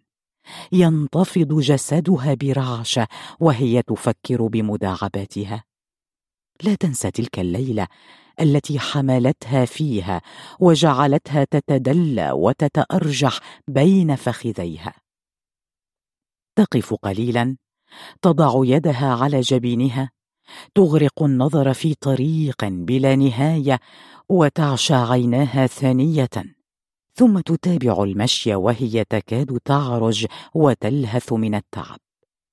لم تكن سعيدة ولا تعيسة ولم تشعر بما هو استثنائي غير أنها كانت المرة الأولى التي يغمرها فيها مخلوق بهذا الحب. لم تسأل نفسها إن كان مشروعا أو غير مشروع ما تفعله. وصارت تنتظر الليل الذي تطلبها فيه بصمت وتعرف من النظرات ما الذي سيحدث لأن اوقاتا كثيرة كانت تقوم فيها بتدليكها دون أن تعيرها حنان انتباها. لكنها ما إن تنظر بعينيها حتى تفهم ما تريده. وبقيت على هذه الحال حتى اليوم الذي عادت فيه السيدة إلى البيت في وقت متأخر وكانت عليا نائمة. دخلت حنان تصفر بلحن حزين وأيقظت عليا سحبتها من غرفتها وضاجعتها. استغرقت عليا في النوم ولم تصح حتى الصباح عندما كانت طباخة المنزل تطرق باب الغرفة. ذعرت حنان وهي ترى عليا إلى جانبها وتسمع طرقات الباب والشمس تضيء جسمها بتفصيل فاضح. طلبت من الطباخة التي تنتظر وراء الباب الانصراف وحملقت في وجه عليا الخائفة وتحول وجهها إلى لون ليمونة فنظرات السيدة كانت غاضبة مخيفة. وقفت عليا بعريها أمام حنان. كانت السيدة تلوح بيديها وتسبها وتشتمها وتركض في الغرفة تبحث عما يستر جسمها وتخبط على رأسها الذي يضج بالصداع. عليا لم تتحرك من مكانها. جامدة ولا تعرف ما الذي يحدث وما سبب ثورة سيدتها وأي خطأ اقترفته حتى صرخت فيها. كيف تسمحين لنفسك بالبقاء في فراشي حتى الصباح؟ نظرت عليا بذهول إلى السيدة الغاضبة وهبت واقفة من فراشها وارتدت ثيابها وعيناها توشكان على الانفجار. انسحبت من الغرفة وعندما أقفلت الباب عليها ارتمت على السرير وصارت تنشج بصوت عال استيقظت فيها شراستها الحيوانية. قررت من حينها أنها ستجعلها تدفع ثمن إهانتها غاليا دون أن تضطر لمغادرة المكان أو أن تتحول إلى متسوله يضاجعها المتسولون. بدأت التحرش بأنور. كانت تتعمد المرور أمامه والانحناء فوقه لالتقاط شيئا من جانبه أو لفتح ستائر النافذة.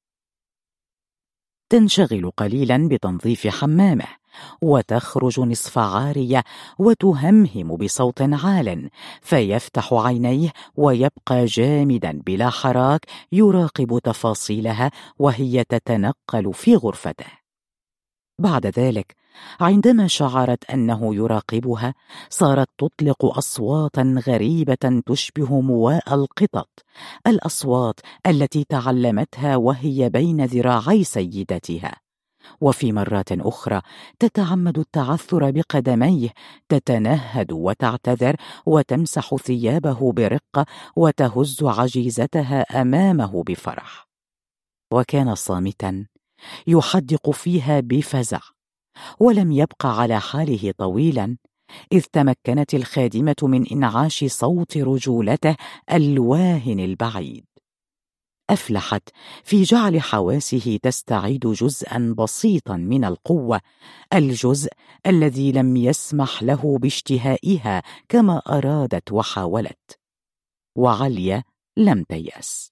تتابع ألعابها مجرد انتقام من حنان. بل أعجبتها فكرة امتطاء سيديها النهاريين. تعبث بهما كأن تجعل السيدة تجلس أمامها على أطرافها الأربعة وفي نفس اليوم تلعب مع السيد الألعاب نفسها. تتابع ألعابها ببساطة فالأمر لا يتجاوز مساحة السرير. المساحة الوحيدة في حياتها كلها التي شعرت فيها أنها ملكة المكان. اعتادت حين تنهض من سريرها صباحا أن تبقى واقفة أمام مرآتها تحدق في وجهها تمسك بأصابعها طرف ذقنها ترفعه للأعلى. تبتسم تضع يدها على كتفها وكأنها تحمل وشاحا ترفعه على خشبة مسرح وتردد عاليا. الانسه عليا تستدير باتجاه باب الغرفة وتقول بدأ النهار وفي الليل تستأنف سيادتها في سريرين بطابقي الفيلا باختلاف طفيف. كان أنور من يصمت وعليا تثرثر وخاصة بعد أن شعرت بقوتها. أمسكته من باب الجرح الذي خرب حياته. مع حنان يختلف الأمر. صارت تلتزم الصمت وتعرف أن ذلك يعذب سيدتها. لم تعد تصدر في حركاتها معها عن لا مبالاة ولا عن حب. كان الأمر أشبه بمعركة حربية. ثأر السيادة الذي ترد به عليا على إهانة حنان التي لفظتها مرة بعيدا عن سريرها لكنها لم تطردها إلى الشارع كما طردتها اليوم. عندما طردتها حنان من فراشها لم تعد إلى طلبها لليال طويلة حتى يئست واستغرقت في نومها اليومي. وذات ليل رن جرس الغرفة وكان صوت الجرس كافيا لتنتفض وتعتريها برودة في أطرافها. قفزت من فراشها وفتحت باب الغرفة ومشت على رؤوس أصابعها. كانت عادتها أن تفتح باب غرفة حنان دون أن تطرقه. لكنها تريثت حتى خرج صوت سيدتها مشروخا من الداخل. افتحي الباب.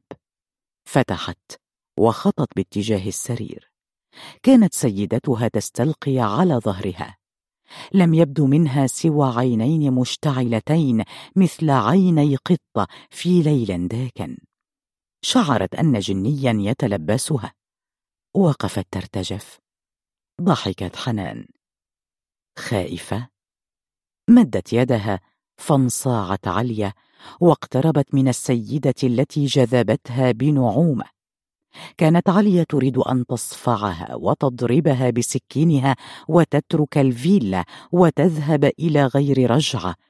لكنها استسلمت لها. كانت لحظة تذكرها عليا وستظل تذكرها لزمن طويل عندما شعرت أن جسدها يتفتح باستطالات غريبة وهي تتذكر الأحاديث الطويلة في سهرات الشتاء الباردة عن النساء اللواتي تكسر عيونهن من الرجال وكيف كسر ساسوكي عينها مرة وكيف كسر عبود عين أختها مرات. تكتشف فجأة كل الأشياء التي مرت دون أن تشعر برغبة لفعل ذلك. لكنها الطريقة الوحيدة التي سترسم بها خرائطها وألعابها. قلبت سيدتها بعنف وبطحتها تحتها كما كان يفعل أبوها بأمها وهي تسترق النظر تحت الغطاء وشعرت بقوة. صرخت حنان وهي تحدق بخادمتها التي لم تمهلها.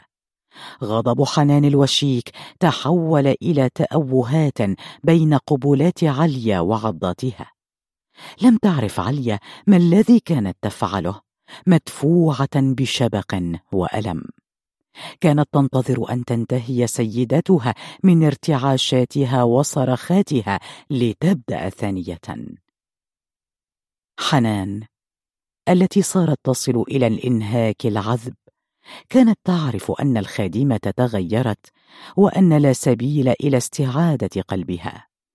تتلقى عنفها برضا لكنها تستدعيها كل ليلة بأمل أن تلمح شيئا من الحنان بعينيها الشرستين وكانت عليا بحسها الحيواني تبالغ في الشراسة كلما بالغت سيدتها في التودد والخضوع. ليلة أمس تركتها تغط في نومها وسحبت سيجارا طويلا مما تجلبه حنان تدليلا لها. اشعلته وعادت إلى غرفتها تمج دخان السيجارة أمام النافذة.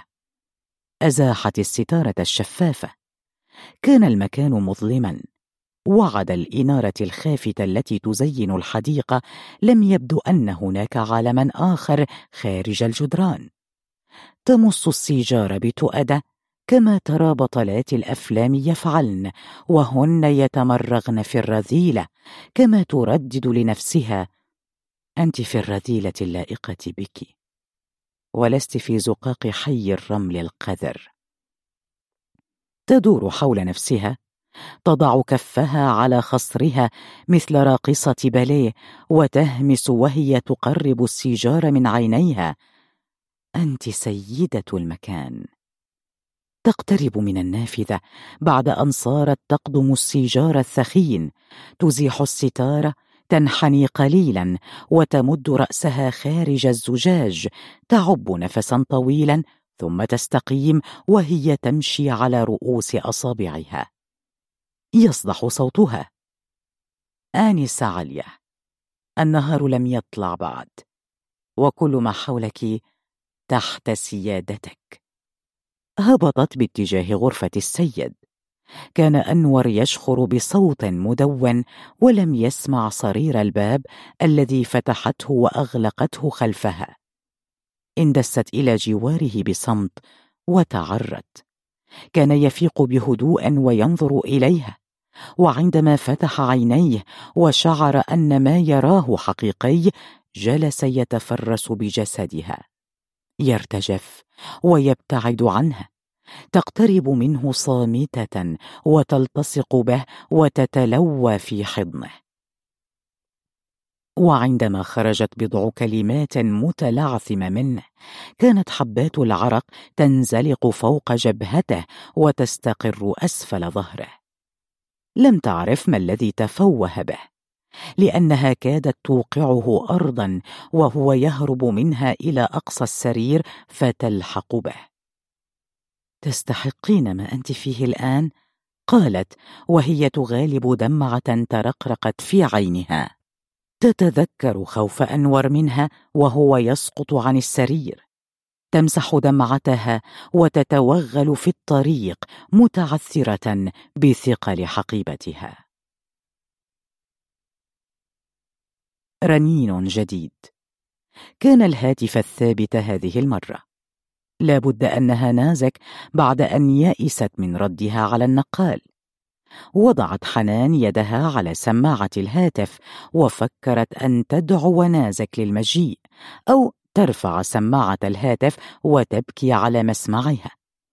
ترددت مرة ثانية وخطر على بالها أن تطلب من نازك مساعدتها في العثور على عليا. نازك تستطيع أن تفعل كل شيء. توقف الهاتف عن الرنين. بدأت الشمس تهاجم الغرفة من خلف الستائر. كان خط الضوء المائل الذي حول حياة حنان إلى كابوس قد اختفى أمام حزمة الأشعة المتراقصة في فضاء الغرفة. قررت ألا ترد. خرجت إلى الشرفة. تنفست القليل من الهواء. لمحت أسراب الطيور. قفز قلبها بين ضلوعها وتذكرت البقعة المضاءة بحمائم تهدل أسفل سفح قاسيون. البستاني بدأ بجز الأعشاب في حديقة الفيلا ويصدر ضجيجا أفزع الطيور فتفرقت وبقي سرب واحد يحوم في المكان. أخذت تتنفس بهدوء وعادت إلى تلك الأيام التي كانت تراقب الحمائم فيها من بقعة النافذه المواربة. ربما عليها الانشغال بسرب الطيور ربما بأي شيء آخر يلهيها عن عليا. في تلك الأيام كان الشتاء في دمشق أبيض لا يتشح بالسواد. تنزل الأمطار من سفح قاسيون تمر جانب الدرج الحجري وتحت نافذة حنان فتصدر هديرا تستعذبه. خاصة عندما تغفو وتسمعه يضرب جدار البيت. وحبات المطر الكبيرة تضرب زجاج النافذة فتشعر بهناء وطراوة وكأنها تنام فوق غيمة وتلتحف غطاءها. كانت في الخامسة عشرة تتعلم كيف تتحول إلى أنثى من حديثها مع فتيات المدرسة ومن زيارات حمام النسوان وصباحات الشام النسائية. أمها لم تعلمها فنون الأنثى. تلقي بأوامرها وتنتظر الطاعة. تمضي إلى أشهر الخياطات وهي تعد لابنتها الوحيدة أجمل الفساتين. ثم تجبرها على الذهاب إلى دعوات العائلات الأخرى. ولا تنسى في تلك الدعوات أن تشرح للنساء كيف تعذبت حتى خرج فستان ابنتها بهذا الشكل وكيف أوصت به حتى يكون فريدا وكيف أخذته إلى مطرزة خاصة.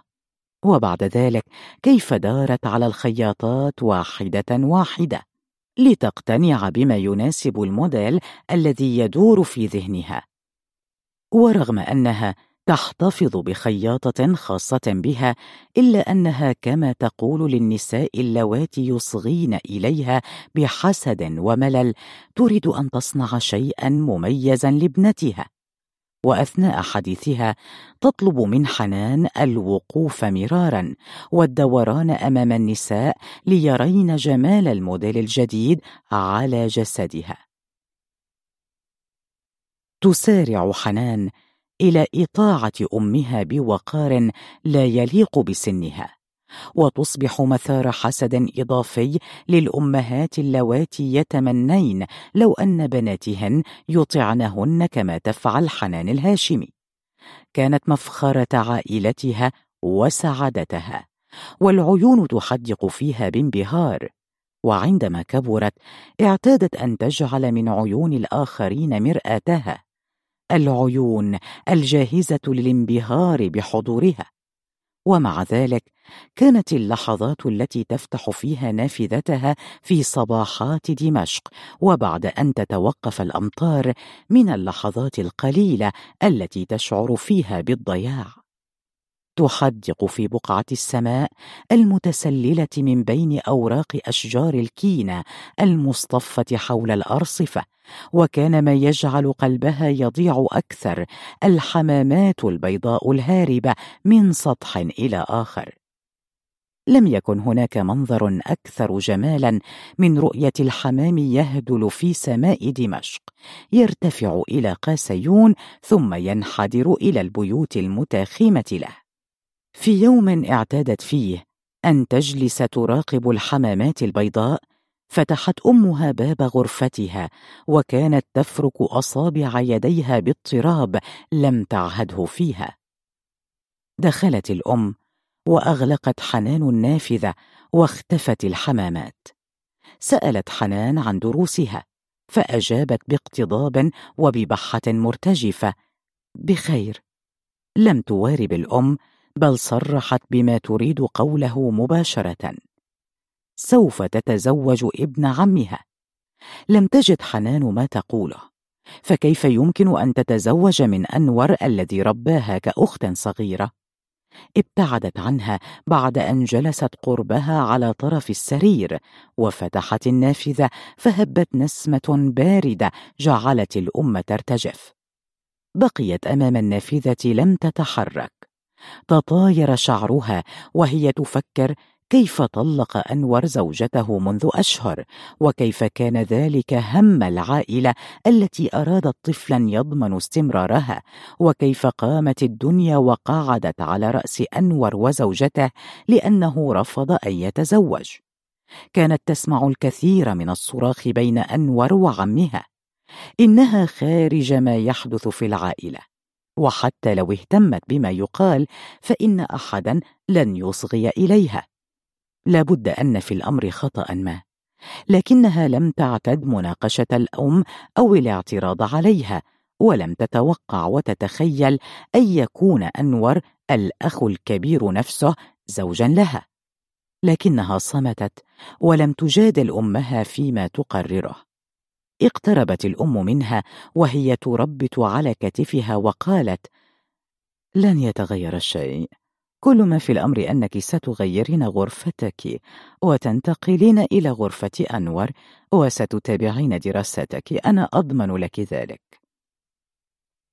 حينها استدارت حنان وحدقت في وجه أمها وعلامات الذهول تعلو وجهها.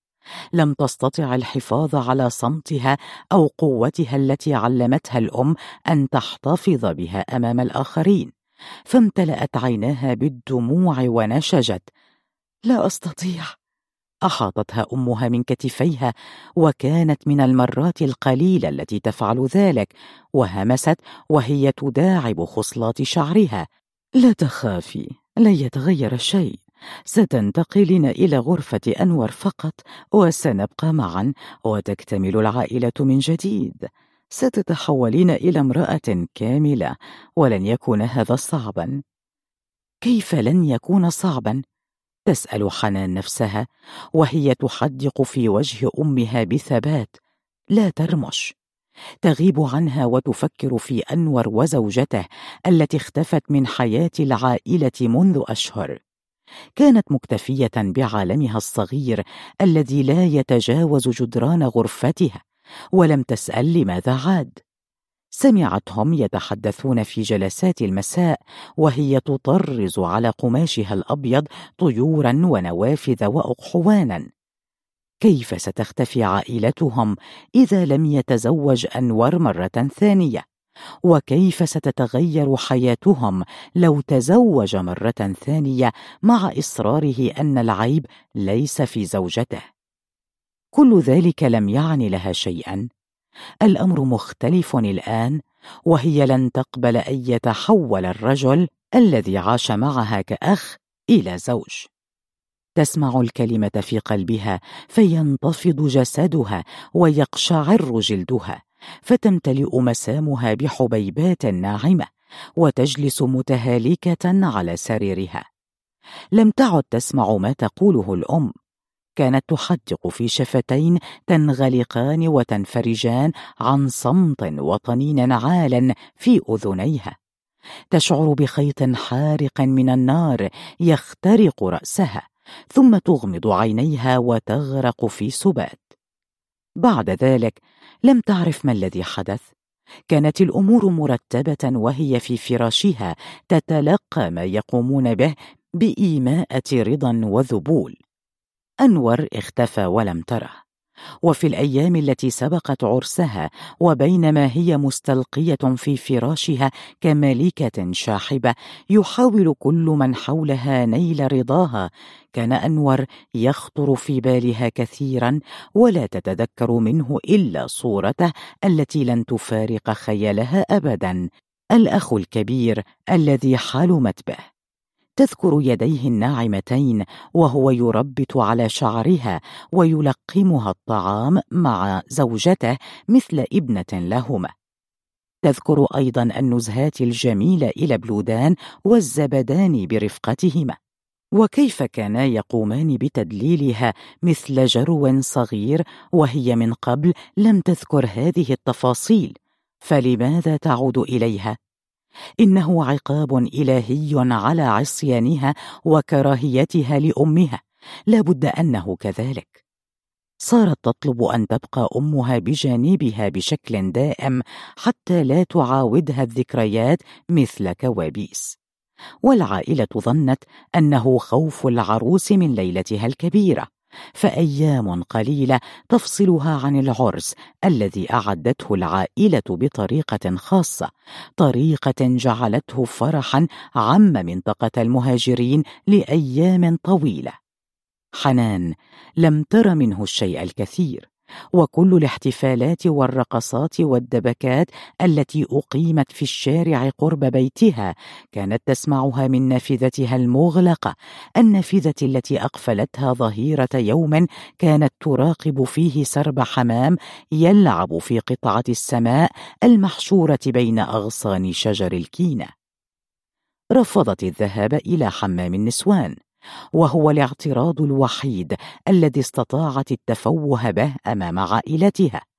ذلك سيجعلها تتأكد أنها تريد أن تلقي بنفسها من أعلى جبل قاسيون لتتدحرج بين البيوت الحجرية البيضاء مفضلة نار جهنم على أن تلمس ذلك الرجل الذي تكرهه الآن أكثر من أي كائن آخر. ومجرد مرور ذكرى الارتعاشه الهفافه التي حظيت بها في طفولتها وهي في حضن ابنة الجيران سيحولها إلى كائن أكثر تعاسه مما هي عليه. لذلك فضلت إلغاء حمام العرس والاستحمام مثل يوم عادي والخروج من غرفتها ومراقبة الخدم الذين ينقلون أثوابها وأشياءها إلى غرفة أنور الجديده التي دخلتها برفقة أمها والثوب الأبيض يشد على خصرها وملاءة ناعمة مزركشة بالدانتيلا والخرز الأبيض البراق تغطي وجهها. في تلك الليلة لم تفكر بالألم القادم وبخوف الفتيات من الليلة الأولى. تعرف أن النساء خلقن لتحمل الألم كما قالت أمها.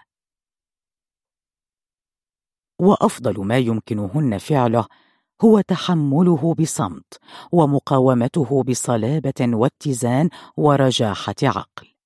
أغمضت عينيها وأطفأت الأنوار وجلست على طرف السرير كما تفعل الممثلات في الأفلام المصرية وانتظرت. كان انتظارا طويلا لأن أنور أيضا كان يتمنى لو أن ذلك لم يحدث لكن الطاعة التي أجادها مع ابنة عمه والولاء الذي لم يجد منه مفرا لفكرة تؤلمه في أنه آخر من تبقى من عائلته جعل الأمور أسهل عليه فدخل غرفة زوجته ولم يشعر الضوء. وقف وانتظر وهو يحدق في الثوب الأبيض الذي بان أمامه الجزء البسيط منه خلال الخطوط الشاحبة التي تسللت عبر النافذة من الشارع. كانا متواطئين على العتمة وحتى اللحظة التي أمسك فيها يد عروسه وقبلها كانت الأمور جيدة لكنه لم يتمالك نفسه عندما ضمها إليه وهي ترتعش فربت على جبينها كما فعل دائما وهي في حضنه طفلة تلهو بشاربيه وخديه. حينها شم رائحة يعرفها رائحة الأطفال الرضع. فابتعد عن ابنة عمه وأزاح الستاره لتخفي آخر ما تبقى من ظلال ولتختفي صورتها من أمامه. في تلك الليلة كبرت حنان. تركت عالمها القديم واندست ببراعة وصمت في تفاصيل الواجبات اليومية عندما سألتها الأم كيف تصرف زوجها وهل كان كيسا ولطيفا؟ لم تجب. وفسرت الأم صمتها بالخجل ولم تعد لفتح الموضوع إلا فيما بعد عندما بدأت تسأل أمها كيف يمكنها أن تجعل زوجها يحبها في الفراش. وتخاف الأم عندما تخبرها أنه أراد أن يبتلعها من شفتيها أو يقضم صدرها. وشعرت أن هذه البنت ليست كاملة وعزت الأمر إلى التقصير في تربيتها وإعدادها لتكون زوجة جيدة والمبالغة في فرض قواعد الأدب عليها. لكن ذلك كله لم يكن ليجدي نفعا أمام خوف حنان من الليل خاصة بعد أن مضت سنوات لم تنجب فيها ولم ينتفخ بطنها. وبدأ أنور بالابتعاد عنها ليس عنها فقط بل عن البيت بأكمله. ولم تنتبه أنها غرقت في إتمام دراستها والاهتمام بشؤون أمها وجاراتها وحفلاتها وواجباتها وتابعت دراستها لأن أمها أرادت ذلك وبقيت في البيت من أجلها. لم يثر الأمر اهتمامها ولم تتدفق الحياة في عروقها وكأنها ولدت ميتة أو أنها خلقت من أجل أن تتجه نحو موتها. وبدت عليها رغبتها الضارية في الاتجاه نحو سبات يجعلها ترتاح من عالمها وكأنها لم تكن أو حتى كأنها لم تكن ابنة أمها. الآن تسأل نفسها ماذا كان سيحدث لو أنها رفضت أنور بإصرار. أفاقت من شرودها على صوت الهاتف يرن من جديد فعادت إلى داخل الغرفة وأسدلت الستاره وكأنها تريد أن تختفي من عيون الهاتف. خيمت العتمة على غرفتها فشعرت بالاطمئنان. نزعت سلك الهاتف الثابت وبيدين مرتجفتين أغلقت هاتفها النقال ورمته ارضا. استلقت على سريرها منهكة يخيلها وجه نازك تفكر كم عذبتها وكم فعلت نازك لاسترضائها واستعادتها من خادمة مليئة بالبثور. خادمة هي في النهاية حبيبتها الصغيرة. حبيبتها الصغيرة فقدت الأمل بمرور سيارة الزبالة أو رؤية إنسان يمشي في هذا المكان الصامت رغم أن الشمس اقتربت من قبة السماء. سرح عقل عليا في مكان آخر حيث تنتمي. تخلع عنها أقنعتها وتعود إلى حضن أمها كما خلقتها وتطمئن نفسها أنها لن تدع حياتها تمضي كما عاشت من قبل. ستفعل أشياء كثيرة. انكسر كعب حذائها العالي لحظة خبطت فيها الأرض بغيظ وهي تؤكد أنها ستكون بخير. فوقعت ونظرت نحو الوراء. لا تعرف لماذا شعرت بوخز حاد في صدرها بينما تتخيل أن العالم السابق قد محي وكأنه لم يكن. خلعت حذاءها وانتبهت أن مسمارا صغيرا هو سبب المشكلة كلها وأن بوسعها إصلاحه. وضعت حقيبتها جانبا وانتقت حجرا واعادت تثبيت مسمار الكعب. ارتدت الحذاء المخلخل. استأنفت سيرها بحذر. لماذا لم تأتي بحذاء آخر؟ توقفت ثانية وتذكرت شيئا. هي لم تملك حذاء كان الحذاء الذي تنتعي له من أحذية حنان. تحاول تذكر الأحذية التي ارتدتها وهي في بيت حنان فتضحك وتكتشف ثانية أنها لم تملك أي حذاء للخروج. كل ما ملكته كان أحذية خاصة للبيت وللخدمة. حتى في الأوقات النادرة التي اضطرت فيها للخروج كانت تنتعل الحذاء الذي تستخدمه في البيت. لم يخطر في بال حنان التي أغرقتها بالهدايا وعلمتها تدخين السيجار أن تشتري حذاء لها. كانت سجينة وخادمة نزواتها ولا تريدها أن تغادر الفيلا ابدا. واصلت سيرها تحلم بغرفة أمها تطمئن نفسها بأن الأمور ستكون أفضل حالما تصل إلى حي الرمل. فجأة لاح لها من بعيد خيال ما. قفز قلبها وركضت نحوه. اكتشفت في لحظتها أنها تتوهم. وكان اكتشافها خيبة جرتها نحو الركض ثانية. تذكرت أن أنور بقي في غرفته عاريا. شعرت بالشفقة عليه ثم قطبت حاجبيها. كانت تعرف سعادته بانتظارها في لياليه الطويلة. تلمح شوقه وحبوره عندما تحف به وهي تنظف البيت. أو عندما كان يتظاهر بالنوم والخوف وهي تتعرى بغرفته متجاهلة نظراته المستكينة. اقتربت صورة أنور. صورته الأخيرة رائحة جسده فشعرت بتقزز وتنهدت من جديد. كانت رائحة السيدة تجعلها تتفتح وتستطيل. رائحة السيد تجبرها على الاغتسال في نهاية الليل. لماذا إذا تفعل معه ذلك؟ لماذا خربت حياتها بنفسها؟ هزت كتفيها واستمرت في المشي حتى تبتعد عن حنان التي أفاقت بعد غفوة قصيرة تحمل جبالا فوق رأسها وتنظر إلى النافذة. لوهلة لم تتذكر من هي. تحسست صدرها الذي لم تنم فيه الأثداء. تحت جلدها نمل يتحرك. نظرت إلى يديها ولم تر إيه حشرة. شعرت بدبيب نمل يأكل قلبها فانفجرت بالبكاء. فتحت نافذتها على السهل الأخضر والقصور الصغيرة ذات الواجهات القرميدية تفكر بعليا وبملامح وجهها الفزع. وشعرت أنها تحبها أكثر من أي وقت مضى.